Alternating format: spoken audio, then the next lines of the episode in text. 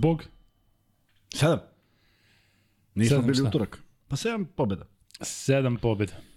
Moglo je da bude i osam, nije, ali opet jedna spektakularna utakmica i mislim da svi koji su bili su napravili izuzetno dobru atmosferu. Nažalost, ne dođe se uvijek do pobede, a mislim da je ovoga puta protiv dobio preveliku zalihu, a preozbiljan je, bez obzira na kom se mestu nalazi, ali o tome ćemo malo kasnije kad pozdravimo gledalce. Stani bre. Dobrodošli u 108. podcast sa Lukom i Kuzmom i dobrodošli u jedan, e, za nas rani četvrtak. Obično četvrtkom ne počinjemo ovako rano, ali evo sada je Sada je Zvezda završila i stigli smo sve na vreme, tako da, eto, družit ćemo se vjerojatno malo duže nego inače kada počinjemo u 1 i 2. Ali, e, pre nego što krenemo da pričamo o Zvezdi i o Partizanu, naravno moramo da najavimo i onaj meč e, koji Partizan igra sutra protiv Efesa. Za početak želimo da vam se zahvalimo za to što ste učestvovali u našoj onoj humanitarnoj akciji i to Koja ste baš lepo traje, učestvovali. Da. da. Kuzma, preuzmi, ti to znaš bolje što se tiče cifara. E, sad, što se tiče Sifara, slušaj sad ovo, na što sam ja ponosan, što imamo takve gledalce koje smo pozvali u tu akciju i o, ja sam pustio našem drugu Nikoli i on mi je poslao direktnu poruku od Uroše Ugoca. Kaže, Niđo, od, podcast, od podcasta do podcasta 40.000 dinara, cirka, ukupno do ovog momenta 480.000 dinara.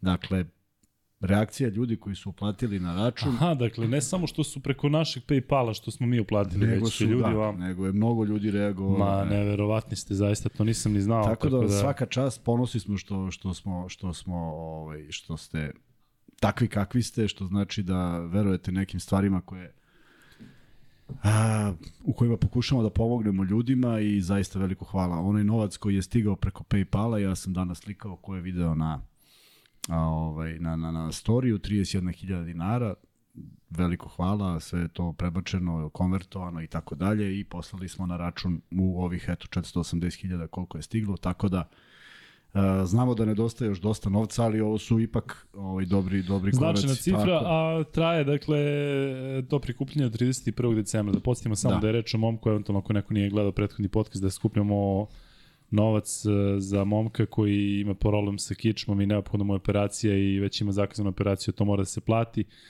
I evo sa ovom cifrom mislim da je sada taj put do tih nekih 18.000 Svakako evra lakši. da.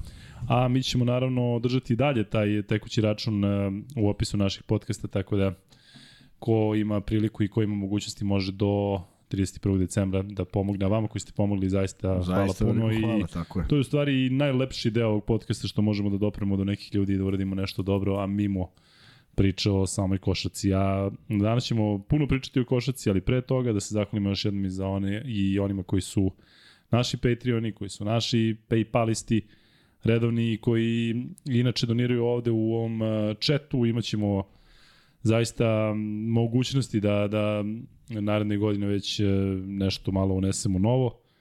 I to sve zahvaljujući vam. Tako da nema šta. Evo, Stefan Stojković kaže, ajmo do 12.000 subova u live Ajmo da probamo. Koliko imamo? Pogled. Da, prošli put kada smo isto apelovali, Da, bilo je genijalno. e, imali smo neko ludilo, tako da, eto, to je nešto Ajde što da volimo, volimo sa vama da doživimo te um, jubileje i do 12.000 subscribera, fali nam Kuzma, koliko? 187. Ba je silo, pa to je ovako. Pa ja to kažem. Ma Ali da. vidi, još jedna vrlo interesantna stvar se desila. Naime, neverovatan broj poruka je stigao juče i prekjuče kad je podcast. Znači, juče ujutru kreću Dobro. poruke, pa kad je, kad je, kad je podcast, a posle utakmice sa Žalgirisom je do 11-12, samo sam ja morao da legnem jer sam bio preomoran i tek kad sam otvorio telefon vidim Da. da ljudi čekaju. Jedan mi je čak i priznao da je čekao sve vreme nadajući se, iako je znao da smo zakazali za četvrtak. Tako da sve to jako dobro zvuči zato što ovaj, daje jednu posebnu energiju i evo, ja sam iz pionira izašao u koliko? 9.20, samo svratio do kuće, presukao se i evo nas ovde da nastavimo sve ono što smo pričali u studiju, bila je interesantna utakmica i zaista ovaj, jedna dobra atmosfera u Pioniru. Da, možemo da krenemo sada na tu utakmicu. Mm. Imaš nešto da kažemo, nemamo, Pa i samo se ljude. osvrnemo na utakmicu protiv Žalgirisa, prosto nismo E, komentarisali. ajde, nećemo dugo, ali, ali da. Da. zato što je ovo ipak mnogo Čisto da svežije. je spomenemo da je to stradala ekipa u Beogradu koja je imala ima ozbiljan sastav. Koja je pobedila Real pre sat vremena. Upravo to. Koja je vodila celu utakmicu, koja je isto dobila neku prednost u prvoj četvrtini, što smo se nadali da, Darko i ja, kad smo pričali da se neće ponoviti u zvezdinu igri, ponovilo se. Ne možeš svaki put da nadoknadiš, nije realno. Pričat ćemo o tome i zašto, ali to protiv Žalgirisa je bila jedna ozbiljna, ozbiljno iscrpljujuća borba koja je rešena nekim neverovatnim stvarima, onaj koš Vildoza ispada i onih dva poena što je Hayes besno bacio loptu, to su, na primjer, neki momenti koji su odlučili pobednika, Zvezda je to zasluženo slavila jer je uspela da preokrene i naravno tu se iscrpela do, do, do, do ozbiljnih granica, videlo se to već i danas. U nekim rešenjima koje su imali i Nedović i Vildosa i neki igrači koji više nisu imali snage, tako da je potpuno razumljivo, a s druge strane Ovaj, evo Žalgiris je danas pobedio Real, što dovoljno govori o, o snazi te ekipe i ni malo laka, potpuno zaslužena pobeda, ali ne može se svaki put računati s tim da će kao domaćin bilo ko da triumfuje. Velike iznenađenja, ako tako mogu da kažem, neočekivani rezultati u juče. Prema tome, Euroliga nikad, nikad izjednačenija, nikad uzbudljivija. Ozbiljna borba će biti za tih osam mesta i deluje mi da će to biti toliko ujednačeno da Uh, iako nisam razumeo, sad ću vam reći, nisam razumeo Messinin timeout na 4 sekunde zarez 4, zašto niko nije pokušao da šutne. Ne zato što sam mislio, nijednog trenutka mi nije prošlo kroz glavu da će Mesina da ni podaštava nekoga, pošto znam kakav respekt ima prema našoj košarci. Uh, ali prosto se desilo to da niko nije uputio šut na koš, onda je taj... Pa mislim da je do onog Mitro Long ili do već koga je držao loptu, mislim pa da držao, nije on da, skapirao. Nije, da. nije skapirao i on je bežao, bežao, da. bežao, a ne znam kako je on, znači, jer, jer na konferenciji za štampu o, Mesine je, rekao, da, da, izvinio se, tako, to je bila ideja, što shvatili, da, ovako, ovako nema smisla, zato što su ovako nema smisla, četiri, upravo da. to. Upravo I čak je to možda i neki respekt prema Zvezdi u smislu, ako ti znaš, pritom je Zvezda toliko puta pobeđivala u Milanu, ako ti, Tako znaš, je, da. ipak razmišljaš o razlici da te tamo pobede, a stvarno ne bi, ne bi bilo nerealno Zvezda sa ovakvim timom sigurno da može da se bori za top 8, Armani ako se digne može da se bori Mi za top 8 Mi moramo da konstatujemo da je tako? trenutan skor 4-10 i 7-7. Tako je. Što je ozbiljna razlika od jedne ekipe Jest. koja je popunjena na svim mestima i videlo se koliko oni tačno igraju danas. Dakle, ono nije bila slučajno proizvodna košarka, neko ostao sam pa dao koš, nego, nego da. jako dobra ekipa koja je i u ovoj utakmici pokazala kako zna da prospe sve, jer oni četvrtu četvrtinu zaista nisu postojali posljednjih pet minuta. Da, neverovatno samo što je očigledno zaliha bila takva da, da, da su uspeli da, umor, da zadrže. Da. Umor i to stalno jurenje rezultata. I u suštini, sad pokušat ću da, da zanemarim sve ona pravila kako mi idemo, pa od igrača do igrača, nažalost sve se svelo na čak jedan vrlo bitan detalj, ajde, dva bitna detalja, ali su se desila u istu minutu, to su, na moju veliku žalost, pet penala Bentila. Pet penala Bentila, o kojima ja uvek pričam koliko je bitno penali, on je realizovao dva. I došlo se u situaciju da je na minut do kraja ipak bilo samo dva za i posed za Armani. Dakle, u nekom drugom, malo boljem izvođenju penjala, da, ništa drugo da ne uzmemo, ni jedan otvoren šut, jer se poklapaju i Fojtman ima otvorene šuteve i ovaj ima i svi su, da, da, da zanemarimo bilo šta drugo. Samo da tih 2 od 5 jeste 4 od 5. Ali nije. Um, pišu ovde ljudi i pričaju o tome kako je delovalo da su pojedini igrači Zvezde umorni i da je generalno možda ekipa Vildosa malo istrešena. Vildosa jeste Ali da li je to kombinacija nekog mentalnog umora, da jednostavno nosiš sve ove utakmice i, i jest, sve, jest, trošiš se i jest, sigurno jest. treninzi nisu bili laki, iako jest. su pauze bile, čovjek, treba čovjek da upozna, ne vem da je bilo onako opuštanje na treningu. Naš u čemu se to vidi? To se vidi u izboru nekih rešenja. Mi, ono što smo gledali od Vildose, nismo gledali ulazak u bunar. Danas je dva ili tri puta ušao, pokušao da nađe neko rešenje koje nije bilo i pogledaj, od 11 izgubljenih lopti koliko Zvezda ima. Ja se sećam u četvrtoj četvrtini bar šest koje nisu upućene ka košu nego su bile neki, neki pokušaj dodavanja što je faza umora kad ti pokušavaš nešto, a ne ide. I velika je šteta što makar tih šest lopti nije upućeno ka koš. Možda bi neka završila u košu uz, uz minimalan procenat, pa bi to bilo svakako bolje nego kad na koš ne šutneš. Međutim, revanširao se Armani u potpunosti u tim u tom ludilu u posljednjih 4 minuta, ni oni nisu štirali na koš, gubili su lopte jednu za drugom, promašivali, pravili faulove, svašta je tu bilo. Mislim da je Mesina već bio na ivici da eksplodira, jer je sve delovalo da će Armani uspeti ovo da prospe.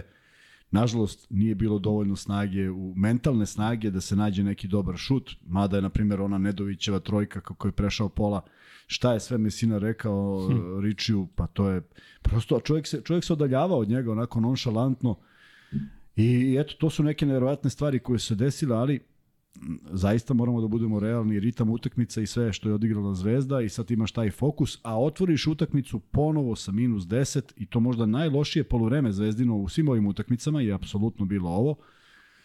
Tako da jako je teško bilo preokrenuti i moralo da se desi neko čudo, čudo je izostalo, ali Uh, Kuzma, ali ima neka veza između Žalgiris i Olimpijakosa, kako objasniti tako loš start Zvezdi, gotovo dve identične četvrtine, odnosno loš ulazak u utakmicu Zvezdi i protiv Žalgirisa i sada protiv, pa, protiv to smo, to smo sad to smo sad pričali ovaj pred studio. Da li da li uh, zašto zašto Ivanović isprobava? Isprobava iz nekog razloga.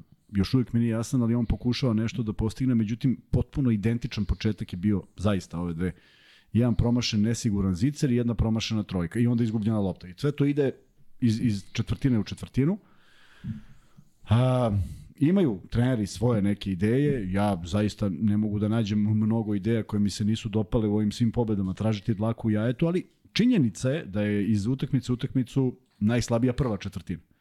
Da li to daje malo igračima prostora za odmor, da li se onda zalete, da li onda malo, ne znam, ne znam, zaista ne znam, ali morala je ova četvrtina da bude bolja iz prostog razloga što Armani nije ekipa koja igra takvu odbranu. Pogledaj koliko su se oni napunili faulovima. Nije to dobra odbrana kad ti imaš četiri igrača sa po četiri faula, četiri ključne igrača. To je trebalo od početka. Od početka. Prvi Dobrićev ulaz je bio da ga niko nije ni, ni branio, on je samo promašio. To niko nije bio tu nešto da Da je to bio prilično ozbiljan promašaj. Da, da, da, a, a niko nije tu nešto učinio da ti sad se osjećaš da, da nemaš kako da rešiš taj, taj. Uh, tako da, ovaj, eto, taj pristup je bio za nijansu Ali ovdje ljudi pišu i mislim da je to opšte mišljenje da je Kuzmić razlog tog lošeg starta i nekako se u njega upire prstom zato što je on nekoliko puta ispao u odbrani. To je potpuno drugačije u odnosu na onaj period kada je on počinjao Dobro. u onom prelasku Vlade Vanović i sve. Jel ti deluje da, bude... da on možda malo i fizički inferioran u smislu da, da sad već kada je ovako veteran, stav ispovređen, šta je sve prošao, da ne može da prati taj ritam posebno kada krene utakmice i kada se krene u onakvom ritmu. I on kad izašao na klupu, to se opet dešava, on ulazi do kraja. Jel to postoji neka varijanta? Ima, to ima je to neka nešto ideja, što pričaš. Ima, da, ima neka ideja koja nečemu služi, ne znam još uvijek čemu, ovaj, ali, ali ne mislim da je on bio najslavija karika. I prvo, jako je malo bio na parketu. Uh, onog momenta kad je ušao, nije se pojačala odbrana. Ne može sad kao oni ušli u dubiozu posle 3 minuta, pa ne može se povrate. Nije to baš tako. Dakle, cela prva četvrtina sa svim rotacijama je bila generalno loša. I ako mi neko izvuče uh, dobar utisak uh, uh, koji je prvi počeo, prvo je Vildosa ono što je pogodio, uopšte Zvezda imala odličan šut tih 4 minuta i posle toga od petog do 20. nismo gledali mnogo smislene košarke, jedini koji je tu bio uh, prednjačio, to je bio Petrušev i to je bio Vildosa. Malo za jednu četvrtinu. Dakle, ja bih volio da, je, da pogledamo Kuzmića i kažemo to je to bilo, ali nije Bentil bio sjajan, nije Holland bio sjajan, ništa nije bilo sjajno. Mitrović nije bio na svom nivou. Dakle, uh, stiže umor, kad on stigne, onda imaš ozbiljnih problema i sve ovo bilo onako ad hoc, puno grešaka sa rotiranja, ne znam iz kog razloga. Bili Veron ne bi trebalo da primi loptu. Neka se muči da se oslobodi. Drugo, ja sam ubeđen, sada, gledajući ga, od 99% iz svog driblinga on bira šut. Pa je nek ide na ulaz, da ima šta će se desiti. On je jednom dodao i čovjek je promašio. Pa bolje neko drugi da šutne nego Beron da šutira. Dakle, ja bih protiv Berona išao svesno da me obiđe, da vidimo šta će da se desi. Nije on ozbiljno dobar kada krene na ulaz, pa ti sad imaš tu neku... Da, kao Nedović, pa sad tako, ima sigurno on ima, da se on ima kad je sve, siguran, da. tako je, kad je ispod koša, šuma, teško da on to daje. Ali to su neke stvari koje sad možemo nađemo šta god hoćemo da, da što nije valjalo, pa pretvorimo ovo da valja. Jedna interesantna stvar, pokazuje mi je neko snimak od pre nekoliko godina jedan moj savremenik je pogrešio prerano je otišao u napad, pa je on napisao, eto, a sad savjetu igrače da treba da stanu na loptu. Pa naravno da smo mi to znali sa 25 godina. Mi bili ozbiljni majstori, tako da iskustvo čini svoje i u jednom momentu smo naučili da kako treba i ali ovo su igrači u svojim odličnim godinama, nemaju 20, nemaju na iskustvo, prema tome moraju da znaju mnogo više nego što zaista i znaju. Tako da Uh, svakako utakmica koju može Ivanović da analizira i da nađe šta ne valja, a meni se čini da, osim Kuzmića koji ne donosi to na početku što bi mogao da donese, uh, nisam video od Holanda ništa novo, iznudio je dva faula, što je malo za nekoga ko dolazi sa strane da igra. To i Lazarević može da radi, to i Lazić radi u krajnjem slučaju. Uh, Da, da, mu fali jedan, jedan šu da pogodi onako da se digne pa dobro, on ajde, da ajde, kad će ja taj jedan, da znaš, kad će taj jedan, Bentil koji Imao jednu definitivno... onu u tranziciji, podigao jednu trojku, vidim da Ivanović ništa nije rekao, očigledno Ništa, da je... to je da bilo okej, okay, da. Da, očigledno da, da pokušava da, ga da mu radi, da. Tako. Ali a, fali. A Bentil mi je potpuno misterija. Dakle, ja zaista mislim na ono što si neko mi je prokomentarisao, da si ti rekao, a mislim da smo se u tome obojica složili, da on nema srca da uđe u reket. On svaki Da. put kad je u reketu neka gužva njemu ispadne lopta. Pa dobro čoveče, dokle više. A pritom deluje kao MMA borac, mislim. Pa da, delo je da kad, Da. da. kad bi ih pobacao ne bi poustajali. Ali I ima, onda- i verovatno si imao i ti to u karijeri, da, Bilo je, da bilo je, u smislu izgleda- da imaš, da Pa da, fizički izgleda izgleda, a onda potpuno- onaj što izgleda sav Jest. kljakav, ono on kad te unese, Jeste. Ovaj, A ovaj, ovaj su uvek odbio ili se baci unazad. Pa bilo je, naravno, ali prosto ovde ti ne odudara zato što je on neko ko ko, ko, ko, ko zaista trebalo bi s lakoćom da daje te poene. Ono što je da Darko nije rekao, mislim da dobro, on uzima bekovske šuteve. Dakle, Tako on uzima šuteve beka, on ide iz one njegov side step, pa step back. Mislim, Pritom, uh, kad izabereš šut, nekomu je dodao, pa je on step back šutnuo, znaš koliko mi je to sigurno? Bolje ovaj da je Da, bacio. da. Mislim, bolje da neko šutne iz... Tako da, znaš, ja oči upremu one koji treba da budu najodgovorniji. Jer evo ja sad tražim uh, od nekog 12. igrača u rotaciji zašto nešto nije. Zato što su ovo igrači koji treba da prave razliku. Oni kad je ne naprave, Zvezda je u problemu. I danas ti imaš dva, dva igrača, dva doslovce, Vildosa i Petrušev, koji su bili koliko toliko. Dok Vildosa nije išao u žutu minutu, pa više nije mogao ni da smisli gde da ode, pa je pogrešio dosta lopti, ali ja mu to ovo što pričam ne zameram nikome ništa. Ne, on stvarno Oni ima su toliki kredit da Tako se videlo da jednostavno Tako nema snagu da, Oni da, da su izvuče. ovo. izvukli poslednji atom energije i što Jeste. je najlepše u poslednjem promašaju Nedovića koji je bio više iz očaja, Da, cela hala. cela hala je aplaudirala jer se videlo. Videlo se da su oni uradili apsolutno sve. Jeste. I tu nema sad nešto mnogo filozofije. E, Dejan Pavlović je donirao, Dejane, hvala puno. E, Kuzma, dok još ne pređemo na igrače pojedinačno, uh Mhm. -huh. e, reci mi, Larmani odigrao dobar meč. Meni delo je da oni, da oni su Ne. oni igrali, pa o tome pričam. Ne, oni su- dakle, oni mislim da je su Zvezda početak, više su pobedila početak. sama sebe nego što je Armani. Oni su odigrali odličan početak, gde su sve znali Jeste. šta i rešili su sve i zato i jesu vodili toliko. Međutim, početak treće četvrtine Zvezda ima dru, početak drugog polovremena Zvezda ponovo loše otvara još jednu četvrtinu koja loše otvara, Ma, Armani to stiže na 16 i onda dolazi do raspada sistema Armanija. Ja se slažem da je Zvezdina odbrana bila agresivna, ali toliko nenormalnih rešenja u napadu ja mislim da je svaki igrač završio makar po jednom. To su bile pozicije iz kojih ne šutiraju. To su gubili lopte. To su bili faulovi u napadu. Tu ništa nije izgledalo kao da oni znaju kako se utakmica privodi kraju. Jedina njihova srećna okolnost što su u tom trenutku imali preveliku zalihu za večerašnju zvezdu. Prosto da je bilo neka dva šuta koje neko mogao da pogodi, nastala bi panika. I ovako je bila panika, a zvezda je dala koševe i zaista neverovatnih situacija. Prosto ti gledaš, što kaže Darko kad smo završili, kaže ja, gled, ja, ja se još uvijek kaže ne mogu da shvatim kako su oni došli na dva. Ti kako god gledaš semafor, te nešto 7, te Jeste. 9, pa odjednom 5, pa kako sad 5, pa kako 3, pa kako... Tako da ovaj, eh, veliki zaostatak, a malo igrača koji su imali dovoljno snage, jer ovo isto bila izuzetno zahtevna utakmica, jako dobro razlače odbranu igrači Armanija, izuzetan je bio Petrušev, apsolutno neko ko je Da, dominirao. ćemo od njega sad kad budemo pričali o ajde, igračima. možemo da počnemo. Da, Petrušev je danas zaista odigrao ono e, što smo svi čekali. Do duše, bilo je ove godine njegovih dobrih partija, ali ovakva Ovo sigurnost... bilo, ovo je bila baš da, da ti preuzmeš od Martina poena, da preuzmeš od nekog Bentila, da, Ajde da, samo kad to. si već tu, reci mi koliko ta povreda Martina može Kažu da da poremeti meseca. ekipu, da, da poremeti ekipu pred ovakav meč i koliko će on zaista faliti, taman delo da je jedan od tih igrača koji je podigao formu Pa, i koji se Falio onako... bi zato što bi on izmislio neke te Da. da. poene i ni iz čega, iz tih nekih. Uh, Heinz je njegov tip igrača, on bi mogao da igra protiv njega bez obzira što je ultra jak, ali nema onih, nema onih vesine protiv koje on ne može da igra, tako da jeste iznenađenje ovaj, što se uopšte pojavio na štakama i samo je pitanje koliko, neko reče dva meseca i to je neka informacija koju smo mi dobili. I svakako da svaki igrač u rotaciji, pa pogledaj ti Bres Pengosa i Šilca, na šta liči Armani koji ima Da. ozbiljno popunjen sastav. rekao ih pre svega pre šil, bez Pre- Šilca, zato što je Šilc tu mislim da ali neko ko nema spaja sve playmakera, to. da, ali, ali Pengos je izuzetan playmaker, Jeste. dakle on, on negde mora da vodi ekipu u određenom pravcu. Međutim, eto, dešava se svima i ovaj i, i Petrušev se tu apsolutno snašao. Ono što me najviše fasciniralo što je uh, apsolutno samouvereno i suvereno skinuo sve lopte pod, pod obručima. Dakle, on se tako dobro gradio, ja sam ja shvatam da je on za glavu više od Heinza, ali protiv Heinza se niko ne naigra. Naravno. On je svaku loptu skinuo, zaštitio, skinuo, zaštitio i I ima neki izraz lice koji nije imao ranije, Da, pa čak da, i kada da, je napravio dva faula na Berunu, što je, ja mislim, nešto što mora da pazi.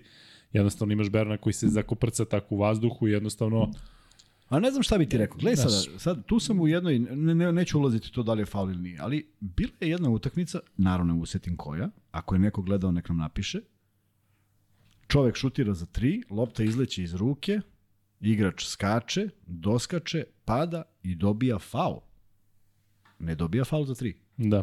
Dobro, Dobija bilo je to faul. Da. Pa da, dobija faul. Što je ovde bilo za tri? Lopta izašla odavno. E to je ono pitanje koje mi nije jasno kako su ovi dosudili dva, a ovo je sad tri. Jer ovo je bilo posle šuta. Znači on je izbacio loptu i doskakao. Kako je onaj sudija? Neko je pogrešio. Dosudio dva, Da. a ovaj dosudio tri, to mi nije jasno, iako ima logike da ovo bude faul i za dva, ako ćemo tako. Međutim, dva puta se desilo, dva puta je, mislim da drugi put Beron promašio bacanje. Pa i prvi put. I prvi put je promašio Da. da. jedno i drugi put, tako da nije to bilo takva kazna. Ali eto, opet se vraćam na tih Bentilovih 2 od 5, samo na 4 od 5 i, i ja mislim da više niko ne bi ni čuo sudijski zvižduk u onom kraju da je zaista bilo za, za, za pobedu Armanija. Ovako je bilo dva poseda, nažalost, i Zvezda više od toga nije mogla. Ali Petrušev apsolutno izuzetan, odličan, e, ko- kon- konkretan, e, zaštitio svoj obruč, uradio sve u napadu što je moglo, iznudio faulove, pogodio bacanja kad nije bilo ni malo lako dati bacanje prema tome. On je košarkaš Zvezde koji je danas imao najveću minutažu, odigrao je nepunih 30 minuta, imao 20 poena, Eto, 11 pa skokova da i, to, preuzme, tako i to na 67 zvezdinih poena. tako Dakle, to tako je, nije tako je. Zvezda 90 dala, da, pa, pa kao kažeš to je, tako je. Da, pritom a, 6 od 8 za 2. Čini mi se da ima samopouzdanje kada šutira trojke Ima, i ima. pritom jeste dao danas samo jednu iz tri pokušaja, penali dobri 5 od 6, dakle Sve korektno. da nije bilo tih faulova na, na, na Beronu, mislim da bi bilo samo perfektno. Hteo je najbolje, bio je blizu. Jeste. Tavares je napravio isti faul na Jamesom. Ali znaš šta, mislim da bode oči kada se desi dva puta. Jeste, I to na jeste, Beronu, jeste, znaš, ajde jeste, jednom, pa on jeste, išao jeste. kod sudije pa rekao išao sam gore, a u stvari sve, ali kad napraviš on dva puta, specifično izbacuje loptu i tu Jeste, si već upozoren. Pa jeste. ako već kasniš, ajde da kasniš, nema da kasniš malo. Kasni, Njegov brat Jimmy mnogo. i ima još čudniji šut, on i gura nekako napred, dakle tu bi bio još, još pre faul, ne znam gde je, on dugo ga već nema, ako neko zna gde je Jimmy Baron, može naravno da nađe na Google, možda se više ne bavi košarkom. Ali dobro, što se tiče Petruševa, zaista uh, ostaje nada da će ovako biti uh, konstantno. Da. Stižemo do Vildosa, 16 poena, 6 asistencija, međutim uh, u samoj završnici, dakle sve ono što je uspeo da izvuče protiv Žalgirisa, ovde deluje da baš jednostavno, ne, seća se ona izgubljena lopta, mislim da je to ubilo Zvezdu najviše, kada je on ušao pa je pokušao da vrati loptu na trojku, pa je onda bukvalno predao loptu Armaniju. U svakom slučaju mislim da ne treba niko da zameri Vildosi, jednostavno momak e, u nekom trutku je mora da stane, a nažalost Da, je stao baš u- pa, naravno, u završnici. Nema sad tu mnogo šta da pričamo, svaki put neko stane, ali tako je. da je moglo, moglo je da je malo koncentracije bilo, da je bilo manje nekih grešaka u početku, da je bilo možda, vidi, agresivnost zvezdine odbrane u četvrtoj četvrtini ne odgovara agresivnosti u prvoj. I to je možda najveći problem, ali ne možeš da igraš u tom, tom, u tom ritmu celu utakmicu, moraš malo da se prištediš, tako da ovi ljudi znaju da igraju košarku, ovi ljudi su opasno iskusni, ovi ljudi imaju veliki broj utakmica u nogama, pogodili su kad je trebalo i opet su pravili katastrofalne greške. I sad mi što volimo da prezentujemo to, pa to je zvezdina odbrana, pa i ovi su igrali odbranu, nisu ovi baš da. pali iz kruške, tako da su oni dobro zatvorili koš, videli smo neke rampe, videli smo da ni Nedović ni Vildosa nisu uspeli iz prodora da nađu rešenja. To znači da je odbrana jako fleksibilna i da reaguje i da zatvori sve moguće e, povratne pasove. Tako da nema šta da se zameri i najdivnije je što je publika reagovala tako kako je reagovala. Jeste, vidim da ovdje ima dosta onako ljudi koji re- reaguju emotivno i upiru prstom u pojedini igrače, ali evo, pročitaću poruku Saleta Božića sa kojim se slažem, kaže, u koje komentarisanje, ja ne verujem. Svi su katastrofa jer su izgubili na jednu loptu od Armanija. Pa dajte, molim vas, igrali preksinoć sa 120% mogućnosti, polako sve je okej okay, normalno. Tako, Kuzma, ovo nije toliko bolan poraz Zvezde, iako prekida seriju. Ma dakle, nije, ovo je u jednom trenutku trebalo da se desi. Pa naravno. I ono što sam ja govorio na, u prošlom podcastu našem, a ljudi vidim da ovde opet pomnju da sam rekao da je Kanta. Nisam rekao da je Kanta, samo sam rekao da ne sme da se desi da Armani koji je video si sam, dakle imao ponovo pad u igri, da on svoju lošu seriju prekine u Beogradu, a da Zvezda svoju seriju prekine, prekine porazom, svoju seriju pobjeda. Nažalost, to se desilo, ali što ti kažeš, zaista oni imaju genijalce u ekipi koji su se Tako je. okupili, vratili. Tako je. Ovaj Devon Hall, dakle ona njegova sigurnost na početku meča, ja prenosim taj Armani dugo, govorim, ajde, ove dve sezone koliko je Hall tu, on nije pokazao, da kažem, eh, takav karakter na terenu, ali dobro.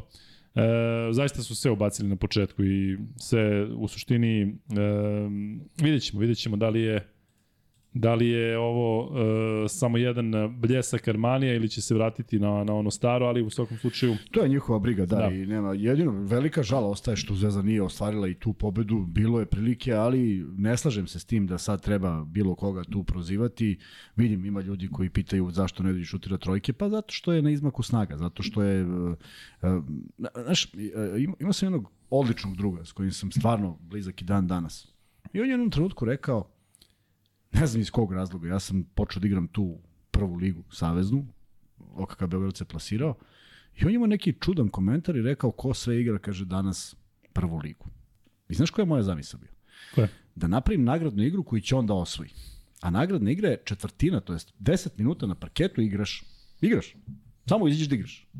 Pa ja mislim da bi ga iznali sa terena. Ne njega, nego bilo koga ko misli da je to lako. Dakle, proći u savremenoj košarci, Nedović, kad obiđe čoveka i da uleti u reket, to iziskuje strašno mnogo snage. Kada si na izmaku snaga, logično da ćeš uzeti neki šut koji ti se ukaže prilika, a pritom njemu se ukazala prilika kad je bio potpuni nesporazum u odbrani, da su dva čoveka otišla od njega. E, kad to promašiš, znači da nisi, nisi u šutorskoj formi. Ali šta sad treba uraditi? Naredna četiri puta ići na ulaz i zakucati preko ljudi. Pa to kad bi imao snage, verovatno da. bi igrao negde u onom Golden State-u da je bio. Ponovo bi igrao, ja? Pa da. E, Kuzma, idemo dalje sa igračima. Vanja, ti možda staviš onaj pol, da vidimo kako stoji odnos sada Zvezdaša i Partizanovaca. Negde oko pola 12, dakle za neki sat vremena planiramo da pređemo na komentarisanje Partizana i te utakmice protiv Asvela i najave meča protiv Efesa, pa ćemo onda možda da udarimo još jedan put tada da vidimo da li se situacija promenila. Tada ćemo pol, sada pol. da. E, Kuzma, sledeći igrač koga ćemo komentarisati iz Crvene zvezde Nemanja Nedović. E, vidim da ovde ljudi komentarišu taj njegov šut za 3 poena, on imao 0 od 6, pa je pogodio Jest, sedmu trojku kao protiv Partizana. Vidio, da. si, vidio si koju je pogodio, Ej, onu sa pa gotovo da, pola. Pa da. Ali onda po, po, promašio dve i to one u istom napadu. E, kažeš da je u lošoj šuterskoj formi. Jeste, sve evidentno. Da. Ali je bio u lošoj šuterskoj formi protiv Partizana, jer nekom, Tako. nekom smetalo što je pogodio sedmu. Da. da li je Zvezdinim navijačima, daj pol, smetalo što je pogodio šali sedmu? Se, šali se, šali se. Pa nije, naravno, pogodio je jer je to bio moment kada ti odlučuješ o nečemu i ja, ja vidim kod njega koliko je želeo da odluči ovu utakmicu. Nije se sakrivao, tako? Da, Nedović se više ne sakriva uopšte. Ne, dakle, ne, on to sad nije, nije da... čekao nešto da se desi Jeste. da ga neko pogleda. On sad je čovjek uzao da preuzme, shvatio da nema ko. A kad si već kod, kod Nedovića, kad pričamo o Nedoviću i kada smo pomenuli Vildosu, je li možda iznenađujuće to što u prvom poluvremenu čini mi se uopšte nisu igrali zajedno i onda na kraju su jedan i drugi pa tu? Pa to bolje zna Ivanović, nemoj sada da, znaš, ispada sad mi sumnjamo... Ne, ne, ne sumnjamo Ivanovića, nego u suštini da li bi taj ritam, govorimo o ritmu kada su njih dvojica, jednostavno ono što čekaš na kraju utakmice pa imaš dve opcije pa, ali, jednako ali, dobre da, za, ali, ali za mi sad konstatujemo da je Zvezdina odbrana podbacila. Jer pazi, oni otvaraju sa 5-4 i šutem za 3. Znači, napad nije bio problem. Podbacilo je odbrana. Kako se da. ubaciš još dva napadača? Pa daj neko da odigra to što treba. I onda odjednom ti imaš petorku koja leti po terenu u četvrtoj četvrtini. Pa samo, samo mislim da je trebalo da se leti u prvoj. Eto, to je jedino što je, što je razlika. I pitanje je da li bi, da li bi Žalgiris, da li bi Armani otišao na tih plus 10 pa plus 16 da je Zvezda uspela da lomi. A mislim da čak nisu bili ni u problemu s falovima sem Mitrovića koji imao 3. Dakle, probaš nema koša, slobodno bacanje, ma ne postoji trojka Berona, pusti ga na prodor, faulira ga kad prođe, sečeš utakmicu, eto ga čovjek je šutnuo, čovjek je šutnuo, rekao si ta trojka i posle imao još jedno, on je šutnuo 4-2. Čuo je 50%. Pa neka bude 4-2, bolje nego 6 pojena da da. 2 od 4 nego 6. Prema tome, mora, mora se povede još malo tu ovaj, o taktici, ja znam da, da je to sve teško u jednoj utakmici ispratiti i, i, i uraditi, ali prosto a, to su neki, neki momenti koji odlučuju pobednika. Bentil, tih 5 poena, dakle 1 od 5 za 3, 0 od 2 za 2, 2 od 5 sa penala, dakle e, neko je ovde konstatovao, mislim da je Lazar Ivanović fan fact da Bentil nije promašio jedno slobodno bacanje u ABA ligi.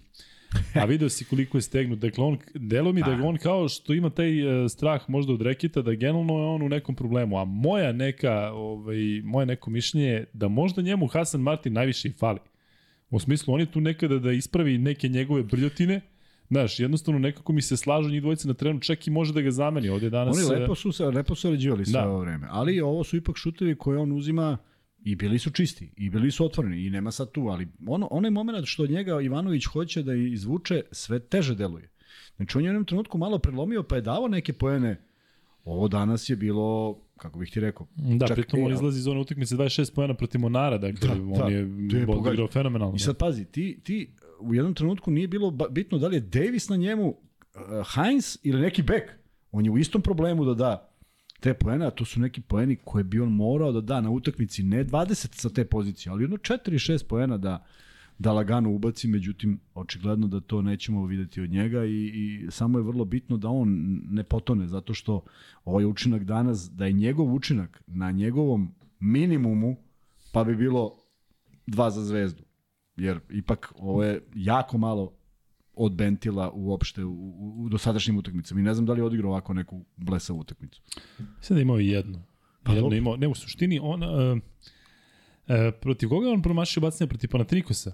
Je, sećaš se da je, da, Da, je, da je da. bilo, pa je, očigledno tu postoji neki problem sa samopouzdanjem, stalno se vraćamo Pa na Trunića koji je ovde jest, pričao da pa se možda onda- nađe neki onda- psiholog, nije onda to nemoj sramota da, da, se ispriča. kod njega, nek bude nekom drugom Tako je. mestu. Da, vidim da ovde komentarišete, odnosno pitate nas da prokomentarišemo ponašanje Berona i doćemo do toga kada budemo komentarisali malo igrača od Odmah Manija. ćemo, odmah ćemo. Hoćeš odmah? Odmah, naravno. Ajde.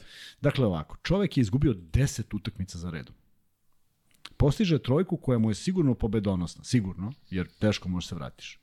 I da li on stvarno razmišlja gde se nalazi i ne može sebi da dozvoli oduška da proslavi, šta je uradio? Pap, pap. Je tako? Smirivao je kao publiku, kao ajde malo se smirite. Ali, Kuzma, ima jedna druga stvar. On je isto to uradio kada je Armani dobio zvezdu prošle godine. Kad je Bentel igrao u tom Ima Armani. jedna treća stvar, da ti objasnim ja.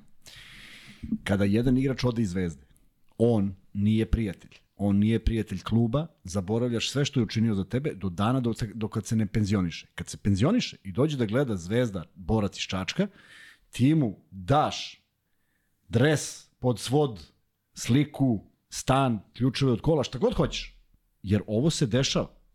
Ovo se dešava i dešava se zvezdi često da sve te košarkaše koji su bili, oni odigraju jako dobro. Šta treba da rade? Da Ne, odigraju samo dobro? mislim da ljudi imaju problem samo sa reakcijom posle trojke. Ma, Dakle, zato što je on očigledno imao prema publici je nešto gestikulirao. Dobre, to je bilo čoveka, ovako što pa misle. čoveka digne, pa, šta znamo šta je neko dobacivo njemu iz prvog Ne, ne, sve znamo, ali kažem, mogu je on da izgestikulira da, ovako, da se poraduje sebi u bradu, ne da, da prema samo publici se mislim, okrene. samo mislim, moj savjet je da sve te bivše igrače dočekamo kao neprijatelje, u smislu uslovno rečeno da ih neko tambura, nego da su to profesionalci koji će igrati za svoj klub. Ja poniku u Beogradu, rođen u Beogradu, igrao za zvezdu, osvojio titulu. Nećem se, ja sam s budućnosti dolazio i oni vikali, ide si Kuzma, majstore. Nego bilo Ustaša, svi smo bili Ustaša u tom trenutku. Šta sad ja da radim? Pa što se to promenilo? A to se promenilo. ovo Crni Grobar kaže što je uradio u dresu Zenita, da, prošle godine kad igrao za Zenit, tada isto smirio A, prilično. Da, šta, šta me briga, da li znaš nešto. koliko bi ja to primetio, dao mi trojku, čovjek nije sve bude sam. To je bre kraj priče. Jer da Da. Bero ne, nije bio sam, ne bi ni radio to i to je vrlo prosto. Ali ima jedna tu stvar da taj Beron ne bi bio Billy Beron da nije imao onakav odskočnu Ma dasku mi u Zvezdi. idemo opet na Ne emociju da on, ma, opet mi idemo na emociju da on doživljava taj klub kako ga doživljavaju navijači i naši igrači i svi mi zajedno. Ne doživljava ljudi. Što se ložimo? je? Bilo mu najlepše, pa on će kaže da mu bilo najlepše, pa sutra kad ode reći da mu bilo najlepše u Zenitu. Pa to su normalne stvari. Ne, dođe u Zenit, vraća se u Zenit da igra, on kao, da je bilo najlepše? Pa najlepše je bilo u Beogradu. Pa najlepše je Jeste, bilo u Kuzma, Zenitu. bilo mu je ovde najlepše u Zenitu, nema 200 navijača, od toga Ma su ja ti kažem šta oni, kozaci. ja ti kažem šta oni izjavljuju. Ma ne, naravno. Svaki je imao, nema lepše dvorane u kojoj je igrao, dobre stereotipi, to naučili na koleđu u četvrtoj minuti obrazovanja. Ej, šta ćeš da kažeš kako nahvališ protivnika, kako su izvaredni, kako je lepa atmosfera, kako je najbolje mesto za igranje i to vrte. I sad nek se ne ljuti ljuti na mene, ovo je moje mišljenje i ja ne volim kad oni dobijaju slike i počasti i slikanja i svi mašu i 100 utakmica, 300 utakmica. Kad se penzioniše dođe da gleda, pozdraviš ga i to je to. Ne slažu se ljudi sa tom, da znaš. Okej, nemam ništa ovaj, mm, e, Neće da, to mnogo šta promeniti. Neće. E, idemo dalje sa igračima i nastavljamo sa igračima Zvezde. Ajmo. Ognjen Dobrić, 5 poena, 4 skoka, 4 asistencije. Malo od njega. 1 od 4 za 2, 1 od 3 za 3, Malo pogodio od onaj jedan, onaj njegov Jest, šut. jest, Onaj- floter, onaj da. koji je bio iznuđen, više nije ni, ni, ni znao da li ide na koš ili ne ide, malo od njega, očekivao sam onaj povratak da bude pravi, očekivao sam a, više dobrih pozicija za šut, ali, ali nije, izostalo je. Lazić 5 poena, 1 skok, Lazić je jako dobro otvorio utakmicu, defanzivno se to podrazumeva, daje onu trojku iz Ćoška, dakle, Sve je uradio kako treba. Sve što je igrao je uradio kako treba. Nije imao greške, iznudio par faulova, napravio prav, par faulova kad je trebalo, pogodio ono što on pogađa. Ali evo, dolazimo do Holanda i sad ti si rekao da iznudio par falova Lazić, dobro, ali za Holanda isto ne iznudio par falova. Ali, pa da, nije, ali ne dopada ti se. Pa naravno da mi se ne dopada. Što nije Lazić. Znaš, kao došao nam Jordan, šta je uradio? Pa iznudio dva faula. U, kao, dobro. Ne može Holland da iznudi dva faula. Mislim, može, divno je, ali sa 18 poena i 4 skoka, možda onda iznudiš šta god hoćeš. Ali ako Holland treba da iznudi dva faula, pa ko sad Topić, mali da uđe da reši. Dobro, on igrao 6 minuta, dao je ta Ali on svaki put po 6 minuta iznervira publiku, da se razumijem. I prošlo igrao 6 minuta. Jel bi mu dao više prostora? Pa ne, on, on, on, on i pokušao da ga uvede na najjednostavniji mogući način. Primi i opali. Nema jednostavniji. Vezenkov napravio od toga posao čovek, dao 14, koliko, 24 pojena bez driblinga. Evo, aj ti, aj ti 6, nemoj 24. Stalno je, stalno je u nekom problemu. Kasni u odbrani, stalno je u problemu u napadu, pa koja pozicija? Šta, u kom momentu ga uvesti? Delo da nemaš strpljenja mnogo još za Holanda. Nisam imao još odavno, ali... Ovaj, ali Jel misliš da ne bi falio u Zvezdi uh, kada bi otišao? Pa evo u kom segmentu? U pa evo to makar sa tih šest minuta. Ne. Nečega, ne. čega god. Ne. Mm, dobro. Holand iz nekog razloga naljutio Kuzmu, mislim da nešto privatno. Nije, nije, ja sam vrlo strpljiv, ja volim da se daje šansa da, i da... Bio dobar na onom i, turniru, pazi, onom, kad je bio došao za, za košarkaše Ja mu sve objasnio, ja mu sve objasnio ništa, ništa, ništa čovjek ne Tako da mi je žao što nije napredak kod njega, mislim da će on u momentu biti, ali prosto nije, nije to dovoljno učinak kod nekoga ko je ko je došao sa energijom, malo je, malo je. A ja mislim da, da, da, da, ga drža, da, bi, da bi ga Ivanović držao duže na parketu je mnogo rizično. Da.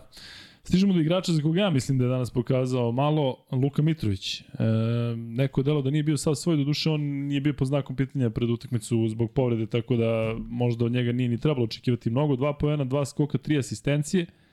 E, Kuzma, Mitrović, neko cela centarska linija danas nije baš izgledala najbolje kod Zvezde.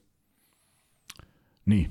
I tu je, tu je mnogo, oči su bile uprte u Luku, Lukin dan nije bio, ne treba mu zameriti, mnogo dana imao dobrih. Dao je sve od sebe, trudio se, ušao vrlo brzo u problem s faulima, da se razumemo, e, Messina je odlično postavio igru, sve lopte koje je Davis na njemu dobio i Heinz su bili duboko, duboko u reketu. Šta je mogo da napravi? Napravio je nekoliko faulova.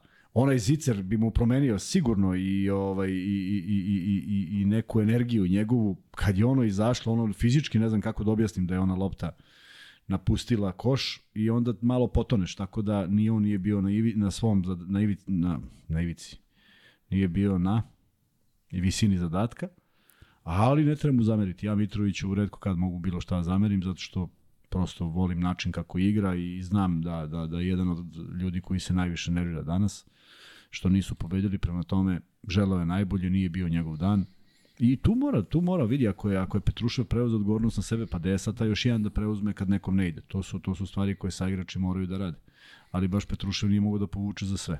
E, dolazimo do dva igrača, dva centra za koje vidim da vi imate baš malo strpljenja. Kuzmić i Raduljica. Kuzmić 2,5 minuta na terenu, dva skoka, Raduljica 4,5 minuta na terenu. Ništa nije uradio, duše napravio jedan onaj dobar faul. Um, Meni se čini da je Raduljica dosta napredovao fizički u smislu od kada je došao da je brži na terenu. Dakle, kada vidim da trči u kontri ne deluje to tromo, mislim da je izgubio i par kilograma. Tako da, sad kad bi morao da biraš, ko bi bio taj za koga bi imao, uh, ko bi imao prednost? Kuzmić. Kuzmić. Zbog? Pa zato što će Kuzmić ipak one momente kada dođu fal i oni, oni giganti od 2.20 moći da igra protiv njih i mislim da tome i treba da složi. Čim je Heinz u igri, Kuzmić je potpuno bespotreban realno, kad je snižena petorka. Kada Meli izađe na trojku, ne treba bude Kuzmić na parketu. Nema tu sad neke pretorane e, filozofije. Ali je Ivanović ponovo krenuo, ne bili dobio nešto iz tog reketa, međutim, sam napad je Zvezdin loše funkcionisao, a ne vidim da je Kuzmić prouzrokovao da lo, napad loše funkcioniše, u odbrani ne može da stigne neke stvari, vrlo brzo izašao i i po minuta sigurno ne mogu da prouzrokuju da Zvezda bude na minus 16 u 30 minutu, nije realno. A što se Raduljice tiče, iznenadio sam se da ga vidimo u sastavu iz prostog razloga što sam mislio da će Ilić biti tu. I samo iz jednog razloga zato što bi Ilić bio mnogo brži da juri te neke širine koje imaju pa bi možda stigao do Melija ili već nekoga na onim trojkama. Ako ništa drugo mlađi i brži pa makar da zasmeta. Eto to su to mi je bilo iznenađenje i nisam mnogo očekivao od Raduljice jer ipak videli smo na abaligaškim utakmicama daleko od onog od one svoje forme Ovde je mogao da popuni nedostatak Martina, ali, ali to je i uradio. Samo se pojavio na terenu. Nije tu ništa bilo spektakularno, niti, je, niti sam očekivao da bude nešto. Ja sam siguran sam da postoji želje kod Kuzmića i kod Raduljice, ali Ne, ja zaista, sumnje, bez sumnje, zaista da. bih voleo da vidim Dalibora Ilića kao nekoga ko sigurno ima potrebu za dokazivanjem. Pa- imaš Kuzmića koji je Euroligu osvojio svoju NBA ligu, Jest. koliko god ima u Realu, Golden State, da imaš da. Raduljicu koji je toliko godina bio dominantan u reprezentaciji i šta je sve osvojio, promenio toliko timova, igrao na toliko meridijana. Mislim da bi Dalibor Ilić, koji deluje baš onako spremno, kada bi jedna utakmica bila dobra za njega, mislim da bi da bi bilo ovaj odlično i za Zvezdu i da eto nadamo se da bi da bi možda mogao u nekom trenutku da debituje u Euroligi. On nije izgledao loše, tako Kuzma protiv Monara sada kada je kada je dobio neki ne, neko, neki prostor. Ali dobro. E, ja moram priznati da sam očekivao više od Stefana Lazarevića. Dakle, meni je žao što recimo Stefan Lazarević nema tu mogućnost da šutne kao Holand. Očigledno, ne, ne kažem da nema mogućnost, ali Holand svaku loptu koju je primio on opali. Što ne bi recimo Lazarević tako isto funkcionisao. On je danas igrao 14 Pa, zato minuta što on- i nije šutnuo ni jedno. Da, zato što on ima neku odgovornost prema tome da on oseti da li je u šutu ili nije, da li bi to bila pametno potrošena lopta ili ne, da li je to rezon ili nije i on šutira kad je rezon. Međutim, nije bio u poziciji da šutne. Ja nisam, ne zameram mu ništa što nije šutno, jer nisam ni video poziciju u kojoj bi on baš bio Nedostajalo je nekih njegovih tih šunjanja i nekih skokova u napadu da bi ubacio ono što je uradio protiv Žalgirisa, što je sigurno donelo pobedu, jer tih 8 poena koje je dao ovaj, su bili kao kuća, prema tome to je malo izostalo, izostali su poeni mnogih i, ovaj, i onda kad sabereš sve fale, fale poeni, nisu mogla ova dvojica da ih izmisle više od nego što jesu izmislili. Um, Koji je dalje? Nema dalje, imamo samo još jednog Nema dalje. igrača, taj jedan je Stefan Marković. Da, malo je igrao. Pa dobro, 15 minuta, nije baš malo. 15 minuta. 15 minuta, ne bih rekao, a? Ne bi rekao. Ne bi Ne. rekao, ništa nije uradio, nije uzimao šuteve, nije procenio da je dobro. Igrao je onu svoju igru, nije to izgledalo ni toliko sjajno, ni toliko nesjajno, zato što nije prouzrokovalo nikakvu štetu, barem što se nekih njeg- njegovih grešaka tiče. Neke dobre falove u dobrim momentima je pravio i to je to. Nije nije ponovio one defanzivne role iz prethodnih utakmica, ali igrač koji, kojeg volim da vidim u rotaciji kad se neko odmara i mislim da ne da redko utiče na rezultat u nekoj teškoj minus fazi, naravno kada se ukompletira sa igračima koji imaju potencijal da daju koš. Kada je on na parketu kao glavni odgovorni koš getter, onda ne mislim da je to idealno. I to se sve ređe dešava. Zato Ivanović i kombinuje, ne bi li dobio svežinu i poentere u svakoj od petorki koje postoji. E tu nedostaje Holand i zato ja sam kivan, zato što Holand u tom trenutku kada igra sa lupam Lazićem i sa Markovićem i mogu da odigraju fenomenalnu odbranu, on mora bude taj koji će da pogodi. Ako on ne pogodi, šta sad? Mi kao očekujemo da, da, da Marković uzme da se zaleti preko dvojice i da šutne. Nije realno i mislim da on o tome vodi računa i odgovoran je i ima puno rezona, nekad možda i preteruje, ali nije nije učinio ništa ništa da bi ovaj rezultat bio loši. Da, Kuzma, malo da prokomentarišemo još Armani. E, dakle, prokomentarisali smo Berona, što ti kažeš, tu zaista ima genijalaca koji poznaju košarku, iako ne funkcionišu možda dobro kao tim u ovo poslednje vreme, ali e, znaš šta se meni dopalo? I to ću te zamoliti da prokomentarišeš. E, to što se oglasio ovaj, da li se oglasio sam, Đorđo, I kada je bilo kao da li će Mesina da ide ili neće, on je rekao nema ako, nema ali, Mesina je trener i tako će biti ove sledeće sezone pošto ima taj ugovor. I tu stavlja priču, stavlja tačku na bilo kakvu priču, bilo čemu i to je jednostavno sigurno da unosi sigurnost. Ne verujem da je Mesina bio ne znam kako sada poljuljen, ali jednostavno i kod igrača i kod navijača, to je kraj priče. Tako je. Kriza, izlazimo iz krize, to mi se dopada kao stav. Znači, ne ono da mi sad svi nagađamo, e, hoće, neće, šta će. Evo ovde ljudi komentarišu za kampaca, Mi dalje ne znamo, tu, tu stižu razne informacije. Koliko Ja znam, sigurno, nije sigurno. da kažem. Ajde, kaži. A znaš šta ćemo sada da uradimo? Šta misliš da ćemo sada da uradimo? Što nikad nismo radili ranije? pol ćemo da stavimo. Nećemo pol, nego ćemo da ogledamo Asvel, Olimpijakos, ovde ljudi komentarišu. Ima još je, poslednji napad, evo stavit ću ovde da, da vidimo bojice. Vidiš? Ne te vidiš? vidim, čoveče. Da, tebi moram, moram da dođem tu kod tebe da se Koliko je? Evo, prenosit ću ti. 74-75, Olimpijakos vodi, Asvel ima napad. Dekolo ima loptu. Znači dobija Ispod njega. Voka, pa ćemo vidimo da li će bude faul. Kao što je Papa Petru napravio nesretnik, o čemu ćemo pričati naknadno. Evo ga faul. Šta šta? Pa ovde kod mene 10 sekundi. Ali Olimpijakos ima male faulove. Gotovo? završi. Na Nova Sport. A verovatno ide negde brže, ali ovaj... Jel, do, jel kod tebe došao kraj? Nije, ovde je time out. Kaži nam onda neka. pobedio. Ne, trenutno je time out. Ovaj... Šta ako uključiš? Pa zbog zvuka, da ne... Da, A možeš misliš da možeš da bruj. uključiš ovde? Wow, ajde, da vidim. Da, znam da to postoji kao opcija, samo sam zaboravio. E, da, sad je time out, tako da imaš ti vremenski ovaj, Za. Mesinu ovo si rekao, da, vrlo je, vrlo je lepo kada neko stane tako iza tebe i kaže da si bog bogova i tamo možda se dešava šta god hoćeš, ti ostaješ, nema lepše. I mislim da su mnogi treneri koji su napravili ozbiljne karijere imali, imali tu sreću da iza njih nestane Đorđo baš lično, ali stanu neki ljudi koji su vrlo slični njemu i naprave zaštitu od svih špekulacija i prosto radiš, jer iskreno ti kažem, a, gledajući ovu utakmicu, ja ne mogu da nađem da je sad Armani nešto promenio u igri što im ne odgovara, pa su, pa su odigrali četvrtinu u posljednju kako jesu. Njegove reakcije na klupi su neverovatne, on čovjek ne može da veruje šta se dešava. Prema tome, ipak je do igrača, ne možeš, nije on sad promenio njima neku odbranu i rekao, ajde igrajte malo, šutirajte drugom rukom, nemojte ovom kojim šutirate, nego jednostavno neke stvari koje oni ne znaju da urade na ovom nivou zaista smeta, zato što sam ja mislio da to treba budu najobučeniji igrači, a ne Ne može Vanček da uključi ovde. Neki od vas ste verovatno već i odgledali ovu završnicu, ali evo kod nas je ovde još 10 sekundi do kraja. Olimpijakos ima pojem prednosti. Prenosio sam Olimpijakos protiv Fenerbahča i zaista su delovali neverovatno pre dva dana. Mislim da su u ovom trenutku ekipa koja je zaista u fantastičnoj formi. Ne sviđa mi se to što kada dobiju prvo polovreme onda vuku ručno u drugom. To mi se uopšte ne dopada. Opa, nema faula. Dekolo. Moćni Nando Dekolo. Jel da? Nije, ali će sad. Ide pas na stranu, za tri, gotovo. Ali ovo Asel dobio utakmicu, pogodio je nula. Ne, ili ovo ovaj... Ne vidim, pošto je... Da, mine nula. I ladno će Asel dobije Olimpijakos. Eto, svaka im čast. 77-75. Kolika razlika kad je Dekolo tu i ona moment kad je igrao protiv Zvezde, koliko je to bitno. Ali taj Olimpijakos je vodio 47-31 na polovremenu.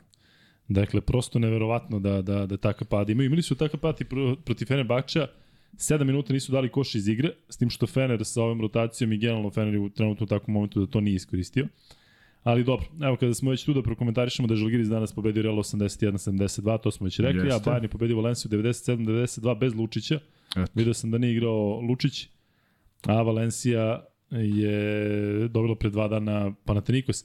Zato moram da kažem da ovaj, ovaj poraz Zvezde koliko god teško pao uh, prekid serije sve, mislim, to je toliko normalno za Euroligu. Da, Takvi da, imamo usponi i padove kod nekih Da. timova za dva, u dva dana. U dva Dakle, dana. Da ra, razvale dana. pa I da redko kad neko dobije dve utakmice onako da Tako tu je. nema problema. Tako da dešava se i i Zvezda mora da traži neku pobedu na strani i sve se nastavlja i ova serija utakmica je bila, vidi, u ovoj seriji utakmica imaš i dva derbija koji posebnu energiju ovaj, uzimaju i kada se uzme na to da dolaze ekipe ipak fizički dosta jake, e, igrački dosta jake, malo je reći ovaj, da, da, da, da je iznenađujuće da je Armani na ovoj poziciji, ali to nisu problemi niti nas, niti, niti Zvezde, niti bilo koga, jednostavno oni se nose s tim problemima, ali da je neko rekao pred početak sezone da će oni vezati 10 poraza, ja mislim da bi svi rekli da je lud, prema tome dešava se, dešava se i boljima i treba biti strpljiv.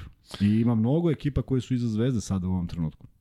Ima, ima naravno i ovo, kažem, e, Zvezda u ovom trenutku deluje toliko moćno da mislim da zaista može da, da se nada dobrom u nastavku sezone, prerano da donosimo neke Ali vidi, nedostaje, nedostaje Ivanović. On bi, on bi ovde uneo promenu ozbiljnu da je bio, znači da odmori Vildosu, da bude mnogo konkretniji u napadu, eto to je neko ko je zaista nedostajao večeras. Eto i- kad si tu, ajde onda priči malo o Kampacu. Jel misliš da on ako dođe donosi nešto zato što je to glavna kako, tema? Pa kako ne donosi, donosi. Ali onda automatski taj Ivanović kada se vrati gde Ma, će? nema problema, gde hoćeš. Ma, svi će po 20 minuta, nemoj da brineš uopšte.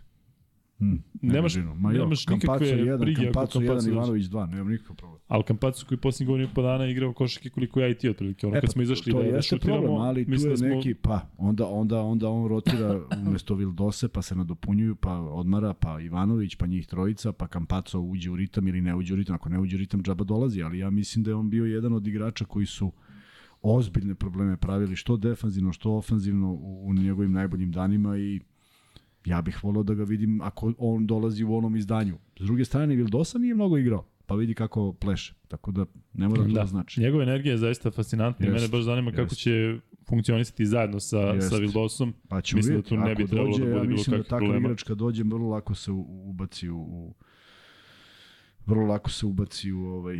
Da, mislim da je jako, jako bitno i za, za Zvezdu i Partizan pre svega da, da ne bude nekih još povreda Zato pa što kako to, to tako ubija, evo kažemo sa Martinom, Martin koji je ipak, koji je realno sedmi, osmi igrač po, po Ma, vrednoći bitan u Zvezdi, da. ali, ali u ovakvom šraf, timu tako i je, ovakvom svemu, je. jednostavno vidi ovi što, što nema da izvede aut. E, ništa, Asfel je dobio 77-75 i e, pitaju te ljudi da li će doći kamp, kampacu ili ne. Doći. Opa! Sekundo, sekundo Campazzo, neće ovaj Facundo. Kuzma ima neke ne znam, informacije. ne znam, zaista ovaj, e, sve to što ja čujem, to nema nikakve veze i potpuno nevažno, vidjet ćemo uskoro. E, Evo sad stiže neka informacija da će čekati NBA klub do 10. januara. To onda menja sve, ali ne treba zvezda Pa da provalio misli, da ga tamo ne može da igra, ne znam. Može treba Ne neko mu znam, kaže, vidi, tamo ja ne može da igraš ako u Dallasu nisi mogao... nisi mogao sa, sa Ne znam da to razmišlja. Ja samo znam da da ko što ih se igra sa Zvezda sledeće Jadransko kolo. Jadransko kolo. Uh. -huh. uh, Jadransko kolce igra protiv Mege u Beogradu. Kada? U ponedljak u 6. Znači onda tek u četvrtak igra ovu sledeću. a? U četvrtak igra protiv Olimpijakosa, da. Dobro. E, protiv Olimpijakosa na strani, onda Zvezda ima Borac ima kod kuće, vremena. pa ima Barcelonu kod kuće. Zvezda ima ozbiljan raspored u, u, u Euroligi. Evo slušaj. Olimpijakos na strani, pa Barsa kod kuće. Pa onda gostovanje Valenciji, pa dolazi Real, pa dolazi Monako.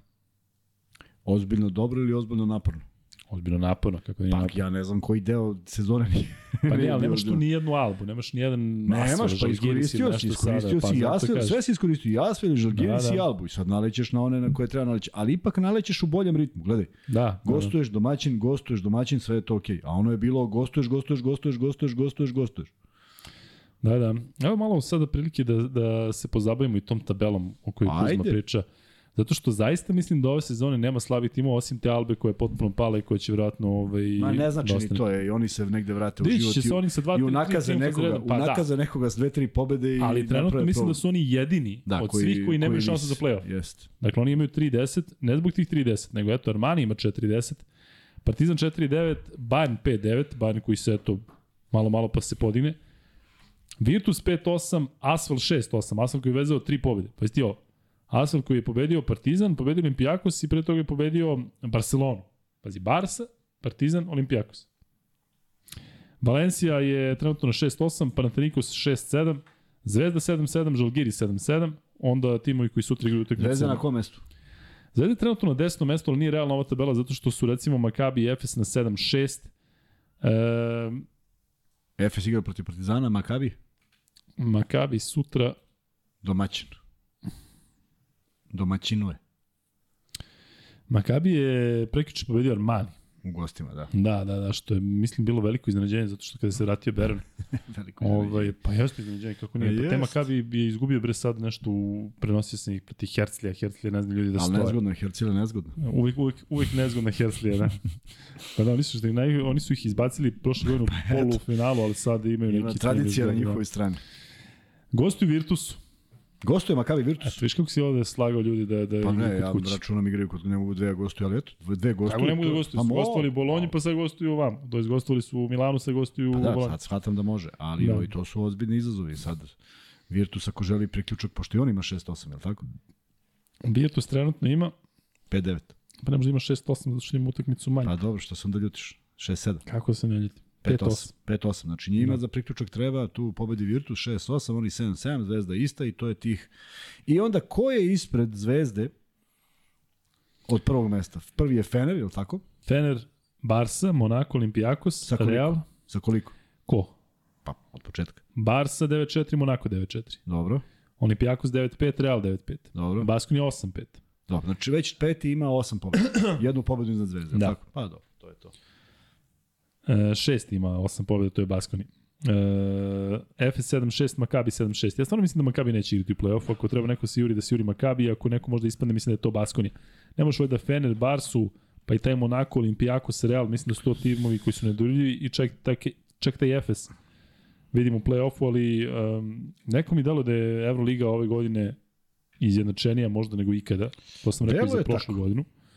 Ali kažem, ja samo ovde Albu vidim kao tim koji, koji nema šanse za, za play-off. Ovo sve ostalo će biti ozbiljna gužva. Tako je. E, Kuzma, Molim. e, Ajde da se pozabavimo još malo zvezdom, zašto sam rekao da ćemo da Partizan radimo tek za pola sata. Ajde, Pa da pričamo malo o narednom meču koji Zvezda igra taj protiv Megi u ponedljak. ajde. To je nešto što mora da se dobije, tako? Da, samo će I- opet biti šarolik sastav i verovatno možemo da vidimo i Ilića i Topića i opet neke nove kombinacije iz prostog razloga što je ovo sad potrošnje i tego je toga svestan Ivanović. Mm, Ivanović će sigurno odraditi treninge u nekom svom ritmu, ali bar utakmice ne moraju da budu ovaj, takvog intenziteta, ne zato što će ih olako shvatiti, nego zato što da vidi na koga može da računa, jer mm, nema Martina, nema Ivanovića, sad se taj broj igrača koji su upotrebljivi malo smanjio i hoće da vidi šta može da dobije od ovih igrača koji su danas bili na parketu, koji će biti na toj utakmici i da negde se osloni na njih. Prema tome, e, naravno da Zvezdina pobjeda ne bi smela da dođe u pitanje, što ne znači da Megi neće značiti ta utakmica više od bilo koje, iz prostog razloga što se tu i motivišu i testiraju neke svoje sposobnosti, prema tome treba biti oprezan, za nastaviti seriju, stvarati taj pobednički mentalitet, ovo je ipak jedna duga serija i vrlo iscrpljujuća u prilično dobrim pobedama. Iako je, iako je do ove pobede, do ove utakmice Zvezda u plusu 25 u svim tim utakmicama Evrolige, znaš? Da, da.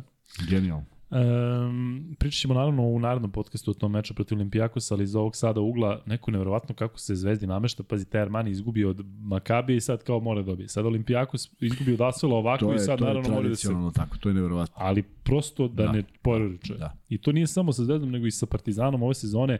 Gledam toliko puta da recimo neki timovi koji se razvale protiv Zvezdi i Partizana sledeće kolo ne mogu ubace, ubace ništa. Da, da. tu pobeda- Baskoniju koja je tako eksplodirala, oni i dalje igraju ok, ali su imali Ali neke katastrofe. Da. da. E, Alba, Alba ali neće odigrati može- onaj meč protiv Partizana nikad Ali više. vidi, to treba iskoristiti. Evo sad Olimpijakos će doći u Be... Zvezda Tamo, ide Olimpijakos. Oni će odigrati možda nervoznije, možda treba, možda treba iskoristiti to, jer sad oni moraju da vrate ovo što Da. da. su izgubili neočekivano, za njih neočekivano, jer su Viš kako to ide, oni pobede nekoliko utakmica u kojima zaista izgledaju impresivno i onda krenu sa objavama, mi smo ovo, mi smo ono, i onda izgubiš utakmicu. To tako ide obično. Ćutiš, Da. da. ćutiš dok pobeđuješ bre, i šta ima da pišeš negde. Šta kažeš? U nedelju? Pa neki igru ne. Izvinjavamo se, mnogo se Ja više izvinjavamo. ljute bre. Meni piše 19. 12. Mame mi Olge. E, Pa ko je to mogao Šta da rajem, promeni, priši mi o A da 19. nam- 12. a da nam 19. niko, 12. bre, nije 18 rekao. časova. Ovaj, e, ništa, znaš šta ćemo sad da uradimo, Kuzma? Ovo je Nova koji unakazio asfalt kad je šutno protiv Zvezdane dve, Da, one ne, ne, ne. bombe. One, slobodno bacanje, misliš? Ne, ne, ne. ne. Baš, nula baš je taj, trojke, da, da, što je da, omano, jest, jest. omano A objekt. mine nula. Da. Da, da, taj. Dobro, super. Sad I tu je dao čisto, znaš kako je dao čisto. Da, vidio sam sada, da. E, Vanček, ajde da ugasimo pol. Ajde ti Kuzma Koji reci beše pol? e, koliko ima Koliko ima? Zvezda, šta? 7000. A koliko mi imamo subova da mi vidimo sad to? Subeva? 67% Zvezda, Partizan 28%, neko treći 3%. Stalno me onako kopka, koja je ta treća ekipa? Armanci. Četiri, a? E, pa ništa nismo radili. Sad smo na 171. Koliko? 171. Da, ali kada sam pozvao, onda smo imali 500 u live-u. Sad imamo 1500. Dakle, ljudi, hoćemo sa vama u live-u tokom ovog e, e, podcasta da dođemo do 12.000 mm, Da imamo da možemo. subscribera. Da vidimo da li to može. E, prošli put je moglo, a sada ćemo vidjeti da li je izvodljivo. U svakom slučaju bilo bi lepo da, da to možemo da uradimo zajedno i onda ćemo da... Mi ćemo budemo Ćemo, veseli. svi ćemo neku Mi ćemo nagradu. budemo veseli. Svi ćemo nagradu neku. A evo, kada smo već kod nagradi, kreće prvi free bet. Ljudi, da li ste spremni? Ne, smićemo, pa šta? I onako smo podelili one nagrade, je li Ništa. tako? Jesmo poslali neku Ma nagradu? jok, ništa nismo. Poslali ćemo, ne brinite. Dakle, prvi free bet. Sledeći. Večeras u duelu Zvezde i Armanija postoje četiri igrača koji su igrali protiv bivšeg kluba. Koja su ta četiri igrača? Ko prvi odgovori, bilo kojim redosledom, dobije prvi max bet free bet. E, El Mesija kaže, e, Luka pozovi na like, poziv na like. Kuzma pozovi ti na like. Neću, nije meni rekao. Rekao, rekao je ovde, sad kaže Luka. A i i meni. Ne, ne. Pozivam na like. E, možete sad da postavljate pitanja u vezi zvezde. Vidim da ih je bilo dosta, ali je nemoguće vratiti, vidite koliko to brzo ide.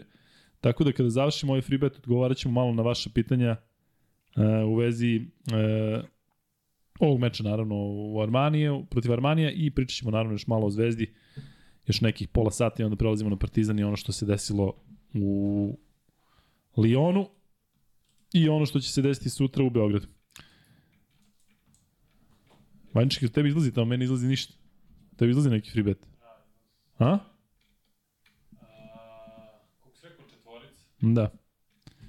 Johnny Force je donirao, Johnny hvala puno. Onda bi trebao da bude Lala, Ventil, Beron, Radulja, Nedović. Tako je. Dakle, Lalo, šalješ na e, Instagram Luka i Kuzma, šalješ e, svoj MaxBet ID. Bravo, ovo je bilo onako malo zakukuljeno pitanje zato što je trebalo setiti se Radulje da je igrao u Armaniju. E, u svakom slučaju vidim da ste kasnije i, i vi odgovarali baš, baš dobro. Elem, sada možete da pređete na pitanja, a ti Kuzma sad baš pogledaj da li se odali ovaj poslednji poziv e, Posljednji poziv, da.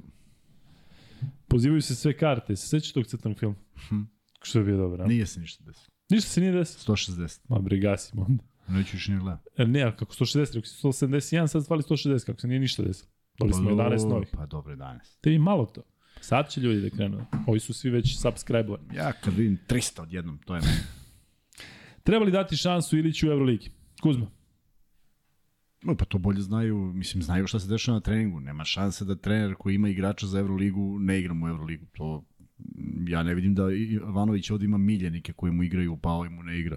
Tako da postoji sigurno nešto što nije u, u zamisli trenera, a da se dešava na terenu, bar ja tako to gledam i mislim da će pre ili kasnije dobiti svoju šansu i da treba da je dobije i da meni je drago što je bilo, bio u sastavu na prošloj utakmici, ali ono je utakmica koja Evo, ajmo, ajmo samo da uporedimo ovako. Oni Petrušev su isto godište. Petrušev je imao tu privilegiju i sreću da igra po nekim američkim univerzitetima sa... Univerzitetima. A? Pa da, da, Gonzaga, gde je bio Gonzaga? Tamo ne. E. I tamo se tuko sa, sa ozbiljnim telima, ili će ipak igrao Jadransku ligu koja je jedan određeni nivo. I neću da poređujem sad univerzitet i Jadransku ligu. Ali ovaj već igra neko vreme i evo sada svi naši gledalci nek mi kažu, Petrušev u prvoj utakmici isti kao danas nije. Znači mora prođe neko vreme kaljenja i druga stvar, Petrušev je u Megi igrao igrao mnogo više minuta, imao drugačiju ulogu, tako da ja verujem da Silić prilagođava, da, da, da dobro trenira. Ono što je odradio na utakmici poslednje u ABA ligi je bilo izuzetno, vidi se da je stegnut, jer valjda ima neki yes. pritisak da pogodi slobodno na bacanje. penala. Da, dva od 7 penala, ovo sve ostalo fenomenalno, tako da biće sigurno moment kada će on dobiti svoju minutažu, ali ja ne mislim da će on dobiti minutažu tako što će ga sada Ivanović pustiti 25 minuta da trči levo desno, nego će opet biti neki konkretni zadaci koje mora da ispuni. Ja duboko verujem da on može da ispuni mnogo više zadataka e, zbog njegove fizikalije, njegove inteligencije, nego što je to neko ko, ko danas troši minute, ali to treba da zasluži na treningu. Ako on na treningu ne brani sve ovo o čemu pričamo, pa kako čeka utakmicu da bi odbranio? I dakle, odgovor tvoj, da li treba dobije šansu u ligi, da ili ne? Treba. Da. Ali im, ja verujem da će dobiti samo, ne baš danas. da, danas neće sigurno. E, pitanje za bojicu, da li je mogao da se sudi naspratski faul od Petruši? Jesi, si video to na uspornom snimku? A, jesam, ne može.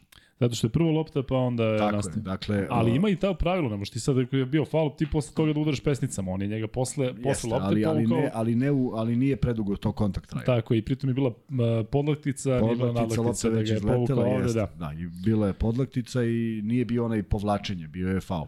da. Ali ovaj, nije, nije, nije moglo. I videlo se da nije. Da li treba zvezdi povećanje na pozicijama 3 ili 5?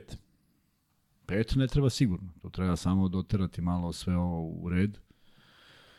Mnogo je ljudi u reketu i mnogo ima tu igrača koji mogu da se izrotiraju, a što se trojke tiče, faktički, faktički nedostaje čak ni neka, ne nedostaje ni pozicija 3 koliko nedostaje nekoga da tu, tu loptu sačeka u ćošku i da je šutne. E sad, ima nekih pitanja zašto nema akcija negde za Dobrić da čeka loptu, slažem se, možda ih ima pa nisu sprovedene. Ja ne mogu baš da, da to znam, ali mi nedostaje ono njegovo da dobije loptu povratno na suprotan, u suprotnom ćošku i da pogodi. S druge strane, opet nije pogodio ni danas te neke šuteve koje obično pogađa, jeste otvorio utakmicu sa trojkom i sve to izgledalo kao da će ponovo da bude ono njegovo veče, ali nije. Da li bi Karlo Matković mogao da bude drugi centar za Euroligašku ekipu ove sezone i sledeće? Ove ne, sledeće možda. E, opet pitaju za ta pojačanja. Mm, I mm, da, da li mislite da će sutra biti 5 sati treninga kao što se obično priča o Ivanovićevim ekipama?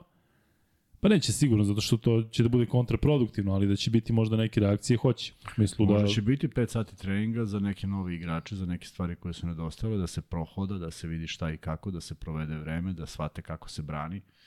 Ne mora da bude intenzitet od 5 sati, ali može da bude trening koji će a, pomoći u nekim stvarima kao što su rotiranja sa Berone. Ja, ja majke mi, ja bih voleo da vidim jednog igrača i mu rekao, slušaj, nemoj nikada da se odvoji, šta god da se dešava. Ako krene, krene na, na izmenu, ideš za njim pa se vrati. Samo nemoj da ga ostaviš. Da vidim kako bi Beron igrao. I šta te briga šta se dešava? Ma nema, nema rotacije. Možda im to i kažu, ne znam. E, šta misli, da li su Kuzmić i Raduljica zreli za otkaz i da se umesto njih dovede jedan kvalitetan centar? Ma Pa, nemojte ljudi, pa ne možemo stalno, po, mislim, stalno pričamo o otkazima. Nas bilo 12 do pre 10-15 godina kad se tako igralo, koji bre otkaz, koga oteraš, gde ga oteraš? Gde nađeš novog? Prelazni rok bio 4 dana pa i u pitaju godini. ovde koji su trenutno centri na raspolaganju. Pa koji pa su nema trenutno šta, centri na verovatno. raspolaganju? Mislim, pazi, taj Singleton je recimo i dalje slobodan, on nije centar, ali bi mnogo doneo u, u Ali nije centar. Nije centar, ali... Pa da li bi on doneo u reketu? Pa vidi, pogledaj Heinza, koji je bio neprikosnoven. Ne donosi on više ono što je donosio u reketu. U svo Donosi poštovanje. Zato što je deda. Pa, Deda. deda, pa i Singleton nije u najboljim godinama, Pa, nema 16. Nema 16. Znači ti treba da da ubodeš sad 16 nekog... najbolje godine. To su najbolje godine, da, da budeš u reketu jak. Šta? Šta donose? Pita Vanja šta donose zvezdini centri. Uh, Raduljica, Raduljica, kažem, meni je čudno da je, da je igrao, nije me impresionirao ni u Jadranskoj ligi, a uh, Kuzmić će donositi samo kad ima protiv koga da igra i ne mislim da doprinosi nešto kad imaš nisku petorku. Evo, danas je Petrušev igrao peticu, izgledalo je fantastično, a zato što je cela petorka uh, uh, uh, Armanija bila takva. Da. Zato je i Luka ispomenuo Singleton koji može da bude stretch 5. Pa može, ali već imaš uh, Bentila koji slučajno igra na 3, trebalo bi 4, imaš Martina koji igra, imaš Mitrovića koji bi trebalo da igra isto na 4 kad ima svoju peticu, imaš Petruša koji se odlično snalazi na 4 i sad dovedeš četvorku. Ok, možeš, Da, možeš još dve, nije problem. Petrušev je tu neko ko sad treba da se razmaši. Sve stoji, sve stoji, ali Ako ne čujete, i Vanja trenutno pljuje Raduljicu, tako da eto i sad da ja se, mislim se da snima. Mitrović, ja mislim da Mitrović i Petrušev, Mitrović na 5 i Raduljica, i Raduljica, i Petrušev na 4 mogu lepo da funkcionišu. Ne, ako je Petrušev proigrao i ako Ilić eventualno treba da dobije šansu, Da, na kojoj poziciji? Da, mislim, ne, možda trenutno ne. Luka, koji je najbolji igrač u Izraelskoj ligi koji ne igra u Evropi? Pa ako ne, ako, tamo manje više svi timo igraju neke lige, dakle igraju onu neku severnu ligu. Pa iz ili ne. Hercije, ko je ovaj? Herc ne igra Evropu. Ovaj, ali ima kod uh, Džikića, ima ovaj Heskins, Heskins, centar, koji je vrlo interesantan. Koji je odigrao jednu sezonu, je odigrao u Evropi, tu nešto da li u Italiji slabo. I onda je se vratio u MBG ligu i sada ima nešto kad god prenosimo, ima neki 17 skokova, dobro hvata Eli upove, onako lepi, beli, pokretni centar, lepi. Kukulela. E, poslao nam je Ivan Pejić ovaj, informaciju za Megu da je pomerena na zahtev Megi. Na zahtev Megi sa ponedeljka na utorak. Na ponedeljka na, sa ponedeljka na nedelju. Da, viš prove- proverio sam te da li, da li, da li pratiš. Pratim. Um, zašto Lazarević ne uzima šut kad je sam već uvaljio loptu Dobriću? Kuzma? Hm? Zašto Lazarević ne uzima šut kad je sam? Pa nije siguran u svoj šut. Malo se kad se uve, uvuče nesigurnosti, kad vidiš da šutiraš trojke loše, cela ekipa. I danas je bilo previše pasova za moj ukus. Sve su to bili neki pasovi koji nisu, nisu deo... Na, znaš ko je bio lep pas? Vildosina. Ne, ne, ne, ne. ne. On je vidio je potpuno ludilo, niko nije vidio da Ono leti kad je, kad je bacio parket. ne, ne, ono kad e, bacio preko celog terena. si A, to da, I to niko da, ne da. zna da leti lopta, genijalno. Ali lepo je dao, dao je Pa, Petruševu parket ne? Ali fant, fantastična akcija je bila Lazić koji traži prostor, pa ubacuje do, do ovoga, do Mitrovića mu vrati i on ode na drugi obruč. Prosto fenomenalno kako je ispratio, ali e, to su neke stvari koje se, gde se igrači razumeju, pogotovo kad su dugo zajedno, ali bilo je mnogo onih momenata kada si ti u skoku sa loptom i sad tražiš rešenje. Obično, obično se na taj način ne nađe i kažem krivo mi je što je Zvezda potrošila dvo, p- tri od pet napada u početku na početku četvrte četvrtine bez šuta na koš. Ma, ma kako god da su izbacili na koš, veće su šanse da uđe nego ako ne šutneš. E, Kuzma, slažete li se da Zvezda užasno brani šut za tri od početka sezone, samo što nas, nas je sreća služila do sad? Pa, bilo i dobrih momenata. Ne mogu da, Da, se da, složim da, da, je jeste. sad baš bilo sve, da su svi bili ovaj, slobodni, ali, ali generalno taj fokus na nekim ozbiljno dobrim šuterima mora da bude pojačan, da jednostavno da jednostavno ovaj, ne gube fokus. Evo, evo nešto što možda niko nije primetio, možda i jest. A radi se o mom omiljenom igraču i žao mi je što pričam. Jagoda, Ne, ne, Jagodić Kurić. o Dobriću, pazi. Dakle, Zvezda je, Nedović je postigao trojku protiv Partizana u dve sekunde do kraja. Ostalo je još dve sekunde. I šta se desilo? Sećaš šta se desilo? Sećaš da je Madar šutnuo Da, što ćoška? iz Ćoška, da. Dobrić je čuvao Madar. I Madar je krenuo da primi loptu u ćošku. I Dobrić je sve vreme pratio. I onda je iz neobjašnjivih razloga okrenuo se oko sebe za 180 stepeni. Ne postoji objašnjenje. I Madar je otišao u ćošak i primio loptu.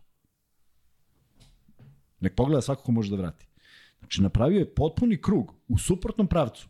Jer lopta mu je sa desne strane. Znači, šta ćeš sad se okreneš? Pa ali imaš neko objašnjanje? Ćeš Ne. sad poentirati? Ne. E, to su stvari koje moraju se nauče. Kako misliš, izgubio Možda si ga... da ga izgubi, da ga, da ga poremeti kad je napravi tu Pa pilotu. da jeste, pa ovaj kaže šta radi ovaj da mene? pogodim ćošak E, tamo. neka ne pokušava više. Da. Jer vidi u čemu je stvar. Sve je pratio i samo da je pružio ruku, Madar ne prima loptu, jer Madar je ipak uputio šut za tri poena. Moglo je to i da uđe. Nije moglo, verujem. Sa Madarom nije moglo. No, mogo je da uzme neko drugi, da šutne i da opet bi primio. Hoću da kažem, to su stvari koje moraju da se imaju u vidu. Kakav okret? Gde je okret? Šta te briga šta se dešava tamo? Kako miš se okreneš? Kao pozvate neko. Dakle, uh, uh, uh, to može bude to može bude koš kojim gubiš. E tako i danas Beron ostao od svih igrača sam. Ne bi preuzimao sa Beronom, ne bi ništa radio s Beronom. Rekao bi čoveku da ga juri, da trči, da trči, da trči. Ili bi preuzimao sve. I rekao, Beron ne može da ostane sam. Nekako mi je čudno da on dobije tu, tu, tu poziciju da šutne. Znaju koliko je brz u šutu, znaju kako će se osloboditi i opet on šutne. Sve bi mi bilo lakše. Ja bih volao da je šutno bilo ko. Iz dobre pozicije, nema veze. Samo ne nekako nema mi logike. Najbolji šuter protivničke ekipe. I svi znaju da će on da šutne, i svi znaju da njega traže. Pa baš zato što, što, što znaš. Koliko bi Kampacu u Zvezdi i Dorsi u Partizanu podigli kvalitet timova? Pa podigli bi sigurno. Ali e, ne znam na čiji račun bi Dorsi došao u smislu. Onda bi moglo ozbiljno da se menja sve u Partizanu što se tiče uloge i Pantera. Sa čim možda i nemam problem i sa ulogom Andjušića. Ali dobro, ja i dalje mislim da je Partizanu neophodan play. E, kako se povredio Martin? Koliko znamo na treningu, tako Kuzma koleno, Mm, na ovom da. posljednjem treningu. E, pitao je neko zašto su zamenili uloge Vildosa i Nedović u završnici, da Vildosa ide na ulaz, a Nedović šutira za tri. Jeste malo onako specifično. Pa da bi Vildosa zabio u reketi našao dobar, dobru, dobru, dobar pas. Ipak je u tome bolji od Nedovića. Ali da, nije kao da što je bio slučaj Pa, protiv hvala Partizana u posljednjem Pa, napadu. Hvala Bogu, tako je. E, Isti, isti, isti recept. kakvi smo sa subovima, Kuzma, da imamo, da li ima smisla uopšte što... 12.500. Sad smanjite malo. 11.840. E, da. 6. 846. Kogo? 846. ja. Dobro, dobro, Mm. to sve ide, super. Treba dati Dobriću vremena, jeste malo nestalan, ali je potreban i još mu verujem. Da, nije ništa sporno, tako. Ma nije samo sporno, je, nego samo evo, je to, malo to je jedna, jedna bizarna situacija gde sam ja pogledao utakmicu na kraju i razmišljao kako može neko da primi loptu i da uputi šut. Čak i faul te spasava. Tako? Bilo koji faul. I primi loptu i ti ga fauliraš. Kako je primio da nisi blizu da napraviš faul? E, zbog tog okreta. Koji mi je Da. potpuno nejasan. A kažem, volim igrača i ne volimo da uopšte pričam na temu da je to njegova greška, ali, ali e, ne mogu da razumem. Da je izgubio iz vida tačno toliko da se Madar oslobodio i primio loptu. Ne Da. znam šta je posredi uopšte. E, I sećaš se koliko sam pričao o Holdenu koji uvek Casey Rivers da tri komada i ko rotira, ko rotira Holden. Na, na nekoga koji nije šutnuo do tada. Volden, ne Holden, Volden. Holden je. Ne, J.R. Holden, on se da. Volden, J.R. Volden. E, dobro. E, imaš još nešto Kuzma da Ne, dodaš oko Zvezde ili hoćeš da pređemo na Partizan? Ma radi što hoćeš čoveče. Da radim ja šta hoću, ja da hoću da radim šta hoću. Znaš kako bi ovo sve drugačije izgledalo. Sve? Moramo ne bi sve me po trpeo, ne bi tvom. me trpeo ovoliko. Luka, zašto pocenjuješ Madara? Ljudi, e, ono što se desilo protiv Cedevite je nešto što sam ja e, pričao, pa me niko nije slušao. Dakle, to je čovjek koji odgovara Željko Obradoviću ili uh, odmahuje kada moje priče. Dakle, taj dečko u glavi nije spreman. I greota je za njega što ima onakve fizičke predispozicije. On je idealan za NBA ligu. Da tamo dođe i da igra 80 utakmica od kojih 76 nije bitno i da pokaže šta zna. Ti si dečko koji će sada za 6 dana da napuni 22 godine. I ti, ne znam, Željko Obradović, ukoliko je, nam je neko nam je poslao, tako Kuzma? Da. Da je on Željko Obradović odmahivao rukom ili mu je nešto odgovorio, pa da. zato igrao 3 minuta protiv Cedvite. Ja o tome pričam cele sezone. Niko ne spori njegov kvalitet, niko ne spori ništa. Ali da li stvarno mislite da on sa takvom glavom može da donese nešto dobro Partizanu ako ne pušte Željko Obradović? I kraj priče. Pritom ga je ovaj prošle sezone trenirao, trenirao, kad kažem trenirao, ne mislim trenirao, trenirao, nego ga je pokušao da ga istrenira da, da one stvari koje je radio protiv Turk Telekoma, ko se seća i ko se sećaš nekih stvari, da te stvari više ne radi. On to radi i dalje. Ja o tome pričam već sezonu i I sada vi e, pričate kako ja protiv Madara. Pa Madar je taj koji, koji trenutno narušava, narušava atmosferu Partizanu ako ti odgovara Željko Bradović. Pazi, ti dovodiš onda u pitanje njegov integritet i njegov, njegov se pred svim tim igračima. Pa onda će i neko drugi da kaže, pa čekaj, ako može ovaj mali, tako onda ću i ja. Tako da o tome ja pričam da mali nije u glavi izreo. Iste takve probleme spravi u Hapoelu, iste je Laviva, iste takve probleme pravi u, u reprezentaciji ranije. I eto. Ele. Um, Da, čekaj, kao to, to Obradoviću istina. To sam ja čuo na nekoliko, nekoliko strana i neko je nama poslao, tako? I jedino je objašnjenje zašto je igrao 3 minuta. Ali dobro, daj Bože da budem, da, da budem uh, u krivu i da pogrešim i da Madar odjednom uh, eksplodira i da se niko ne pocenjuje njegove košarkaške sposobnosti. Apsolutno niko. Ali će mi biti mnogo draže ako se Aleksa Avramović vrati i ako on sada preuzme to nešto što bi trebalo da radi Madar. E, sad tu ima jedno pitanje vezano za Avramovića. Ja bih voleo da, da je Partizan u boljoj situaciji i da ovaj povratak nije, ne deluje preuranjeno. Dakle, da je to, na primjer, sad potpuno drugačija priča i ti kažeš, e, sad za utakmicu protiv Efesa pre, pre 14 dana vraća se Avramović. Ovako mi deluje da je panika. I meni je to razumljivo, da se razumemo. Apsolutno ne znam ni jednog svog saigrača, a za sebe mogu da tvrdim da smo mi sanirali neku povredu u toku sezone potpunosti, nego jednostavno ulaziš kad je potrebno, kad zaškripi, kad je panika, ovaj, ulaziš, ulaziš u igru. Tako sam ja igrao sa polomljenim prstom, ovaj igrao sa ovim, ovaj sa onim, svi cepamo. Nos kad polomiš, šta sad kao tu nešto, pa znaš, uvijek je ona logika, pa neće valjda dva puta sad neko te udari baš, jednom te udari, pa što bi ponovo. E, tako mi ovo deluje, i zaista se bojim, samo jedne stvari, uh, koliko je on spreman za parket. Ne, ne, ne za igranje košarke. Mislim da je on jako dobro trenirao, s obzirom da je ruka u pitanju nije ga ništa sprečavalo da bude fizički spreman. Ali ne da je Bože bilo kakvog pada on će zaštititi tu ruku. Pašće na nešto, na nešto, na neki deo tela koji će možda da strada. Neće je podmetnuti. O, blokada će u glavi. Viš da je slična situacija kao sa Vajtom prošle godine. Pa mislim da da. Jer, jer to još to je sraslo, ali je to vrlo škakljiva povreda. I sad cela težina na, na, na ruku, ne znam, evo, danas je dva puta Nedović pao, pa se iznervirao što je pao jer, jer, jer u tim padovima zna da se povredi. Bilo, bilo bi mi žao da Avramović o tome misli dok igra, a bojim se da, da, da, da, da svakakav povratak je težak da probiješ u glavi, a kamoli neki koji je ranije od predviđenog. A nisam imao, nemam informacije da li je to zaista zaraslo do te mere da je on sada voleo bi da jeste. Zaista bih voleo da jeste da se on vraća kao čovek koji je potpuno spreman. Da, e, Kuzma, pre nego što pređemo na najavu meča Partizana i Efesa, hajde da se osvrnemo na, na ono što se desilo protiv Asvela. Moramo da krenemo od tog Papa Petrova i od onog faula. Da li je ono e, nešto što treba da se oprosti? U smislu, ne oprosti sad ti da ga kazniš i sada da stani u ćošak tamo, da sedi, kleče neku kuruzu.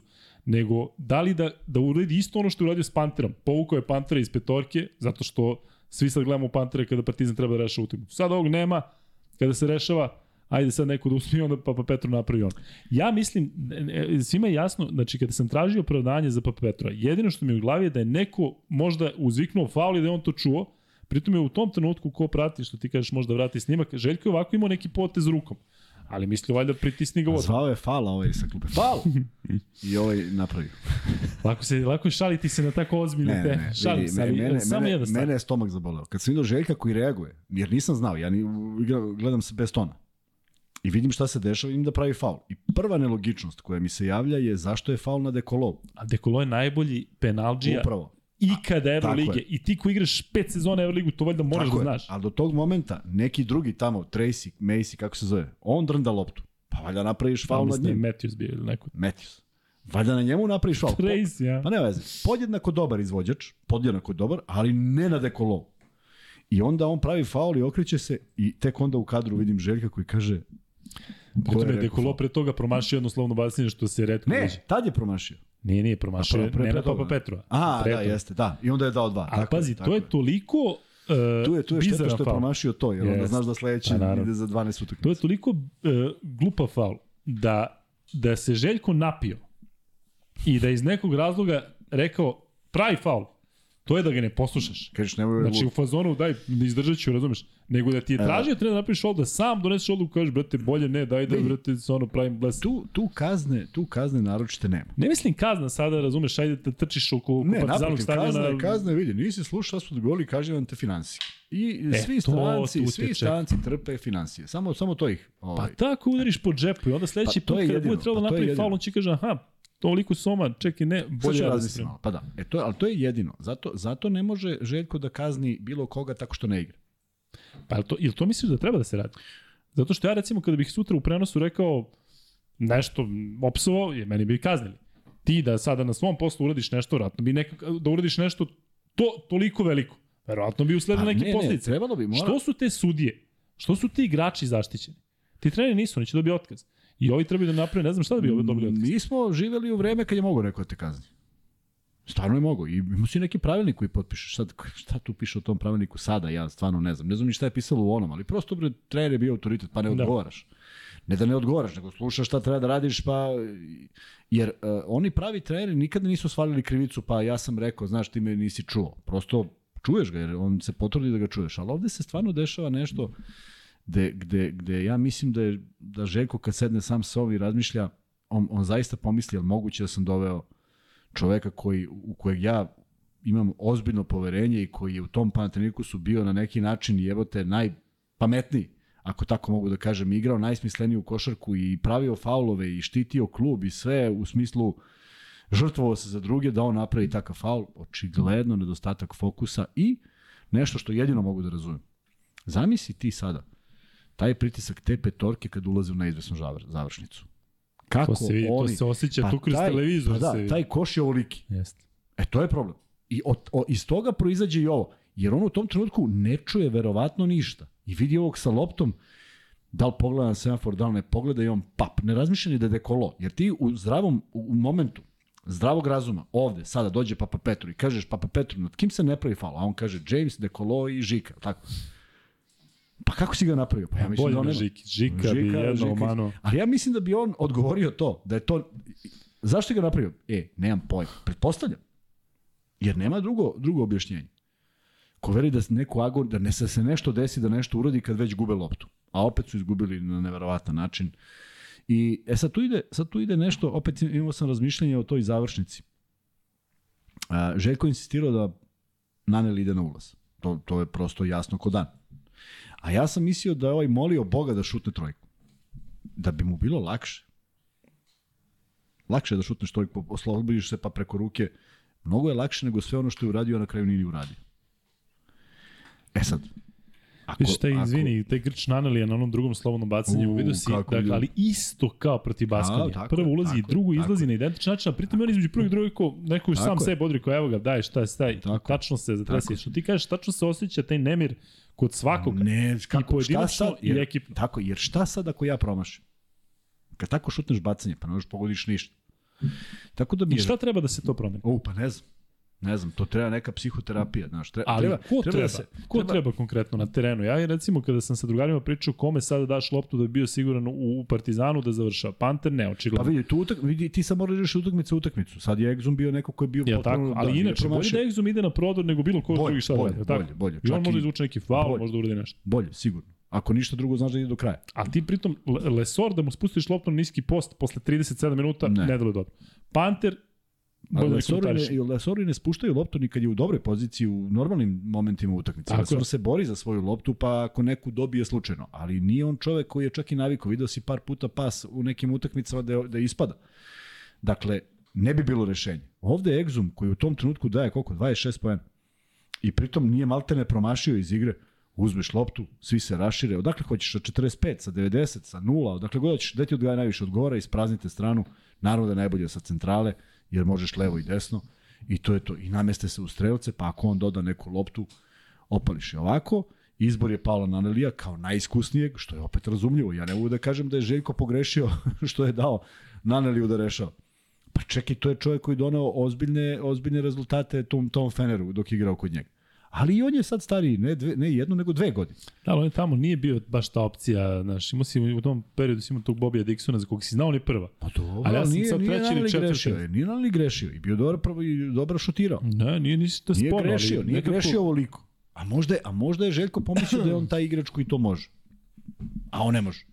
I sad se suočavaš ti, s tim da ne može. Pa, suočava se i Ivanović, nije ga birao, ali suočava se i s Ivanović sa Holandom. A i svi navijači su govorili da on to može.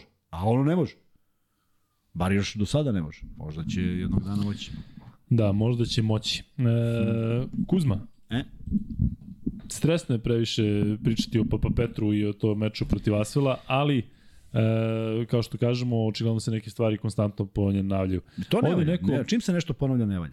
Ovde je neko e, pomenuo da li je e, meč protiv Efesa možda i prekretnica u smislu da se taj duel dobije i da, da, da se sve ovo loše zaboravi. Lovi šampiona Taj Evrope. duel ako se dobije, da, to je jedan momentum koji oni kažu, ok, potrošili smo sve kredite, idemo sada ovde i damo sve i pobediš i ti kažeš pobedio si prvaka Evrope i sve se nekako potpuno se, potpuno se menja to samopouzdanje. I još ako se vrati Avramović i on zablista u toj utakmici, onda stvarno imaš jedan uspon. I Smajlagić da odigra nešto, ali ako se izgubi, e, to, to nije samo, samo poraz, nego je to sad već ozbiljno, ozbiljan niz poraza i majke mi sad ono kad razmišljam kad bi birao u takvoj situaciji da gubiš utakmicu, bolje da gubiš 35 razlike, kažeš ovi nas razne nismo imali pojma, nego da ponovo uđeš, jer se bojim da ako se uđe u, u egal, da će jako teško neko izletiti. iz Ali morat će u jednom trenutku da se, da se Može samo neka pobeda, prekine. može samo neka pobeda koja je sigurnija. Samo da nije nešto tenzija neka.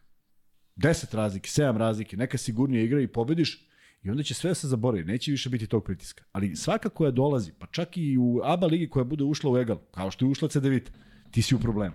Da. Ni ta utakmica nije bila bolje, bolje, bolje e, realizovana. Dakle, više nije bitan protivnik, bitno je da si ti izgubio neku neko, neko, neko samopouzdanje koje su imali. Taj Panter je stvarno rešavao i ti kad pogledaš početka utakmice i prošle godine u Evrokupu, pa on je mnoge utakmice rešio nekim šutevima u posljednjim sekundama sad za dugu dvojku ili tako nešto. On, njega sad nema u petorci na, na, na, na kraju. Ne valja ni to i to je neka poruka koja ne valja. A šta misliš da je bolje da bude u petorci, a da mu se ne da lopta ili šta? Ne znam. Ne znam, ja ti kažem, mene bi već zabrinulo, e, ne bi me zabrinulo to što je došlo do zvezde i šuta 18 sekundi pred kraj, nego bi me zabrinulo, u Baskoni bi me zabrinulo i ja bi već napravio nešto tamo i rekao, slušaj majstor, još jedna ovakva greška i ti idi sedi i gledaj sa klupe, pa ćemo da igramo sa, sa ne znam ko, s kim imamo. Jer Baskonija ne postoji opravdanje. Može, možeš kogod hoćeš šta da mi kaže. Za Baskoniju ne postoji opravdanje da se nisi zaleto lupio onoga sa sve namernim faulom. Jer to su dva bacanja, a ti vodiš tri. I ostaje još sekund. I ako primiš i tu trojku, nek ide život. Ali nisi primio trojku na način kako si je primio. Pazi da ne udaraš mikrofon rukama. Šta reći? Pazi da ne udaraš mikrofon rukama. Ma kad se, kad se uzbude. kad mi kažeš Papa Petru, ja se iznerviram. Ne, stvarno je nenormalan broj grešaka koji se desio u Partizanu i prosto ja ne mogu zamislim kako, kako i navijači razmišljaju i, i, i zaista imam, kažem, ozbiljan respekt prema Željku Obradoviću i nekako mi je neverovatno s čime se suočava, a s druge strane, kad pitaš ko je izabrao te igrače, pa oni zajedno, tako, imali su neki kriterijum biranja, dakle nisu oni sad neki koji su naišli pa si ih ti pokupio. U nešto si verovao. Um, ima primjera gde su se treneri razočaravali u svoje izabrane. Ne bi bio ni prvi ni poslednji put, ali prosto nekako, nekako mi deluje, evo sad ti si spomenuo Papa Petru, a Naneli je promašio penal, Panter je ono uradio, ne znam ko je, ma da, to je već, to se već umnožava, nije to jedan pa ti izneverio. Ali mislim da sve ide od Pantera, da je on uneo taj nemir svojim potezima u odbrani u napadu i jednostavno onda, znaš, ako imaš Pantera koji, koji je dobio klupu i toliko puta grešio, pa šta ćeš sad ti da budeš zvezda i da, da, da, da, da Ne izvodiš nešto? Ne, mislim, mislim, Znaš. mislim, zaista samo mislim, to je moje mišljenje, da je dobio prevelike kredite. Ko Panter? Da. E, da, da, da, da ta lepota njegovih poteza kad on da koš preko čoveka jeste lepo, ali ja ga ne bih želeo u svojoj ekipi da mi tako reše utakmicu. Ja bih više volio da on ostane sam, pa da i da promaši kažem, majstor je oslobodio se, sledeći put će da uđe. A ovo je uvek lutri, Da. lutrija. I onda kad je on u jednom divnom raspoloženju, to ide fenomenalno, a onda dođe neka potpuno benigna utakmica u, u, u, Jadranskoj ligi, možda neko možda me podsjeti da li je bio Mornar ili neko. Da on dole, da, šutne 0-11, 7-0. da. Pa 0, e pa to, pa to ne može, to nije dobro. Pa smo pričali da je bolje tu nego u Euroligi. Tako je, bolje si Da, ispromašio ali tu. nije dobro generalno nikad. generalno, ali daj da uzmeš makar čiste šuteve. Evo, e, video si onaj moment, Nedović ovaj poslednji šut iz okreta, iz očaja što baca. Pa to je šut iz očaja, tako i izgleda. Ali onaj šut kad on pravi fintu i dvojica ljudi ga napuste, pa to je šut na kojem si ti sam, pa ti si, ti si napravio sebi poziciju. Samo igrački da li si u formi da pogodiš ili ne. Ali tu trener ne može ti kaže što nisi bio bolji. Bolji u čemu? Pa samo je pitanje što nisi pogodio. I onda pogledam na klupu, on promašuje, a Ivanović tapše jer je bila pozicija. A Željko bodri ovoga, Pantera, i tapše kad ovaj šutne preko čoveka od 2.10 i pogodi. Ma nije dobro. Meni se ne sviđa. Što, što se meni ne sviđa, baš nekog briga, nego mislim nije igrački. Ma gde je briga ovde si... A? I te kako im je značajno. Da se tebi sviđa ili ne sviđa. nam. I tako A, Kuzma tako, za sebe, da. Pa im se sviđa. Ajde jedan pol. Kuzma, e, po čemu pamtiš Pantera u Zvezdi? Govorimo o Po ulozi. najužasnijem pasu u istoriji gde sam ja u prenosu rekao "Ih, sećaš toga? Ne. Pa kad je onu loptu ničim izazvano bacio po ovima u kontru protiv Vasvela ili tako nešto. Čovjek je iz okreta bacio kontru koji su oni, ne- ne, nekim, nekim, nešto užasno se desilo. Ničim izazvano. Samo je trebao sačuva loptu. A koja je uloga bila njegova u tom timu Zvezde? U odnosu na ovu Partizanu danas? Vrlo slična. Slična? I, da, vrlo slična i nije mi, nije mi, ka- kako bi ti ja ne rekao? pamtim da je on toliko divljao. Ne, ja mi on jest. Jeste, Isto, ja? Da, vidi. Znači ja tu pravim ozbiljnu razliku između Bilija Berona i, i, i, i Pantera. I mnogo više poverenja imam u, u Beron. A mnogo mi je veća misterija da imam telo kao Panter i nemam šest prodora do koša po, utakmi, po utakmici. Ja ne bih igrao košarku. Ja sam to radio ovakav kakav sam, pa sam tome težio. Ne da budem kao Panter. Panter sa rasponom ruku 2.50 nego čovjek ima potpuno jedan čudan pristup svemu tome i potroši se. Ako neko misli da se on manje potroši onim driblinzima kad lomi, hmm, pa samo se umara. To nisu jednostavni šutevi. I vrlo redko se usudi da ide na, na prodor koji, ili ako krene na prodor, video se, zaustavlja se na dugu dvojku, što je opet mnogo lepše nego da šutneš baš preko bilo kog čoveka koji stoji ispred tebe. E, pitaju nas ovde, da li očekujete meč na više ili manje poene i u kom scenariju je bolje za Partizan? Ja mislim da će Efes da umrtvi igru i da traži sve slabe tačke, da neće nešto pretrano juriti. Da, ovo i ljudi isto komentarišu da je Efes izgubio sada u Je li igrao Larkin? pre dva dana. Da li igrao? Nije igrao, ali pitaju da li će da igra sutra. E, oni u nekom, u nekom, nekoj fazi povratka, u kom trenutku će se vratiti, ne znamo, Ne ali znam. ono što je Efes odigrao protiv Baskonije u završnici jeste bilo onako prilično čudno, jeste im pogodio e, trojku onu sa jedne noge, Gidritis, tako da može da se kaže da nisu imali ni sreće, ali no, eto i Partizan je u toj situaciji da će kao što će Olimpijakos morati da se vadi protiv Zvezde zbog poraza protiv Asfala večeras, tako Efes mora da se vadi sad protiv, ne da se vadi, nego jednostavno podrazumeva se da mora da dobije u Beogradu posle poraza uh, od Baskonije pre dva dana.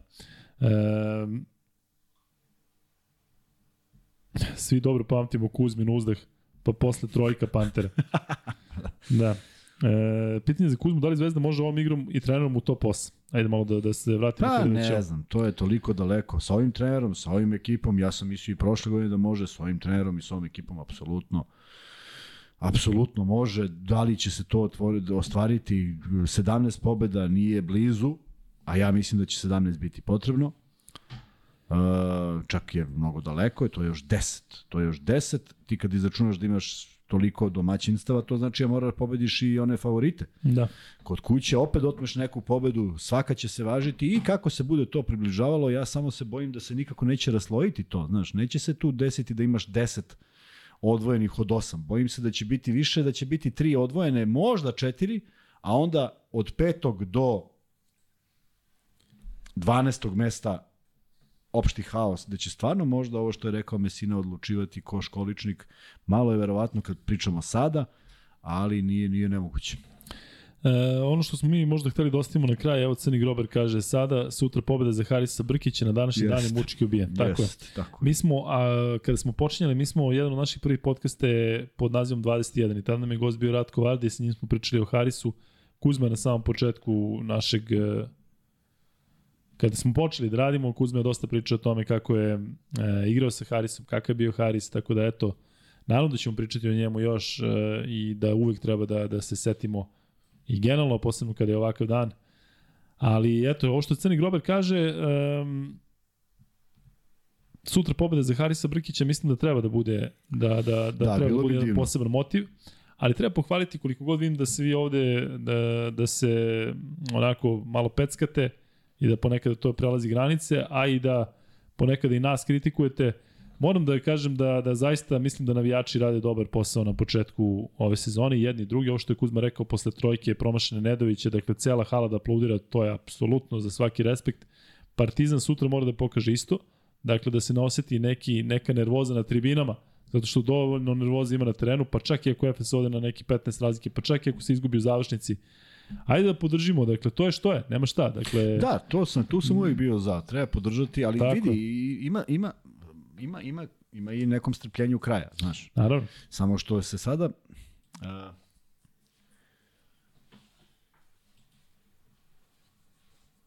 godinama smo patili što nismo zaštićeni na nijedan način. Govorimo o igračima. Pa je, znaš ti koliko je nas ostalo bez ozbiljnih iznosa, nekima se klubovi gasili, ostali bez celogodišnjeg ugovora. Ja sam jednu godinu u Beočinu odigrao za džabe. Tako ispalo. Ovaj, I nismo bili zaštićeni. A sada, kako misliš da to, kako, kako, kako to izgleda? Evo, sad si nezadovoljan, neki mi? Kako to izgleda? Koliko treba da isplatiš? Ceo ugovor? Pa ne možeš ga se onda otarasiš tek tako. Nego mora nađeš neki način da ga iskoristiš. A šta hoćeš da kažeš? Da je Ću danas da kažem da je jako teško, pa ovo kad kažu teraj, deda, ko- kako misliš teraj? Da. Ako misliš Partizan raspolaže milionima, pa će da dotera nekog novog. Da, Nije da baš isplati šov, nije to sada da. Pa to nije samo, to nekad bilo. Nekad bilo kad smo patili. Sad ovi igrači, prvo, Euroliga je jedan zatvoren krug gde se vrte dosta istih igrača. Znači, ja ne znam koliko je Ćaća Rodriguez potpisao para da dođe, ali on ima 400 godina. I čovek je potpisao garanton ugovor i može da ne igra komotno ili da da jedan poen prosečno. Šta ćeš lepše? Patili smo za takvim momentima. Da. Dobri A- igrači poput njega su u neku ruku i zaslužili, tako da... E pa to je sad malo, znaš, to sad zaslužio. E to je to, zaslužio ovaj, zaslužio onaj, na kraju nema rezultata, kao ali eto, pa on je ipak zaslužio. Nema toga, to ne postoji, kak je zaslužio, da proizvodiš ili ne proizvodiš. Si zaslužio, da. zaposlite da budeš ekonom i evo, 3 miliona da budeš ekonom, nema problem, samo nemoj da nam smetaš. Um, kad je neki gost vezan za zvezdu, mislim da niste imali nekoga nakon dolaska uh, Ivanovića. Vidjet. Pa jeste, malo je problem da nekog aktuelnog uzmemo iz prostog Da, razloga prosto što je, je ritam takav, onda negde je bilo je ono nezgodno, dolazili su derbi, pa sad ti kao nekom odlačiš pažnju, pa se nešto priča, to niko ne voli. Onda sam ja krenuo da malo ovaj, čeprkam po bivšim zvezdinim igračima do kojih možemo da dođemo u Beogradu, pa sam shvatio da ih nešto nema mnogo, a da ih, da smo, a da ih već nismo pozvali. Tako da malo, malo oskudeo. Ne, jednostavno je takav ritam. U gostima, da. Dakle, ljudi nemaju vremena da dođu Pokušat ćemo nađemo nekog interesantnog. Ali bit će- bit će Vidjet ćemo okej. Gagija za sledeći put, pozvat ćemo ga naravno, ali eto, ništa se ni tu nije desilo. Radimo na tome, bez brige. Da, da, svakako. Imaćemo i neke iznenađenja oko nove godine, ali oko toga ćemo vas obavestiti um, pravovremeno. Koliko će Vramović podići ekipu? Ne treba mnogo očekivati. Daj Bože da nas iznenadi pozitivno. Tako sada je, da se tako očekuje je, da tako. Vramović dođe i da se sve odjednom promeni. On ne, sa samo da ne bude ono šutne Avramović promaši, a oni ja... Tako je, tako je. Dakle, treba dati ne može, podršku momku. Naravno. I vraća se pre vremena sigurno. I to je sad i njegova neka želja i sve to. E sad ima jedan komentar ovde. O, prvo imaš pitanje za tebe. Šta kažeš? Nešto Pa uzima ono da. nešto, ne, ne, ne, ne, nije, nije. Nešto smo pričali inače. Ja sam, ja sam u jednom od naših podcasta prokomentarisao da imaš Lazića Lazarevića i u istoj toj petorci Egzuma, Ledeja i Lesora. Da li bi to bila čušća? Ja sam ubeđen da bi to bila čušća petorka. Taman ova dvojica bili ljudi koji su tu da, ali bi ovi imali mnogo više prostora da igraju. A defanzivno ne bi primetili da im nešto fali. Prema tome jeste koncepcija drugačija, jer ovde nemaš na koga da se osloniš, ali Partizan igra košarku za koš više.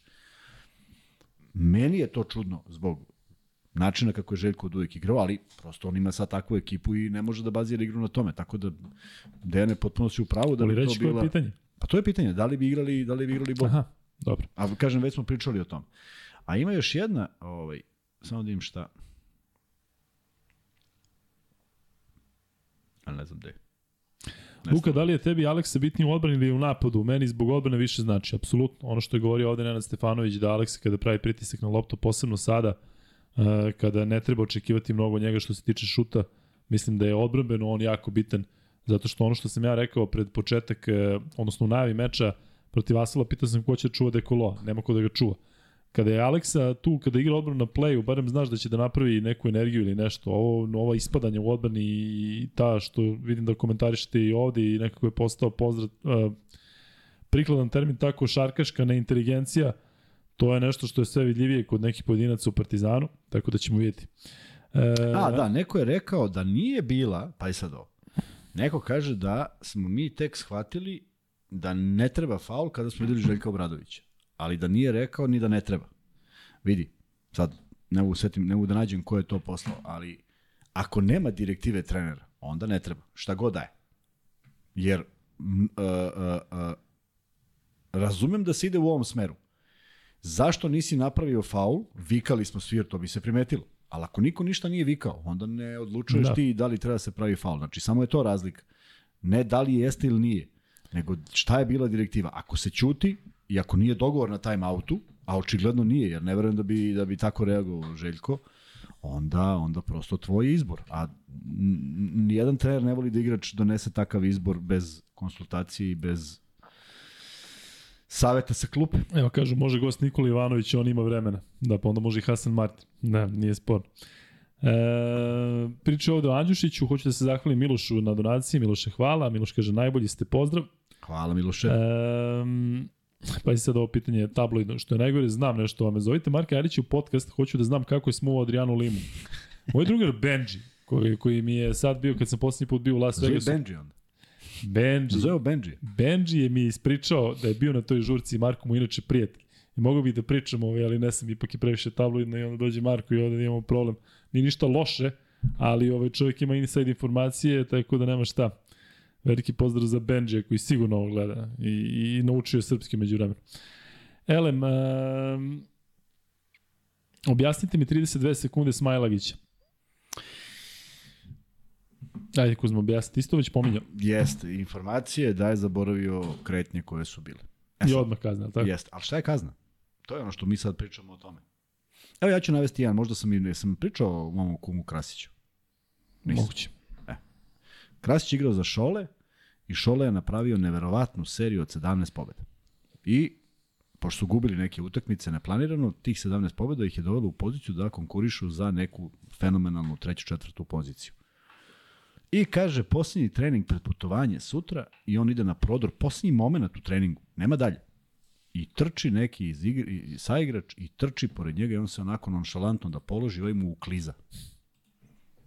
I kaže, doskočimo i kaže, on mi se još unese u lice i ja šamarčinu i sve snage. I kako sam ga opalio, razdvoje, razdvoje nas, ja ga izvređam naravno, i priđem treneru i kažem, moja greška, prihvatam svaku kaznu, jer nisam smeo ovako da reagujem, bez obzira što je ovo potpuno ludilo, kaz, prihvatam svaku kaznu. Cela plata, cela plata. Čime su ga kaznili? Otkazom. Ne. Ničim. Nije igrao sledeću utakmicu. Ko je pobedio? Protivnik. Po čemu je kazna? Kako je on kažnjen? Što je sedeo kod kuće i gledao u plafon. U, Da. A kazna je čoveče kad ti nisi poslušao nešto ti trener rekao i kaže disciplinski pravilnik, ti nisi poslušao trenera 3%, 10%, 120%, 800%, koliko god. To jedino može da oseti. Inače da ne igra. Pa ja da ti kažem, ima mnogo igrača koji mole Boga da ih kazne onda, da, da, da ne ulaze u neke neizvesne utakmice ko veli bolje, ja sedim sa strane i Tako da eto, to, to za mene nisu kazne. Za mene je kazna kad ti tog igrača koji sve koncipira kroz novac, apsolutno, njegov život je where is my money. To je prva stvar koju naučiš od američkih igrača bilo gde. Hmm. Čast izuzecima, zato što je bilo onih koji imaju Željka za trenera, Ivanovića za trenera, ovoga Pabla Lasa, svu onu plejadu košaka, ko, trenera košarkaša kojima veruju i koji verovatno u momentu kada kasni plata 15 dana niko ne pita jer si u dobrom klubu, jer su rezultati dobri i sve to. Međutim, kad to se okrene, onda je problem. Onda je to glavno pitanje svih pitanja i Amerikanci jedino tako i gledaju. Zato je za njih najveća kazna ako postoji u pravilniku da, da mogu da ih kazne. E, kaže ovde da poklonimo Vanju Marinkovića za meč koji je odigrao sada protiv ovog fenomenalan, da, da, to nam je jako drago jest. i jako bitno da dobija, jest, dobija šansu jest. zato kod ovog Penjera je isto nešto ide gore dole da. sa minutažom. E, pitanje za Kuzmu, šta misli o Holandovom brzom autu za 3 iz kontre? Je li on zaslužio to, nije dao 20 poena ukupno od početka sezone i on to uradi? Da, kad je naskočio? Da. Ja mislim da je on, on sad, e sad, to su... Ništa, ti... ja gledam Ivanovića, ništa. Znači, očigledno da, je, da mu je rekao šutni svaku, pa Tako će jedna da uđe, pa idemo dalje. Tako je, da. I nikako da uđe, taj prvo. Tako je, a on je, a on je, a, i to mu je rekao slobodno šutni kad se sam, i to je ovaj interpretirao na taj način. Da. Prvo on je, on je vrlo nezgrapno doskočio. Ja, ja sam mislio da će on samo doskoči da fintira, on je stvarno doskočio da šutne. Ne znam šta da mislim, zaista. Mislim, ne dopada mi se uopšte, a shvatam ideju da, da je cela koncepcija da on ne spusti loptu u dribling. Jer je uvek problem kad je spusti. Um, dobro. Kažu da probamo sa Tripković. Ovde je bilo pitanje kao uzdirzali smo Andjušića, pa kako komentarišemo, uh, evo, dajte neki komentar na igra Andjušića, koliko ste toliko Loš. uzdizali na početku yes. kada je došao, a nije pruženi približno igru yes. koje se od njega očekivala. Mi kada smo okay. uzdizali Andjušića, uzdizali smo zato što želimo zaista našim igračima Tako je. da se istaknu. Ja to i dalje želim. Andjušić je divan dečko. dobre Tako. sezone. Pritom, Andjušić je ovde došao, a nije morao da dođe, u smislu, dakle, momak je pokazao zaista šmek u jednom trenutku kada je bio na odmoru ili već šta je bilo. Isto smo pričali za Nedovića u Zvezdi, s tim što je Nedović doživio u Zvezdi da se podigne na ono što svi očekuju. A ovde se to nije desilo. Ko je, ko je odgovoran? Da. Aj sad da analiziramo do sutra. Da li on, da li nije dobio dobru ulogu, da li je dobio dobru ulogu. To znaju samo na treningu. I ja se nadam da je on taj koji će možda zameniti Pantera i u završnicama i što tako se tiče je, nekog, nekog tako. preuzimanja Ja bih volao to da vidim. Ja bih zaista volao to da vidim. Zato što razmišljam ako je mogao da igra onako u, u Monaku, a Monako je bio stalno to potencijalnu utakmicu od Final Fora. A mislim da, da ima još, može... još jaču emociju da bi igrao još bolje. Kako da, Ali da. neke stvari ne mogu preko noći, neke stvari su zacrtane i kod stručnog štaba i podeljene su neke uloge. Da li su oni dobre, prokazat će vreme mislim da je njemu potrebna jedna dobra utakmica, da možda stavi 30 poena, da pogodi 7 trojki, da jednostavno teško on... je, teško je ući nekome u glavu šta mu, šta mu smeta. Uvek imaš nekome nešto da smeta, ali ja mislim da on nije siguran čak i sa tom utakmicom od 30 kako će da izgleda to sutra. Da. E, a zašto je to tako? Stvarno, ja uopšte ne mislim da, da, da treba da diskutujemo o tome. Prosto to je zamisao stručnog štaba, znaju zašto to rade, podelili su uloge. Ajde, možemo krenemo od, od prapočetka. Mi svi vidimo da Exum nije jedan, Željko ide jedan. Hoće da ga izgura na jedan. Ok, fenomenalno. Šta mi sada da diskutujemo o tome da li se mi slažemo ili ne slažemo? Tako da svako tu ima ulogu koja mu je namenjena, a Andjušić se nije snašao sa svojom minutažom, moguće da je on očekivao da će biti više, moguće da je očekivao da će biti akcije samo za njega, moguće da je očekivao bilo kakvu drugu ulogu, vidim da sa posebnom emocijom igra, vidim da kad postigne dve, tri trojke ili dve, tri dvojke za redom, da on do, doslovce poremeti se potpuno jer, jer želi da se pobedi. Skratiti mu neku uh,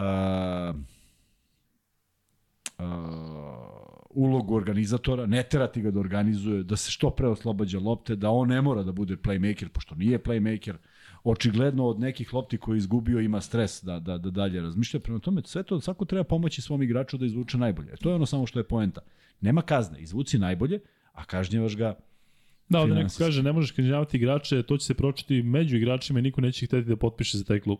Nego šta, misliš da nema pravilnik gde on može da radi šta god hoće? Pa šta da, onda igrač mora da spava? Čekaj. U Himkiju su pre, pred, pred četiri sezone ili već kada bio i Stefan Marković i onda su uzeli ih kao kaznili sve igrače, onda su odmah to Ne povukli. možeš da kazniš sve igrače. Ne možeš da kazniš sve igrače. Ne možeš ti zbog rezultata. Ima jedno, jedno, jedno... Ali Kuzma, kazniš jednog, onda će ovaj da kaže, pa čekaj, o, što su, što su, ovaj će da kaže, što su meni kaznili, ovaj uradio nešto slično pre dva dana, to nema ovo. Nema, nema slično pre dva dana. Dakle, ti si trener rekao, idi stani tamo da šutneš, on kaže neću, ja imam svoju ideju, ti kažeš to je 10%, 2% u nekom pravilniku. I šta sad? Ovaj saigrač kaže, pa nije u redu što si ga kaznio.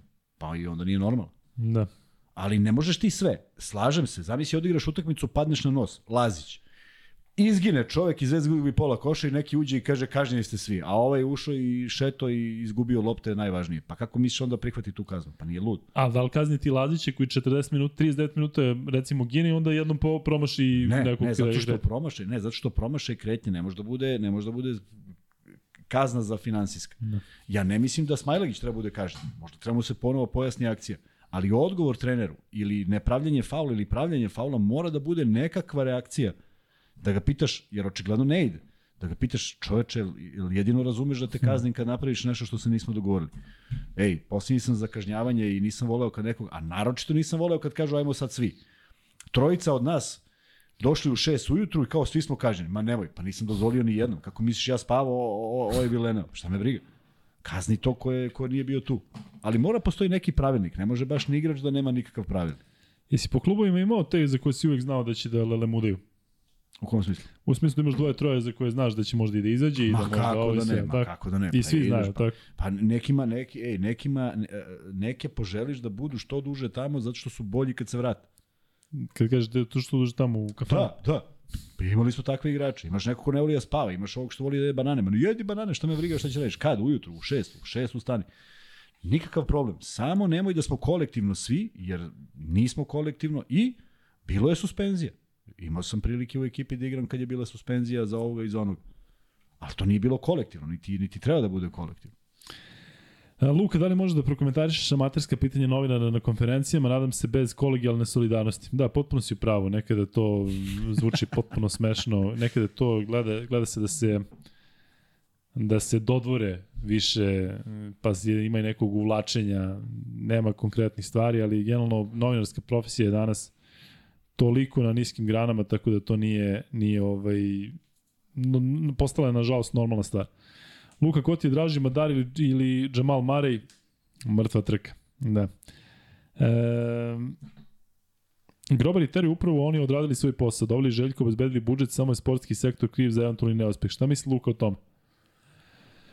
Ah, teško je jako sada e, biti pametan posle ovog e, dugačkog niza poraza. Mm, mislim da svi čekamo da se nešto desi, svi imamo mm, neko mišljenje da treba nešto da se menja, niko ne zna da kaže aj, koga konkretno treba promeniti. E, mislim da većina partizanovih navijača nisu za promenu Željka Obradovića i to velika većina. E, I volio bih recimo da imamo samo, da mogu samo da glasaju partizanovi navijači da vidim šta oni misle o Željku Obradoviću. Zato što ovde malo malo pa izađu neke kao poruke kao Željko Obradović treba da ide, ali nešto mi to deluje ovaj, toliko se čeka o Željku i šta sad, koja je, koja je alternativa za Željko Obradovića? Pa nek budu svi porazi do kraja sezona. Ja sam pristalica toga da treba da ostane i dalje. E, Tu Kuzma, nećeš naći mnogo sagovornika. Ne, a? kažem, da. Ali vidi, e, e, došli smo u, i mi živimo u vremenu kad se sve nešto menja, tako? Pokvariti se telefon, uzmeš novi. Ne ide to pa tako. Bar ja nisam vaspitavan tako i mnogi od tih trenera i dalje ne, ver, ne veruju to. U ostalom, pogledaj, ajde pogledamo Ivanovića. On je došao i mogo da kaže, ej, neću ovu trojicu a priori. Dovedite mi trojicu pa ću ja da pristanem da budem trener. On je probao sve što može. I to je dalo neki rezultat. Zašto kod Željka to duže traje? Ja stvarno ne znam. Ne, ne volim da vređam igrače, ali prosto neke stvari im ne ulaze u, u glavu. I Željko da izjavu koju ja prenesem na našem storiju, ono što mi je bilo fenomenalno, faul je oružje u rukama pametnog igrača. I oni odigraju utakmicu besprekorno. Faul kad treba, stalno u bonusu, ba, ba, ba, i samo jedno. Pa šta se sad desilo u drugoj? Šta se zaboravili? I onda ili nećeš. Nema treće, ne možeš da zaboravi. Može samo hoće ili neće.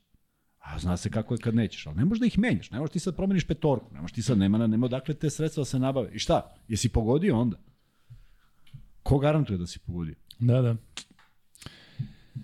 E, kako komentarišete to što je Partizan dobio 9 od 13 prvih četvrtina? Da, Partizan pada u drugoj četvrtini, to je nešto Krenu što sam ja stvarno silovito, na da, početku pričao, ali ovo, Krenu silovito i to izgleda nenormalno dobro. da. I e, mi smo, mi smo imali par podcasta kad je Partizan igrao, pa ono posle, pa kaže, si gledao kakva prva četvrtina? Ti kao da deluje, kao da ih ima osam.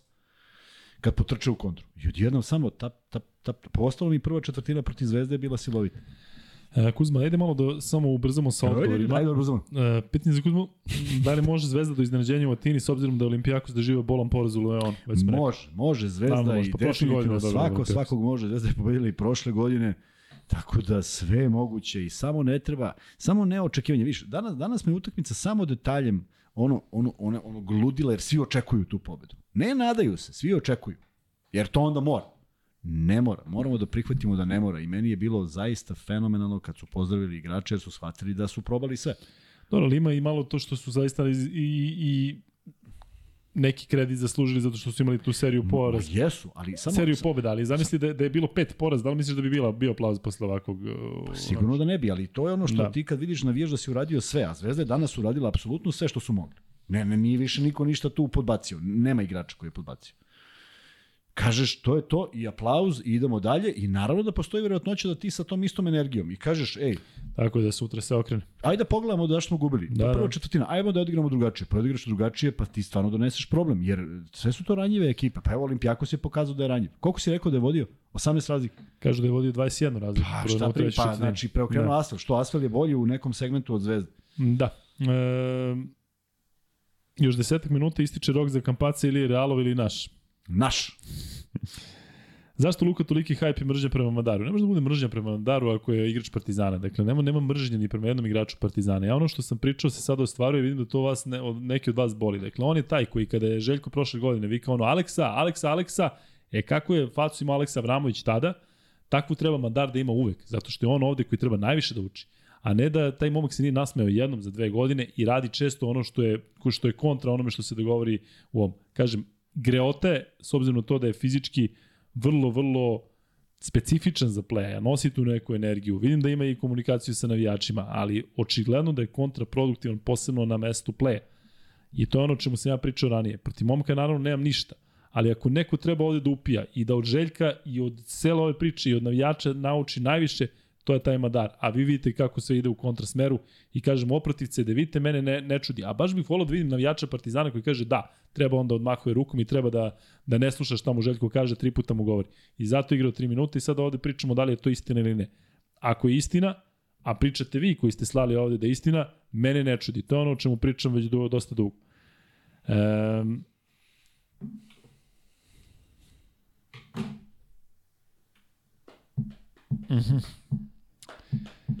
Evo jedno pitanje, koliko fali Deda? Meni on uvek nedostaje u Zvezdi. Fali, je tako? Davidovac, tako? Da, Davidovac. da. Davidovac. da. Fali. E, mnogo pitanja. Ajde. Evo jedno pitanje, ako Zvezda ne osvoji Abu, da li treba Željko tad posle dve godine neuspeha da ostane? Ako Zvezda ne osvoji Abu, a Željko da ostane, mislim da si nešto, ale najverovatno, Pa da, da. E, mislim da Željko treba da ostane u svakom slučaju i da samo možda treba korigovati neke stvari i Partizan će sigurno da, da igra bolje od ovog što se sad dešava, tako da E, vidjet ćemo. E, pita me neko da li mi je Jovana Spasovski, da, i Luka, je li ti je juniorska reprezentativka Jovana Spasovski koja sada igra u Sloveniji nešto u rodu? Jeste, Jel igra dobro, jeste? da. Jel najbolje na svetu? Pa jeste, jeste, rođak. E, Coka je, e, jesmo neki rod, ja i njen tata Duško Spasovski pokušamo da ustanovimo šta su nam bile dede, ali su nešto bile. Kada budemo otišao u Kumanovo, tamo možda leže neki odgovori. Ali, ovaj, e, da, ona je trenutno u Sloveniji, bila je sada na okupljanju uh, U20 u Crown Plazi pre nekih dve, tri nedelje i zaista je jedna od najtalentovanijih u, u, u svom godištu. E, Kuzma, šta ćemo? Ćemo da odgovorimo još na pitanje ili idemo dalje? Imamo i free beto, imamo NBA. Luka, koliko je bilo realno da se nakon Smajlagića i Petruša i Pokuševski vrati u srpsku košaku? Neće sigurno da se vrati. A i ako se vrati, pitanje, bi, pitanje je kako bi to izgledalo. On ipak neko kome i po konstituciji i po svemu odgovara da igra u NBA ligi e, koliko može. Vidim da i on oscilira, da je evo sinoć izgubio mesto startera. E, ali takva je jednostavno Oklahoma. Tako da nema šta. E, Kuzma, šta ćemo? Reci, odgovaramo i dalje? Ajde. Ma koliko još ima vremena, koliko žurim? Pa nema šta da žurimo, ja tebe pitam, znaš zašto te pitam? Kako si raspoložen za, za dužinu Ajde, ajde podcasta? još malo. E, ne Da, više. pišu ovde da se Olimpijakos uključio trku za Kampaca, da E, sad je, ne sad znam nude. Jeste, sad će oni. E, Luka, ko najbolje igra košarku sa Nova S? Ne znam, ali e, da, ne znam da smijem ovo da kažem. Nemoj, Bolje ne molim kažem. A? Napravim potpuni haos. Da. Neću. Dobro. Imam jednu ekskluzivnu informaciju, ali... molim te. A ti možeš sve ekskluzivno i da dolazi Kampaco i sve, Da, sve, ekskluzivno što dolaze od tebe. Ja ne mogu da kažem ovo Ne, na pa srcu mi je. Čim da, si krenuo, jer da li da kažem, odmah nemoj. Jeste, i to što kažeš. E, da ispucamo jedan free bet, da ispucamo drugi free bet, pa treki, treći neka bude za ovo. E, izvin Luka, odakle priča za Dorsi u Partizanu? Prilično sam upićen i koliko znam nije se ni razmatralo.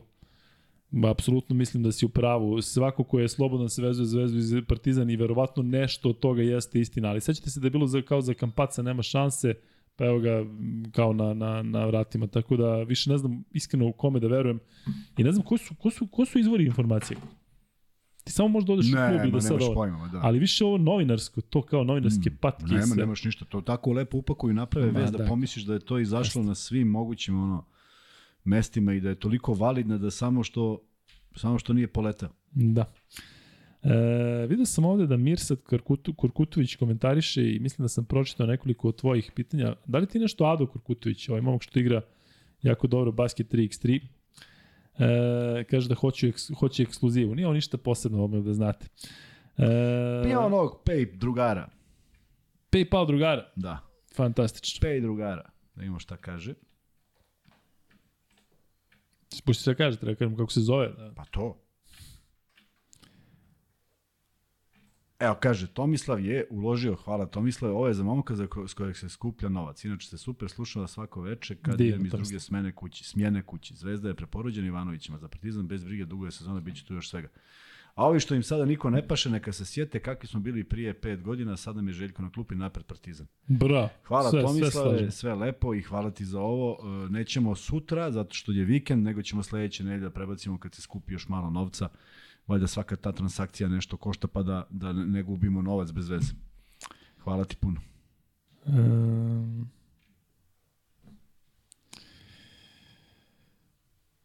Mišljenje o Jokiću i Denveru ove sezone. To tek ne smem da, da kačim, ali jako je lepo što je dobio ovaj eh, MVP trofej, odigrao je fantastično protiv... Ko? eh, Pa Jokić je dobio taj, sad se više nije MVP trofej, nego je Michael Jordan trofej. On je dobio to uručeno mu je, Mm. uručeno mu je trener u, u ne pratiš uopšte NBA ligu, ništa nisam. Da, Michael Jordan trofej. E, si vidio kako je odigrao protiv Washington? Mhm. Kako je odigrao? Fenomenalno. poena? 49 pojena. Stvarno nisi vidio. Jel 49? Te, koji su njegovi sajtovi 49? koje on gleda? 43. Kod vas je 43, znaš? Da, da, tebi su upisali ste dve trojke, da. E, da li se Kuzma bavi nekim poslom van košarke? Bavim se. Da, vrlo zajebani posl. Ne, ne, ne, ne možeš nikada pogoditi. E, Luka, kako napreduju pregovori sa DJ Cooperom? Boga mi, tanko, s obzirom Dolazi- to da sam za čuo, ne godinu. Ziona, neće, super DJ dolazi za Ziona, novu da. godinu. Da, uh, Luka, da li tebi smeta što se Željko za greške Pantera, Nanalije, Papa Petrova i kompanije istresa na Tristanu, Madaru, Balši itd. Ja mu samo to zameram. Oni su na klupi, on uvek tako prema Da, da, klupi nema reaguje. nikakve nema veze ko je na klupi, tako. ali um, razumem šta hoćete da kažete i ne znam. E, deluje svaki- da, da nema to toliko dranja na neke, neke strance, šta znam, Pa verovatno- nemoj da zezaš, a Điđi da tome, kad onako Ne, ne, lepo Gigi razgovaraju da tome, ne, ne, govorim u Partizanu, da jednostavno možda, možda Pa nisu na misli klupi. Da, da uvijek su igri. Istina. E, A, vidi, to je, to je, svaki, svaki trener ima neki svoj manir. I, i na primjer, Muta je znao da priča sa nama ne na ovaj način. Ali isto isto skretao pažnju šta se desilo da se ne desi. Darko Rusu du, du, mnogo drugačije uvek je bio fokusiran, uvek je koristio timeout, redko je pričao. Vidiš Ivanović koji se ne okreće klupi uopšte da bilo šta kaže. Prosto neko ima takav Željko hoće da ispravi grešku u momentu kada se ona dešava i kaže jeste videli ovo i verovatno to deluje drastičnije nego što se zaista i priča. Jer nema on šta njima da kaže, može samo da kaže ome ko je na, na parketu, a to onda izgleda tako kako izgleda. Kažu ljudi free bet i kažu da bude u vezi NBA ligi. Imam jedan free bet u vezi NBA ligi, a ima Ajde. veze i sa ovim Jokićem što je uzeo, uh, što je dodeljen MVP trofej. Nabrojite pa, četiri inostrane igrača, ne Amerikance, koji su osvojili MVP trofej. Dakle, četiri inostrana igrača koji su stvorili MVP trofej, ja Vanček mislim da ih ima ukupno pet, ali za četvoricu znam da ih ima. Dakle, četiri strane igrača u NBA ligi koji su osvojili trofej MVP-a regularnog, regularnog dela sezona. Tako da, e, sada ćemo da vidimo to. Luka, da li bi više volao vidjeti Trifunovića umesto Papa Petrova? Pa volao bih da, da dobije Trifunović veću šansu, odnosno da ga vidimo, s tim što vidite da i sa njim bilo problema, neke reakcije i nešto, samo da se malo on skrasi i da, da mm, znam, vidjet ćemo. Ljudi, samo još jedna stvar. Ne, nemamo mi želju, bar ja nemam želju, da gledam lošije igrače, pa su oni kao naši ili tuđi, nego želiš da gledaš dobru košarku, pa ko to može da ispu, ispu, ispuni. Uh, ja bih voleo da, da, da, da, da uh, Smajlagić, Avramović, Trifunović i plejada srpskih igrača igraju mnogo bitniju ulogu. Andjušić naročito. Ali prosto to se ne dešava i sad ne možemo da volimo da igra neko da bi igrao. Nije stvar da on bude na terenu, nego šta se na tom terenu proizvodi. Uh, E, ni, ni Željko Obradović, ni Ivanović mi nisu ljudi koji će držati na klupi dobre igrače zato što su nešto ljuti. Daleko od toga. Mislim da su vrlo pragmatični i naprotiv hoće da iskoriste sve to što neko poseduje, ali ako neko nema taj kvalitet, ne možeš da se uzdaš u njega. Nema tu šta bi voleli ili ne voleli, nego samo šta je eksplicitno na terenu. Hvala puno Dušanu Cetanoviću na donaciji. E, donacije iz Hrvatske, Dušan koji je ranije, ranije slao, tako da hvala puno. E, Boris 995 je odgovorio prvi, da tako, Vanček? Janis Neš, Novicki, Jokić. Da, e, Mutombo nije bio, vidim da si Savo Tito stavio, ali e, Hakim je bio, ja mislim, prvi inostrani. Ali Boris je definitivno odgovorio, odgovorio tačno. E, pitaju ovde non stop da li, je, da li ste rekli u prenosu Lukaku umesto Luvavu? Rekao je Darko, dobio sam dve, tri poruke. Lukaku, pa su ovi napisali, a De Bruyne, kaže, koliko ima... Pa da. Nije, Darko nije ni primetio, nisam ni ja, ali dvoje, troje ljudi je jako brzo reagovalo, pa onda im verujemo da je rekao. Tako je.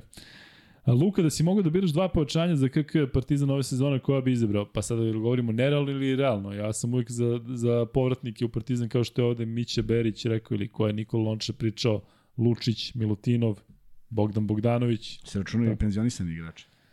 Ne računaju se. Sada ćemo sad. Ništa da opita. Ovaj, e, Veseli, Lovernj, Samo dođu ti koji, koji, koji, ovaj, koji znaju gde dolaze i gde se vraćaju. Ali uvijek bih dao prednost domaćim igračima, Lovernjinu i Veselog ne gledam kao strani igrače, evo iskreno da kažem. Um, Kuzma. Luka, ajde molim te zamoli Kuzmu da objasni razliku igranja na domaćem terenu u odnosu na gostujući teren kao i stepen uticaja navijača na dešavanje na terenu. Izvoli Kuzma. Šta da objasnim, izvini? Luka, ajde molim te zamoli Kuzmu da objasni razliku igranja na domaćem u odnosu na gostujući teren, kao i stepen uticaja navijača na dešavanje na terenu.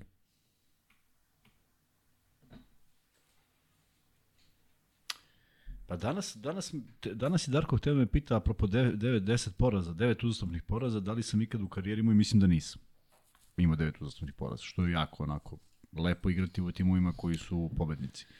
A, mogu da govorim naravno iz svog nekog ugla, trudio sam se da uopšte ne konstatujem da li ima navijača.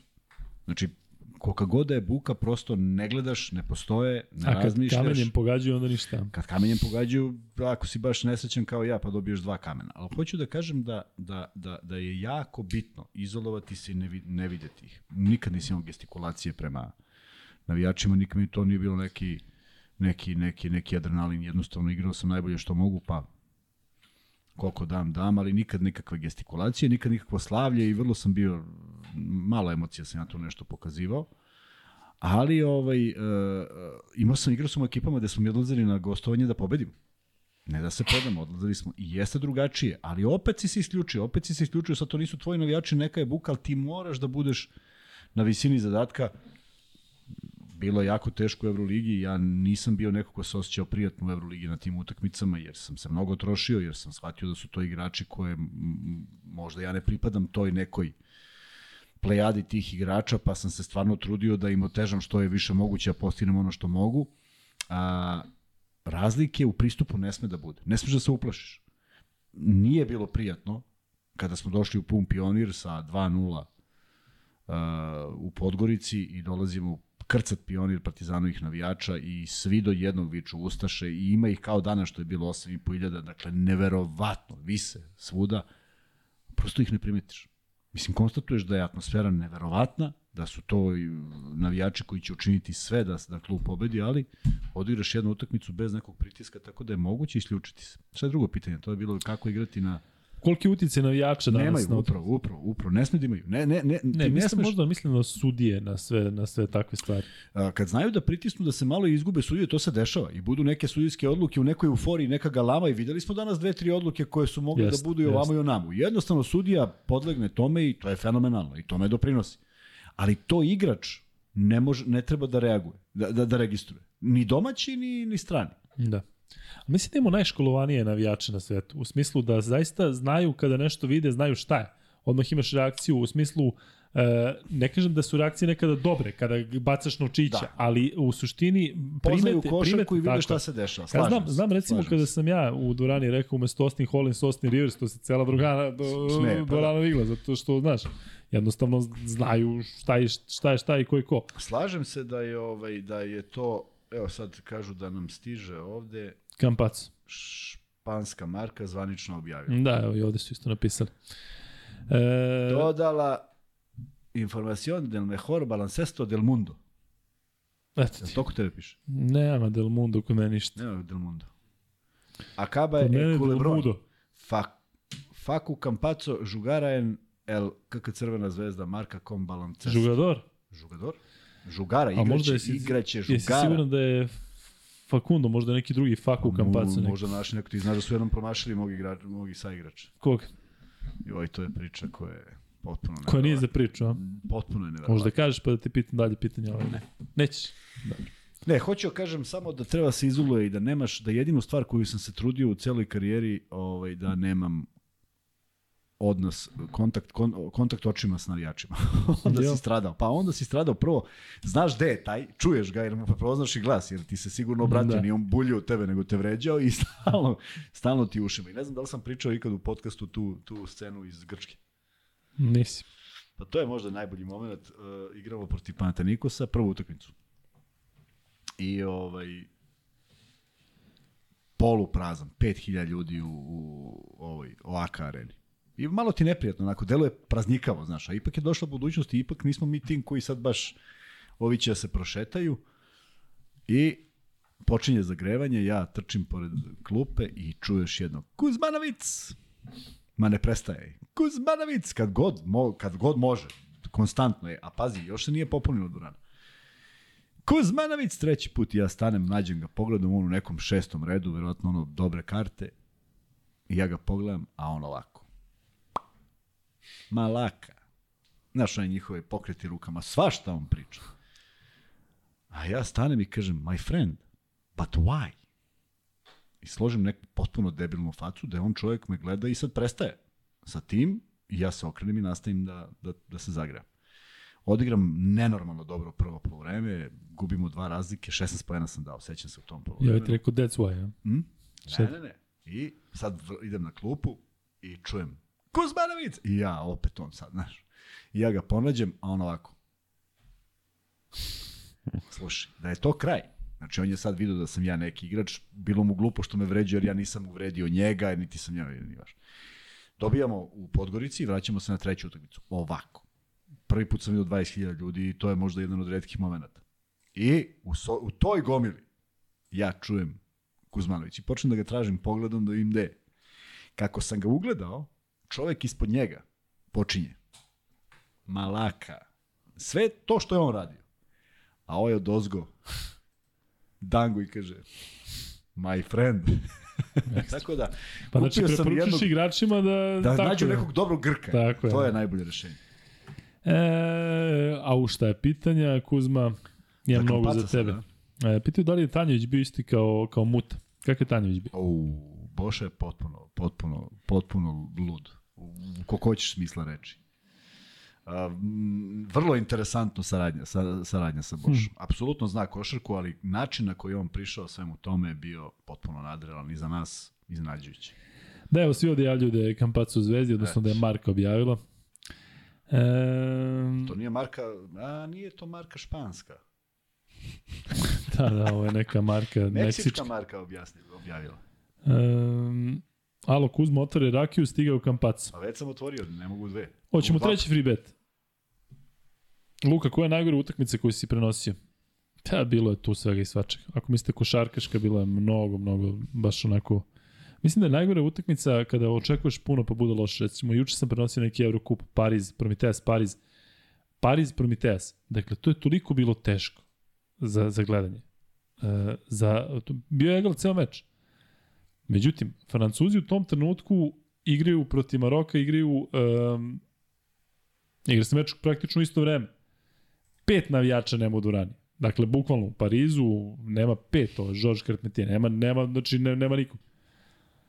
I onda kad su, kad su oni prošli, ovi pevaju onu, onu, onu himnu od, sa pos, prošlog svetskog, e, sve u svemu baš, baš teška utakmica, nešto bio šut, šut katastrofa, greške katastrofa, jednostavno takvi su timovi. Ali ovaj, eto, to je jedna od utakmica koja, je- koja je baš bila specifična. E, treći free bet. Nabrojite četiri kluba za koje je igrao Facundo Campazzo. Kada već hoćete njega, četiri kluba za koje je igrao. Gde? Došao, javio se, a? Ne, ne, evo vam ga, kada ćete. Evo Campazzo. Evo sad vidite. Dakle, četiri tima za koje je igrao Facundo Campazzo, sad ću ja da uđem na Wikipediju, iako to ne radim nikada, a tamo pitanje da li je istina, da vidim da ako nešto neko napiše, da vidim da li je pogrešio. Dakle, četiri tima za koje je igrao Koji je Facundo Campazzo, koji ne, je to free bet? poslednji, što misli si neki Imam još jedan ti? free bet. I ko, da, da pr, ko prvi odgovori ko je Enrico Palazzo, dobije i on free bet. Jel da mu ovo, šta, šta se dešava, manček, a? Ko Delić. prvi odgovori ko je Pa Enrico kako Palazzo? sad ovo da se... Može, da se, ovo, ovo ide jedan, ovo ide drugi. Ajde još jednom postavi za četvrti free bet. Ko je Enrico Palazzo? Ko je Enrico Palazzo? Sad će da kuca na internetu Enrico Palazzo i... Penjarol, Mursija, uh, Dallas Denver. Prvi koji odgovori ko je Enrico Palazzo. Šta si rekao, Vanče? Ko je dobio free bet? Ilija Živadinović, Ilija Živodinović. Penjarol, Mursija, Dallas Denver. Sad ne znam da li tačno. Jeste, jeste. Penjarol jeste, Mursije jeste, Ej, Ilija da ne znam. Dallas da. jeste, da. Da je Mahnu Ilija. mi danas Ilija, mahnu. Ozbiljno, bio je u dvorani, ja. Bio u dvorani. Koliko ti maš u... u, U, koliko hoćeš, samo slikaju, da. Genijalno. E, za Kuzmu, ako zna anegdotu za Vulja, Dragana Vukči, Vukčevića i Bazen. Bejzin. Ajde, E, ko je napisao film Goli pištolj? Ko je to odgovorio? Ivan Nićin, Nicin. Nećin, može. Ivane, ti već znaš, šalje. Goli pištolj, koji deo? Aha. Ne za koji deo. Enrico Palazzo čuveni. E, porničar. Pa ovde svi odgovaraju sad na ovaj tvoje, znaš. Znaš šta? Ko je Enrico Palazzo? A, da. Pa vidi sad ne znaju. Uloga iz filma Goli pištolj. Enrico Palazzo kum, nije, nije baš. Vidiš da ne znaju. Campazzo, brata tetki, ima mnogo dobre fore. Enrico Palazzo. E, Ja ponekad ličim na Enrico Palazzo. operski pevač u golom pištolju. Jest. Ne, vidiš kako ljudi da znaju šta je to. Marka žvaka ili konvertibilna marka? Da. Luka sa puno entuzijazma priča o kampacu sa osjećam. Pa nešto šta treba da radim, ali ovaj... Pa e, drago ti, brate, kako da Kako da ne nema bude drago kad dolazi takav čovjek u Dolazi, našu da. košaku. E, ali će biti jako interesantno da vidim kako će se uklopiti. Veliko pojačanje, ako je sve ovo istina. Frank Drebin, goli pištolj. Frank je. Drebin je. Frank Drebin. Da. Daj mi, ajde nabori tri glumca pored, pored Leslie Nilsona iz, iz serijala Golom pištolj. Ne mogu da nabrojim. Pa O.J. Simpson? O.J. Simpson, da, Ćerka je- Prisila, Prisli, ili Prisila? Koja god da je Prisli i nikad nisam znao kako se zove ovaj što sam ga obožavao. On je glumio u mnogim Detektiv? filmima. Aha, Oj, matori. pa da. Da. Mnogo e, filmova smo gledali kaubojskih i, i, i svakakvih s njim. A dobro, gostovali su bilo je svakakvih nekih bre... Ali Police Squad je preteča Naked jeste, Gana. To ko je gledao, to je potpuno ludilo. Da. O, i, a, i- ajde sad da podsjetim neke starije na, na Sledgehammera. Koliko je, koliko je to bila neverovatna serija. Lazar Ivanović kaže, ko je Enrico Palazzo, ovo što je Kuzmi pokazivo srednjaka, ovaj Grk. Dobro, Nije. dobro. E, da li pratite islandsku ligu, šta se tamo dešava po da utakmici pratim? po 200 poena? Da, pratim ja s vremena na vreme, čak verovali ili ne i žensku. Ali ovaj da, pa oni igraju na puno na puno ovaj poena.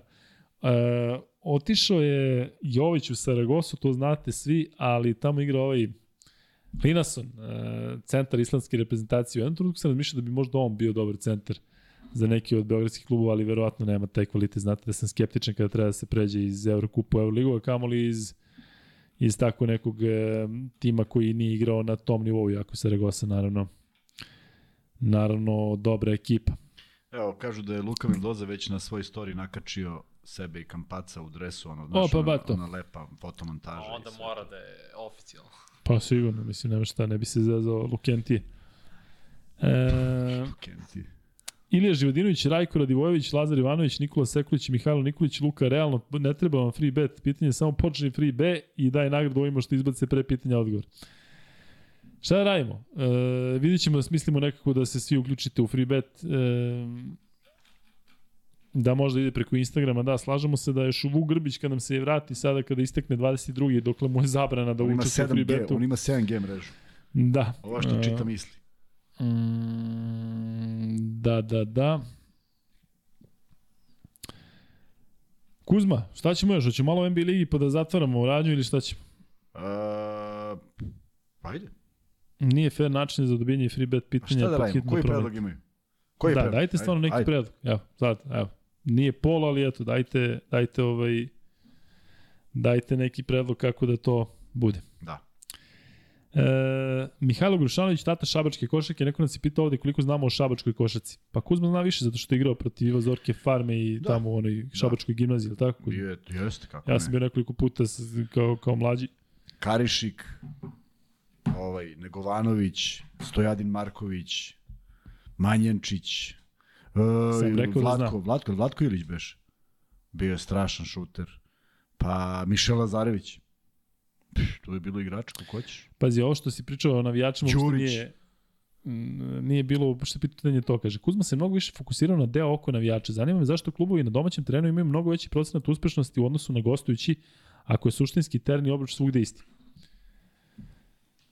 Pa bolje poznaš koševe, drugačije Ne, ti je ne, sve. ne, ne, ne, vidi, vidi. Mislim, e, poznaš košar. Diktiraš igru. E, Ne, e, sećaš se onih utakmica kad je Zvezda bilo u jednom strahovitom naletu, e, svi koji su dolazili u Beograd su prihvatali način igre koji je odgovarao Zvezdi, a onda je došla utakmica protiv Reala u Madridu i svaki kontakt je bio faul. Jednostavno tako sudije rešile da sviraju i eto ti si u gostima i ne možeš da uopšte eksploatišeš ono što znaš da igraš jer je prosto kriterijum suđenja takav naklonjan domaćinu što je neko nepisano pravilo, ali preći izaći njima u susret nego tebi. Potpuno Da. logično. Tako da to su stvari koje su, koje su bitne. I onda druga, ne reaguju svi isto. Neće svako da pogodi slobodno bacanje u svojoj dvorani, pred svojim navijačima i kad vrišta nekih 10.000 drugih. Prema tome, ima, ima to utica i tekakav. E, dobro. A, dajte pitanje o NBA-u, tako ćemo da ovaj završni deo sa NBA-em prođemo. Vanja, hoćeš da pričaš malo? Ok. Hoće Vanja da priča malo, dakle dajte pitanja za meni i za Vanju, ne za Kuzmu, zato što Zato što ne želite Kuzma, čujete odgovore. kaže da je Jokić Ne dao možete da 49. podnesete Da. odgovore. E, da. Lazarević je otišao u Partizan iz Šabačke Ive. Tako je. Pa onda u Beobanku igrali smo zajedno. Sećam se 44. podcasta kad ste ishitovali Nis, Niš opasno. To smo uradili? Hejtovali smo Niš, Kako? pa u smislu vratno oko kupa nešto, da, da ne treba da bude dobro. Dobro. I? Svaka čast što se sećaš da smo, naravno da smo mi hejtovali. Šta smo pogrešili? Što, što je bilo, što, a ne, nije kup, nego ono što je bilo sa reprezentacijom. Da, da, da, moguće i to. Pa, pa nego šta? Jeste, da. Pa, Evo saveta, svi koji gađaju free beta, već sam to pisao i ne ide mi na ruku, ali evo savet, stavite brzinu na x2 ili 1x zarez x.15 i brže učitava i onda imate vremena za odgovor, toliko od mene. Eto, Boris 995 i sada dao nešto što ja ne znam šta je, ali dobro. E, pitanje, odnosno predlog za free bet je da jedna osoba može osvojiti jedan sedmično. I to je isto dobro. Slažemo se, uzet ćemo u, u obzir. Kako vam se čini Zion i šta mislite o Vembanjami? Vanja, koga ćeš ti? Jednog ću ja, drugi ćeš ti. Tiberi, koga ćeš? Uh, pa ja ću o Viktoru. Mislim Ajde. da je mnogo bolji prospekt nego što je bio ovaj, kako se zove, Chad, uh, sam mislim. Holmgren. Da, Chad Holgram, mnogo bolji prospekt, mnogo, mnogo bolju tehniku ima. Možda sad to tako deluje na ovim utakmicama jer je i slabija konkurencija i sve i dela mi da se on zapravo isprda u neku ruku i oni šutevi s jedne noge, ali ono je prostale na to, ne možeš da naučiš. Jel misliš da je dobra sredina što je u ovom Bolonju, Metropolitanu, da igra Pa- francusko prvenstvo? Pa i da, to igra to? ponekad ovaj protiv nekih timova iz G ligi i to kada namesti ne. NBA. Mislim, okej, sredina, ne, ne vidim sad neku bolju. i u suštini šta je, koliko je to, koliko je college NCAA kvalitetniji od ovog što on igra. Da. Nije mnogo. Ako je uopšte. Realno. Mislim, i ovi smo polovni igre protiv Jeste, jeste, jeste. Klinaca koji su par godina stariji ili njihovo godište, ali on igra i neke mečeve protiv odraslih osoba. Osjeća pravu snagu, mislim. Tako Da, da da. mislim da je ono, prospekt je najbolji poslednjih 10 godina. Iskreno, ne viđa se ona tehnika za onu visinu kako s lakoćem šutira, ba, nerealno izgleda. Sve ovo što Vanja priča možda se primeni na Zajona u smislu da su zaista specifični. Ovaj je neverovatan sa 2.21 i sa onakvom tehnikom, a Zajon sa, sa onakvom masom i sa onakvim odrazom. Dakle, to su talenti kakvi se verovatno rađaju jednom od 100 godina. Kada je igrao Zajon na high schoolu i na onom Williamsburgu, kako se već zvao njegov, njegova srednja škola, Ja sam bio skeptičan da ako se povredi, povredi koleno da će tu biti problema. Sećate se njegove prve godine na Duke da je bilo zeznuto. Samo se plašim da ne bude karijera kod, kod Antonija Davisa da bude e, ispresecana povredama. E, I bit će zanimljivo zaista gledati ga. Kada razmišljam o tome šta kada ode ova generacija sada koji su ovi 88, 8, 8, 9 i Lebron koji je naravno stariji, kada oni odu, kada odu Kevin Durant, Harden, pa i taj Westbrook, i svi ti koji smo, koje, koje smo navikli da gledamo Clay Thompson, Steph Curry, ko, ko će biti oni koji će nositi ligu? Naravno, Jokić, Dončić, Janis i onda sam razmišljao ko je još tu. Pa je Morant, Embiid, Zion, Embiid, Embiid, naravno. Tako da ostaje NBA liga u dobrim rukama, jako je ova generacija bila posebna. Što se tiče e, konkretno, dakle, Zajona, kažem, samo da je zdrav, ne verujem da Pelicansi mogu da ostanu ovako visoko pozicionirani i plasirani na zapadu u kraja sezone. Gde bih stavio? Vidjet ćemo.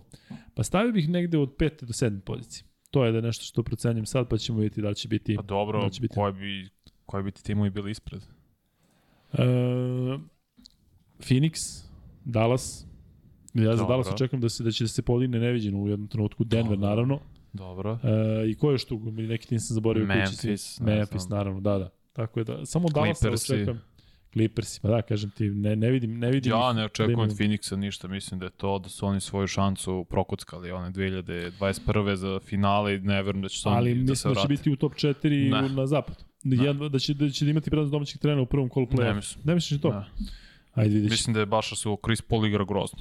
Pljuvali su ljudi Westbrooka Jest, kako igra jest. loš, Chris Paul igra tri puta gore. Najve sa čim nema Booker ne mogu daju bre. Ono protiv protiv Houstona je bilo toliko mučno koliko je dobar bio onaj moment na kraju kada Paul su se zavili ovaj sin, uh, Steven Silas, da. Da, ali kažem ti, ovaj, to je jedna od najgorih utakmica koja postoji gde Phoenix ne može da ubaci ništa u prvom poluvremenu. Dali su 20 pojena u, u prvoj četini pa su jedan ubacili nešto Katastrofa igra. Phoenix van ritma skroz. Mislim, Da, Booker igra i dalje da. super.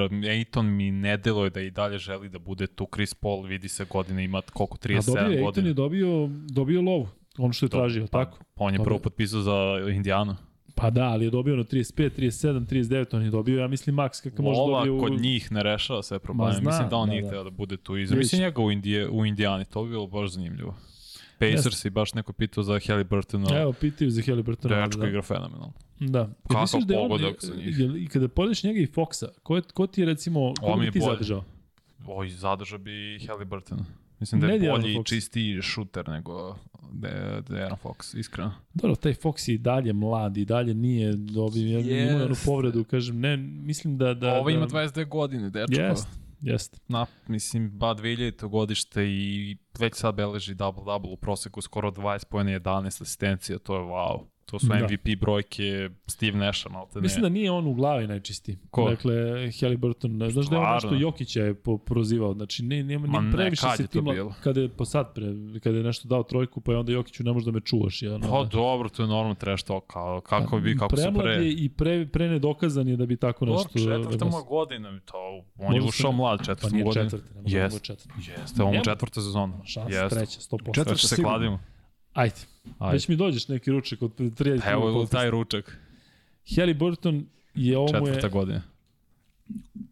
Sigurno četvrta.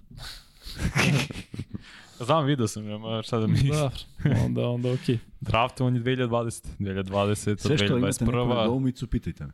Da. E, Luka i Vanja, ali imate neki savjet za gledanje NBA preko noći za normalno funkcionisanje? Zezam te, Postoji. Luka, šta ti? Hm? Zezam te malo. Pa tako, da kažem ja. E, druga godina mu. Da. A? On treća godina. Jeste, treći. Da. Da. Četvrta. Vidi, Vuče, što se tiče gledanja i funkcionisanja NBA ligi ne postoji to. Dakle, zato mi je u, u Americi mi je najlepše bilo to što je NBA gledaš u, u real time-u. Dakle, sećam se na zapadu kad sam bio, počinje u 4 ili u 5 i onda imaš u 10, dakle, idealno, znači, ma, NBA League Pass, imaš možda biraš komentatora, da li ćeš domaćeg ili, ili, ili gostujućeg, gostujuće ekipe, koje je ono uživanje, znači, neviđeno. Kuzma bi baš uživao. Sigurno. Uh, kako manje komentariše suđenje protiv Kingsa u poslednje vreme? Protiv Kingsa? Pa da, razvaljuju ih. Pa vidio si Mike Brown noćas, ne znaš za to? Ne znam, nisam Pa. Huerter je rekao da, da, da je čuo ranije kako Kings imaju katastrofalno suđenje i sad kada se uverio na licu mesta kaže da je, mislim, stvarno, stvarno loš. Dakle, jednostavno ne znam da li je U sistemski. gostima ili? Svud. Dakle, jednostavno Kings i da li je to odnos prema Sacramento kao recimo najslabijoj franšizi u ligi, u smislu razumeš i interesovanja i svega, ali ovaj, da li šalje eh, NBA Liga neku poruku, ne znam, ali, ali je vidljivo je. Vidljivo je. I kaže, Mike Brown nije tip koji onako poludi, a hteo da bije sinoć sudije.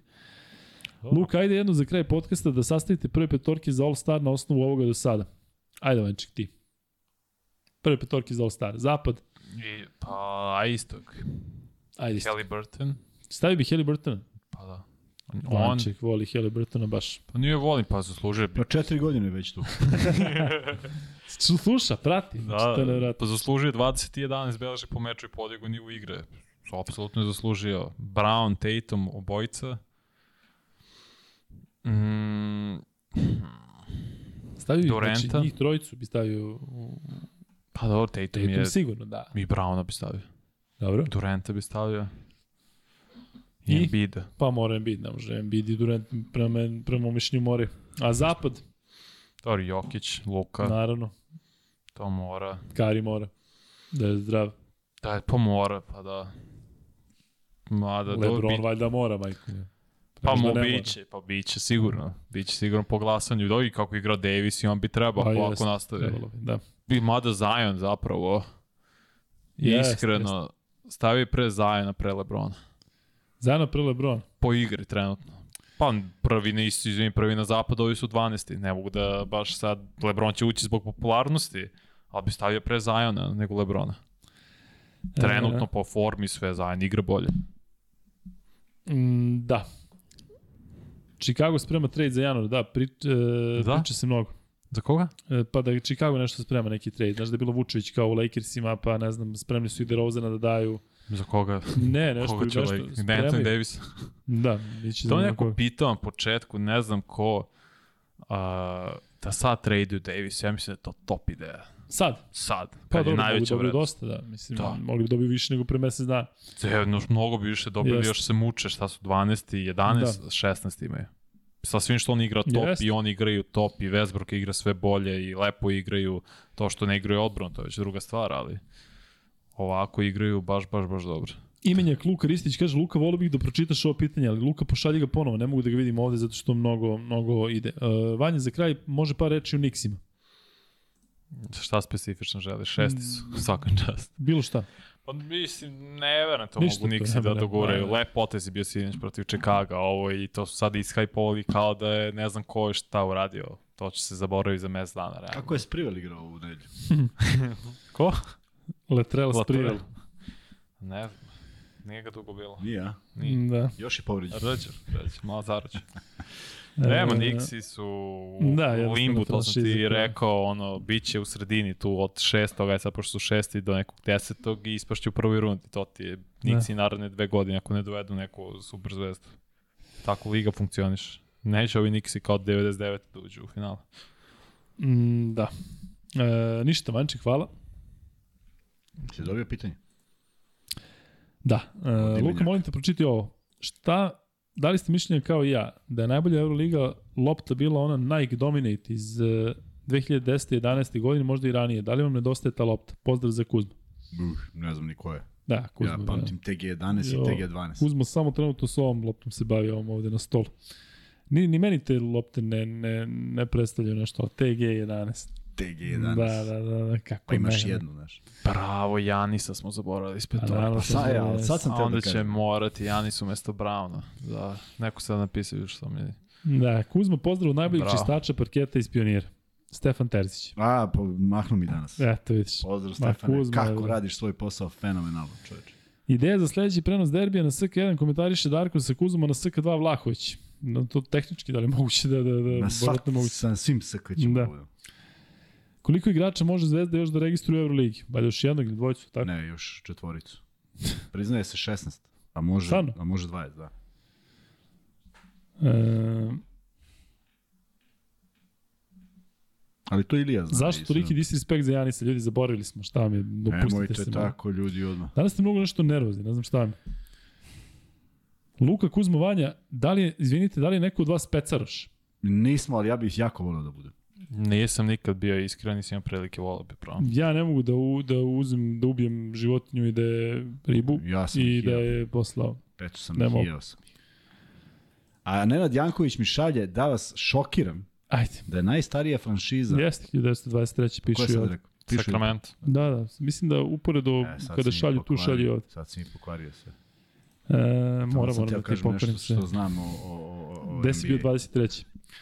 Kuzma, da li misliš da bi Mesina uzeo neki cijanin da je pukao i ovo s Armanijem? Pa, neverovatno ne bi. S obzirom da je Ne dobio, bi, ono, da je ali dobio iz kluba da možda ne bi, radi šta hoće. Svakako, Da. svakako bi bilo zaista neverovatno da su da su tu gde jesu i sad je neverovatno i, i, i pitanje je koliko će moći da se konsoliduju dok se ne vrati ipak mozak ekipe, a to je ovaj Bengals. A, Šta misli, da li Kanada može parirati USA-u? Imaju neke nove igrače. E, ne mogu. Ma jako. Ne mogu, e, ja Ne sam bio jako to. razočan kad se nisu pasili na olimpijske igre. Zato što su imali Vigginsa, imali su Bereta, imali su... Ne, ne znam da su svi igrali. Pa Taj nisu svi igrali. turnir. Pa Nisu. da li su igrali, kažem ti, igrali su Viggins, Beret, igrali su, igrali su svi igrači iz NBA I nije igrao Šaj. Ili... Nije igrao Šaj, ali Šaj, igrali su svi igrao dvaristorice iz. NBA lige i izgubiš od Češke. Ne, to je grozno. Pa nisu igrani. Nemoj to Jeste, uopšte. pritom su bili domaćini. Pa znam da ti kažeš. Ajde da- sad svi like, pošto je došao Kampaco i udarite subscribe, to bi stvarno imao samo 546 lajkova. Evo, a vi svi koji volite Vanju, znamo da ga volite, sad vi udarite like Vanji. Vanja stalno se pominje kada nema Kampaco, ovaj... Kampaco, Kampaco. Ajmo svi like, like, like. Evo, pa sportski ribolov uhvati i pusti, to može. Čuo sam da, odnosno svi znamo da da ribolov opušta, ne znam kako. Volio bih da osetim taj, taj, taj moment tog opuštanja. Eto. E, Robert Turner, haubica iz Stjarnana, 28,5 pojena u proseku, kad ste već pominjali Islandsku ligu. Pozdrav veliki za Kuzmu. Igor iz Pančeva te pozdravlja. Luka stigao je Kampacu, vidim. Provereno iz kluba, Kampacu dolazi. Ako je provereno iz kluba, onda nema šta. Luka koji je prenosio derbi, književnik. ko je prenosio derbi, bio sam na tekmi, ne znam. Prenosili su derbi Vlahović i, i Plavšić. E, Marej i Šaj su bili povređeni, jesu. Marej, znate moje mišljenje o njemu. Možda zvuči nekada tako da sam preoštar prema Mariju i prema Madaru, samo mi žao što nekada e, neki igrači, neki klubovi e, ne igraju kako bi trebalo da igraju i onda ovaj, Pa nisi preoštar, to je tvoje mišljenje, šta ljudi ovo sve odmah hvataju. Ne, ne, preoštar prema Mariju u smislu, možda sam rekao svašta sam govorio u smislu da treba Nema da... veze. I generalno naše, naše da kažemo, novinarstvo ovde sportsko je vrlo loše po tom pitanju. Kad gledamo Da. američke novi- novinare, ove što analiziraju, da ne kažem analitičare, ali uglavnom sportske novinare, oni pitaju sva pitanja.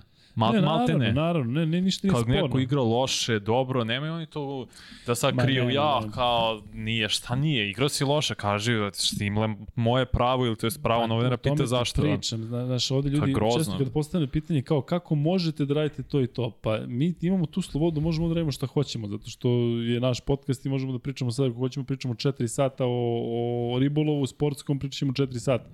I samo da, da shvatite da jednostavno ovde kada iznosimo, iznosimo isključivo naše mišljenje apsolutno nemamo nikakvu pozadinu ili zadršku ili bilo šta, zato što je naš. Dakle, na, kad imate šefa ili bilo koga i morate da pazite, onda je to druga stvar. Tako da, barem poštujte da, da to što iznosimo je apsolutno, znaš, često se desi da kad ja nešto kažem ili ti nešto kažeš, pa se Da. svi na, nakače, pa kako može to? Da. Pa jednostavno može. Dakle, To je normalna i stvar ako tamo. vam, se, ako vam ne odgovara, samo uzmite što kaže Tako. Kuzma, isključite se i mi ovde ostanemo za jednog manje u live-u ili za 10 ili za 15 i prihvatit ćemo to. Ali kažem, ko je, to je ko da u vašoj kući dođe nešto i kaže pa kako možete u vašoj kući. Ovo to što se vama većini sviđa, to je nama mnogo drago i to je divno, ali vi koji imate tu potrebu da kritikujete i kao Luka, e, pokazuješ, ne znam, hejt prema nekomu, pa čak i da je tako. To je tvoje mišljenje, Mislim, tvoj isto. stav. Samo dok nema vređanja, sve je okej. Okay. Čak i da pogrešim, evo da vidi, svi, svi, svi se hvate to kao Kante, italijanska ekipa. Ovaj, ne, ozbiljno. Ali eto, niko ne, ne, ne, kada se kaže recimo za Andrew Andrewsa, kad sam rekao neće da odigra ništa, pa onda odigra jednom, pa ste svi se nakačili, eto, Luka, vidiš, Andrews je dao 12 poena, ja ne znam da li oni dalje u Panatrikusu. Edward Edwards.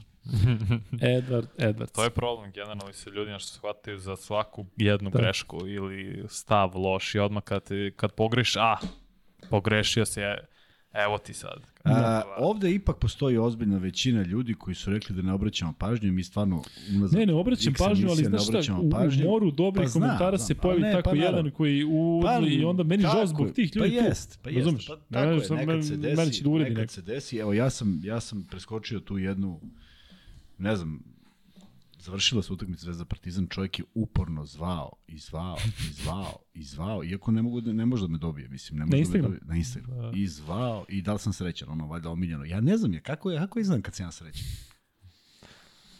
I zvao i zvao i na kraju ništa nije mogao da dobije, naravno, jer nije ni, ni, ni prebačen da može da me dobije, ali prosto zam, stvarno zamišljam taj razgovor. Neko me nazove privatno da mi kaže šta.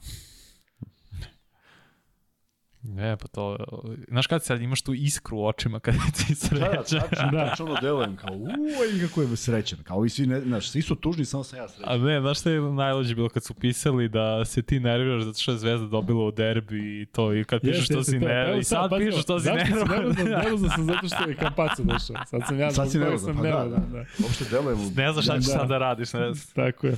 Ali ovaj, meni je, verujte mi, žao zato što tu ima toliko divnih momaka i znam da vama možda smeta što isto do- dobiju ljudi free bet, ali mi smo sada već e, već vas znamo i neki ponadim koji znamo šta, šta, šta kažete. I onda bi recimo zabolilo kada bi neko od vas koji super komentarišete, koji ste tu prisutni već dugo, kada bi neko sada, znaš, bi bi fuzonu, pa čekaj, znaš, o čemu se radi. Ali tako kada neko dođe i krene da baca hejt, ali pravi hejt, E, mislim da vi svi shvatate da iza svakog mog vanjenog i ku, Kuzminog komentara apsolutno postoji dobra namer. Koliko god nekada možda prelazili granicu i šalili se ili pričali šta god, tako da ovaj, I ono što je vrlo bitno, izvini što te prekidam, i ono što je vrlo bitno, evo, ja sam, ti si rekao ne slažeš se sa mnom vezano za ono što sam rekao za Beron. Nije nužno da se neko složi s nama, nije, ne, nije nužno, ne pričamo mi neku istinu uh, svetsku, Tako pa sad kao, tako kako su mi to rekli. Pričamo o košaci, uh, uh, svako ko se, ko se, ko se ko je pustio komentar, ja odgovorim ako ima prostora odgovaranja. Naravno. Znači, ne mogu da odgovorim nešto kad nema pitanja. Ali ne, ne smatram da je loše odgovoriti nekome ko ne misli isto. Naprotiv, pa super čoveč, ajde da pričamo kako je to interesantno, ti vidiš ovako, vidiš, neko će promeni, neko neće da promeni. Ja sam čovjek sa 51 godinom, vrlo redko menjam neke svoje ovaj, stavove. Evo, sad ćemo da, u, da uzmemo i da napravimo presedan. 1533 ljudi i dalje u live-u, iako je Da evo treći odakle sat su i ono da... Ne, nego sad hoćeš da stavimo da imamo šta misli ko je u pravu za Berona, ti ili ja. Pošto redko kada ja i ti tako imamo različite A šta je, mišljenja. šta je? A ti voliš to upravo, a šta Pa ne, je? Ti si e, Rekao? rekao da treba da ga baš briga, je tako? Jeste. Ja sam rekao da ne treba onako da gestikulira. Da, jesi. Hoćeš da stavimo pol? Stavi. Zašto je ovo jedini pol gde mogu ja tebe da dobijem. Ajde, stavi slobodno. Stavi Vanja Pol. Ko je u pravu za Bilija Berona? Luka ili Kuzma? Sad moraju da znaju, ali kažem, eto, Kuzma je rekao da... Ponovi. Sve. Kuzma je rekao da je on posle 10 poraza proslavio pobedu na način na koji nije uopšte razmišljao, niti je vodio računa da je u pioniru, niti je on nešto pokazao, on je jednostavno proslavio kako bi proslavio u bilo kojoj sali na svetu, a zvezdini navijači su reagovali zato što ga su ga dočekali aplauzima i tu je greška dočekati ga aplauzima. To je veća greška nego Da, što tu sam se slažem. Da. E, ali ja mislim da je on uradio sasvim korektno, ne korektno, nego s- uradio je nešto što bi uradio na bilo koji, u bilo kojoj sali i nikog nije uvredio. Moje mišljenje je da je... Da nije trebalo. Da nije trebalo da Jel provocira. trebalo ili nije i, trebalo? Tako je. A E, pisam ovako, vidjet ćeš sad pol. I e, Vanja, kako je zamolio za like sa 599, došli smo na 601. E, 546. 546, dobro. E, Šta sad 540? A, like. La, da, koliki smo sa subovima? Ništa nam Subovi- apeli, ništa ne. ne. 11.872. Pa da, pa svi koji su ovde su već subovani. Ne znam Pa, šta da Jeste, jeste. ne može, pa hvala Bogu, ne mogu ljudi koji su... Da, znaš šta, to ima smisla ono kada imamo, kada posle derbi ima 3000 pa dođu neki novi pa se, pa se, o, šta kažeš Vanček, nešto si teo? Ne, opet neko je pisao samo Željka, niko ne sme da kritikuje, smeju ljudi. Neko... Željka nismo, niko ne sme da kritikuje. Pa tako je pisao, ne znam na koga tačno misli, ali kritika bi trebalo da bude, a postoji prvo u, u odbrumenoj šemi. Ono kad sam gledao protiv Zvezde prvi derbi, da svi sve preuzimaju, to mi je bilo jezivo. Ja, to Prvo nemaš kalibar igrača za to. Da svi preuzmu sve, to mi je neverovatno bilo da to vidim, a druga stvar da zaslužuje kritiku kao svi, ali to treba prvo da pokrenu ti novinari što idu na te pres konferencije. Ma, nema tu ništa. Nema, ja bih ljudi voleo da idem, i zaista. Jer bi ja Pa- prvi pitao, mene baš briga. Kao što sam rekao za Pešića, ono pre nekoliko meseci, stvarno pitao čemu je stvar. ima straha, recimo sada ako pitaš najbitnije ljude u srpskoj košarci, možeš da se pitaš, e, a da li će da ti napravi neki problem, znaš. E, recimo, zamisli u futbalu. U, u futbalu sad ti uzmeš i zameriš se nekim predsednicima ili ne znam nekom. Mislim da postoji određena doza straha i meni je žao što kod nekih to prelazi u, u kažem ti, u vlakački odnos. Znaš, šta ću ja kada ti se vučem, pa ću onda kao da provučem u Kako bedno. Be. Ja sam, kada sam prestao da se bavim košarkom i kad sam došao u Srbiju i počeo sam da radim u Danasu, ispričat ću ovo, um, pa vi shvatite kako god hoćete, ispričat vam kako je bilo. Ja sada, onako, što se kaže, nakučen klijent, došao na konferenciju Partizana, Tada je bila utakmica, ako se sećate, kada je Sofo izbacio loptu iz obruča protiv Partizana, kada je ono blokirao kroz koš. Sećate toga Kuzma? Da. E, i dođem ja na um, konferenciju Partizana posle utakmice u Aljaba ligi i pit, dignem ja ruku Dula Tivošić i kažem da se predstavite. Ja sam taj i taj, iz danas sam rekao, kako komentarišete ovo, ono, kaže, i Dula odmah krenuo i Dula me sačeka kod vrata. I kaže, kao, nemoj ti ko ovi iz Zalova, ne znam šta. I onda mi je na lep način htio da mi skrene pažnju kako ja treba da budem na, na, na da, da ne provociram, uopšte nije bilo, bilo provokacije ili bilo čega. I kasnije smo imali jako, jako ovaj, dobar odnos.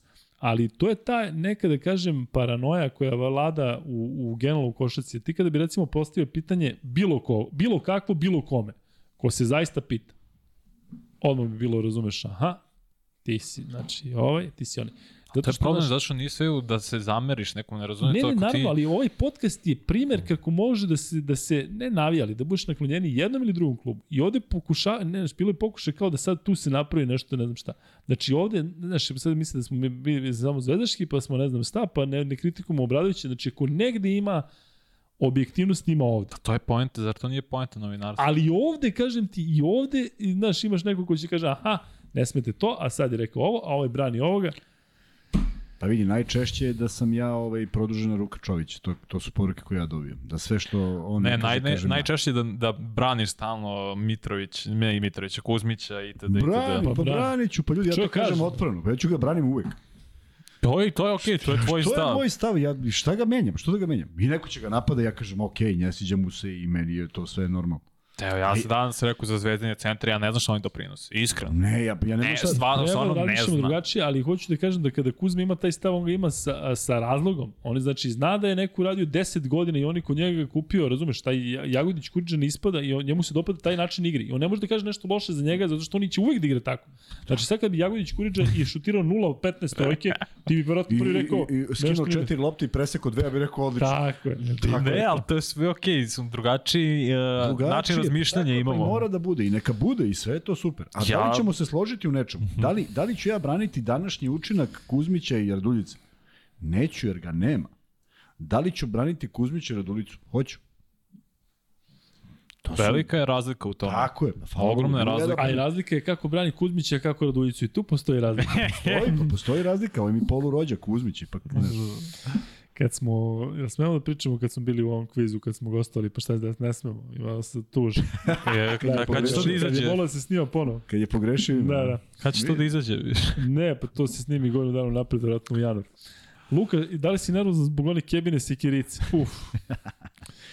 Još uvek ga boli. E, Luka, naši smo, nema tu problema, ne, nikakvih neka pi- pišu šta pišu. E, ma nije, meni kažem, žao mi je zato što remete sve ovo što je ekstra.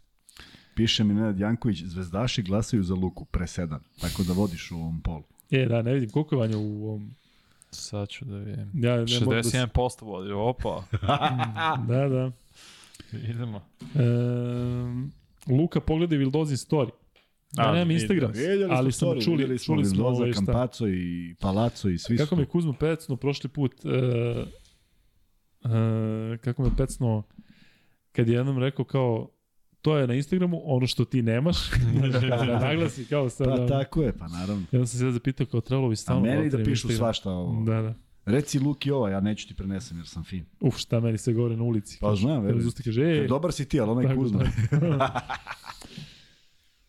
Kuzma, produžena ruka Fiće Čović. Znači, ne, Ma svih Čovića Tako je. produžena ruka. E, bio je Filip u studiju, Bio je, bio je. totalno cool. cool Pa totalno, da je skroz On je cool nenormalno fin čovjek. Jeste. Um, pitanje za Kuzmu, da li zna Mitra Trivunovića koji igra u Slogi Kraljevo Znam. i Feliksa Kojadinovića koji igra u Borcu Banjaločkom znam i kasnije... Mitra. Mitra. Feliksa ne, Feliksa samo znam iz imena i prezimena. a- Obojica su gradišćanci kao i Ratko Varda. Stvarno? Nisam To znao. vidiš. E, Luka izdrži. Izdržat ću. Šta mislite o Juti i Fontekevoj igri? Skoro je pogodio šut za pobedu. Pozdrav za Kuzmu. Ulepša mi je detinstvo tak, tokom Radonjićevog mandata. Lepo E. igra Utah, baš. Samo mislim da će to u budućnosti da im škodi što malo više pobeđaju nego što bi trebali, iskreno. Nis, nemaju kalibar tima sada da napadnu titulu narednih dve, da kažemo, godine, možda tri. Sa ovim malim... Ali ne igra Fontekija. Ne igra mnogo. Barem na početku sezone, ono što Pa sam vidio. malo, oni imao je on za zakucavanje, što na kraju ne znam protiv Jeste. koga je to bilo, pa su izvukli to, taj potez, ali Juti igra stvarno lepu košarku. Tebi, se, tebi bi se svidelo, Kuzma, kako Juti igri. Iskreno, baš timsku košarku. Ne, zaista, oni igraju timsku košarku, lepo se lopta kreće i niko sad nije dominantan, to je predominantan s loptom i da je do- i izolacija. Baš, baš igra lepu košarku. E, ovo je dobro, kao zašto niko ne sme da iskritikuje Željka i kaže možda je čovjek mislio na Željka Mitrovića. e, Kuzma, evo sad, pošto Ajde. svi ovo, e, ovo je sada ekskluziva. Kuzma će komentarisati sledeće. Ajde Kuzma, prokomentariši sada kratko, šta menja dolazak Kampaca, možda već i jesi, ali da čujemo opet. Šta mislim da može da promeni? Prvo, on je jedan od ubedljivo kada želi, a želeo je u Realu, najdosadnijih igrača na terenu u smislu defanzive. Dakle, on se ne štedi u oba smera. Mislim da je koristio sve svoje nepredispozicije visinske, ali zato jeste koristio brzinu i ima taj temperament koji očigledno ovaj prija Vildosi ovde i to smo komentarisali u prenosu, pa verujem da će Kampaco tu dobro da se uklopi. Naravno, ako je istina sve ovo što pričaju. I, ovaj, i negde vrlo uh, bitan faktor i u reprezentaciji Argentine i u Realu i meni je žao što nije uspeo u ovome, jer tu uvijek postoje neki parametri koje ja ne razumem i verovatno mnogi ne razumeju ko prolazi u NBA i ko ne prolazi, zato što ne znam zašto on je igrao tamo i ne mogu da video sam neke klipove, video sam neke isečke, pa dobro, dešava se to stalno i samo bi volao da je u dobroj formi i da je spreman da mu je ovo novi izazov. Ne da razmišlja o povratku u NBA i pre nego što je došao ovde, nego da jednostavno odradi onakav posao kakav je radio u Realu, a mislim da je bio izuzetno dobar. I E. donosi jednu ozbiljnu težinu na, u, oba, u oba smera, i defanzivno i ofanzivno. Luka, sledeći četvrtak kad Partizan pobedi Fener, najavljujem se za free bet. Dogovoreno vuče, mi ćemo da smislimo kako da vam otežamo malo vama koji dobijete stalno. E, ali hvala ti što si apsolutno se držiš onoga što si rekao kad si dobio majicu, dres ili šta već beše. E,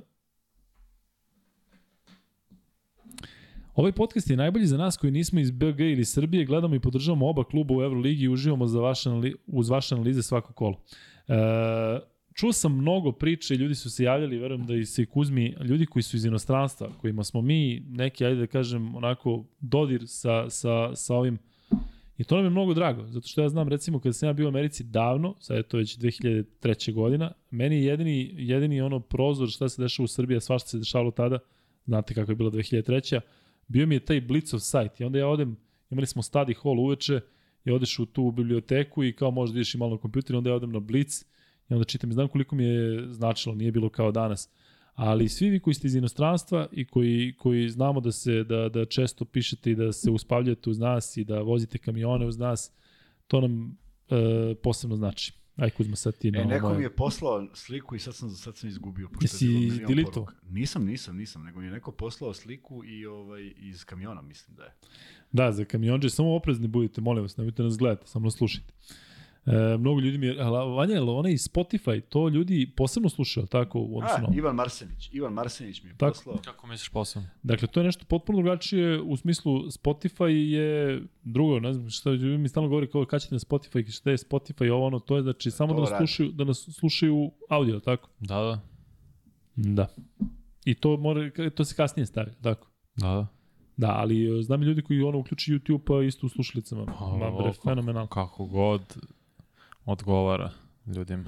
E, pitali ste da prokomentarišemo povratak Bogdana Bogdanovića. Da, da, sve nam je super, drago nam je, samo da je zdrav. Vidim da ima Odigrao top igri. poslednja dva Jest. meča, iskreno. Malo je oscilirao, znaš da je jednom šutno 0 od 10 trojke, ali verovatno tako mora. Young je šutno umašio 4-4, 54 poslednje trojke, pa nikom ništa. Ko? Trae Young. Igra loše, Da. da. možda i stvarno ima nešto iza tog što se posuđao sa Nate McMillanom i to bi značilo ako otere i njega da je to drugi trener kog je oterao za koliko, dve, tri godine. Da. Što nije dobro. E, uživam u vašem podcastu skoro kao i u samoj košarkaškoj igri stvarno Milina kada sam video sinoć sjajnu trojku Gidritisa protiv Efesa rekao jedva čekam da vidim da li ćete to prokomentarisati. Svi dok Video sam, da. Da, i kako je, e, e vidiš, Genijalno. recimo, onako kako je on proslavio, to je okej, nekako u sebi, pa sad ovako, pa znaš, a ne... A da, jeste. E, I, da, ja sam to vidio između dva prenosa. Radio sam prvo Turk Telekom, pa sam onda radio ovaj drugi Eurocup, i onda sam samo stigao to da, da, da, da vidim na kratko, i to je otprilike jedino što sam video na, na tom meču. E, ajde da postavimo jedno pitanje koje nije free bet, zato što nema, nema free beta, ali da vidim koliko poznajete vi ono. Znate da je Ivanović rekao da, šta je Vanček? Stvarno ga guraš na 3 sata da pređe. Guram, guram, da, to je mi ideja, da ono piše 3-0-1, idemo dalje. E, a i Kuzma mora na, za kraj nešto da kaže, nešto je tražio, neki A, reč za kraj. Hoće NBA ligu da prokomentariše.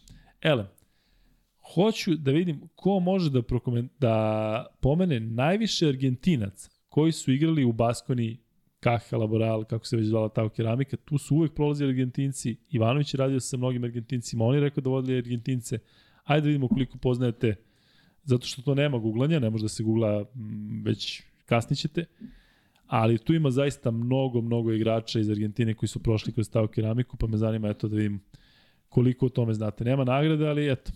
U Australiji mi radimo jer je pre podne 11 sati. Da, e, sutra prenosim nekog Australijance. U subotu. E, zavolio sam to Australijsku ligu, iako je ovaj, zato što je opuštena, pune dvorane. Da je se sviđa. playmakera predloži. Kao sad. Ti ne znam. Ima onaj Bobby Brown Jr. Da. Dobar je za, za borac. Ne mislim ništa loše, samo mislim da... da... E, Kuzma, šta imaš za kraj da kažeš? A, da se zahvalim svima na još jednom divnom druženju, na mnogo poruka koje sam dobio i koje dobijamo na ovim našem Instagramu, na podršci i na porukama koje dobijamo i kroz uh, preko YouTube-a, na velikom broju pregleda, na željama da, da idemo svaki dan, što naravno i nama bi bilo drago da je to izvodljivo, ali nije baš uvek i da jednostavno zaista nam je drago što, što, što vam se ovo dopada i što se što rastemo u svakom smislu. A, posebno se zahvaljujem na onoj akciji koja je samo sticajem okolnosti bila malo drugačija od dosadašnjih i malo smo je više promovisali iz prostog razloga što sad moram i to da objasnim. Mislim da je Urošev otac nije išao na varijantu ovaj, da se pridruži e, Budi Human organizaciji zato što su tamo zaista slučajevi koji su životno ugroženi. Ovaj mali je ipak e, operacija je u pitanju, Tako je. nije ni ma, malo naivno, ali prosto nije hteo da odloči pažnju od toga i otuda da nije imao taj devizni račun koji uvek postoji, pa smo mi iz tog razloga malo više ispromovisali, ali ovaj, pozivam uvek i kad god imam neku, neku takvu ideju, uvek izbacim da ljudi vide da mogu da pomognu i svaki taj SMS je već dovoljno dobar kada se ljudi prihvate telefona i pošalju. Prema tome, hvala vam što ste učestvovali u tome. Ne, ne odustajte iz prostog razloga što će i u opisu ovog videa biti uh, pomoć za Uroša. Prema tome, ajde da radimo neke dobre stvari kad se već ovako dobro zavalja. E, hvala vam puno još jednom na tome. E, ne Kuzma komentariše još malo rasala iz Mornara, ali šale se. Biće prilike. Sjajno odgovarate na, na Argentince koji su ovde, ali hajde da vidimo ko može da se seti jednoga koga vidim da niste promenuli, po- pomenuli. Dakle, dugačka plava kosa vezana u rep liči na Ahila, igrao je pre sada već 15-20 godina. Da vidim komo, evo ga, Boris 995 ga je promenuo svaka čast. Walter Herman, ne znam ko se njega seća, kada onako izvuče loptu jednom rukom. Ali, dobro, e, eto, malo smo se igrali za kraj. E, Vanja, možda ugasiš ovaj pol da vidimo kakva je situacija. I da lagano se razilazimo. Pitaju da li će biti e, podcast sutra. Biće, Kuzman, tako? Hoće, da. Biće posle Partizana, samo moramo da sačekamo kolegi iz 99 yardi predvođene našim dragim Vanjčekom. Oni vole da rade dugo kao i mi, tako da ćemo mi morati da počnemo kasno. E, šta još ima za kraj, Kuzma? Nešto sam hteo. Da, ajde da, da pozabavit ću se onom pričom oko Stevana Jelovca još više, ali neke promene se dešavaju ovih dana, pa ni, ne mogu to da odarim kako sam mislio.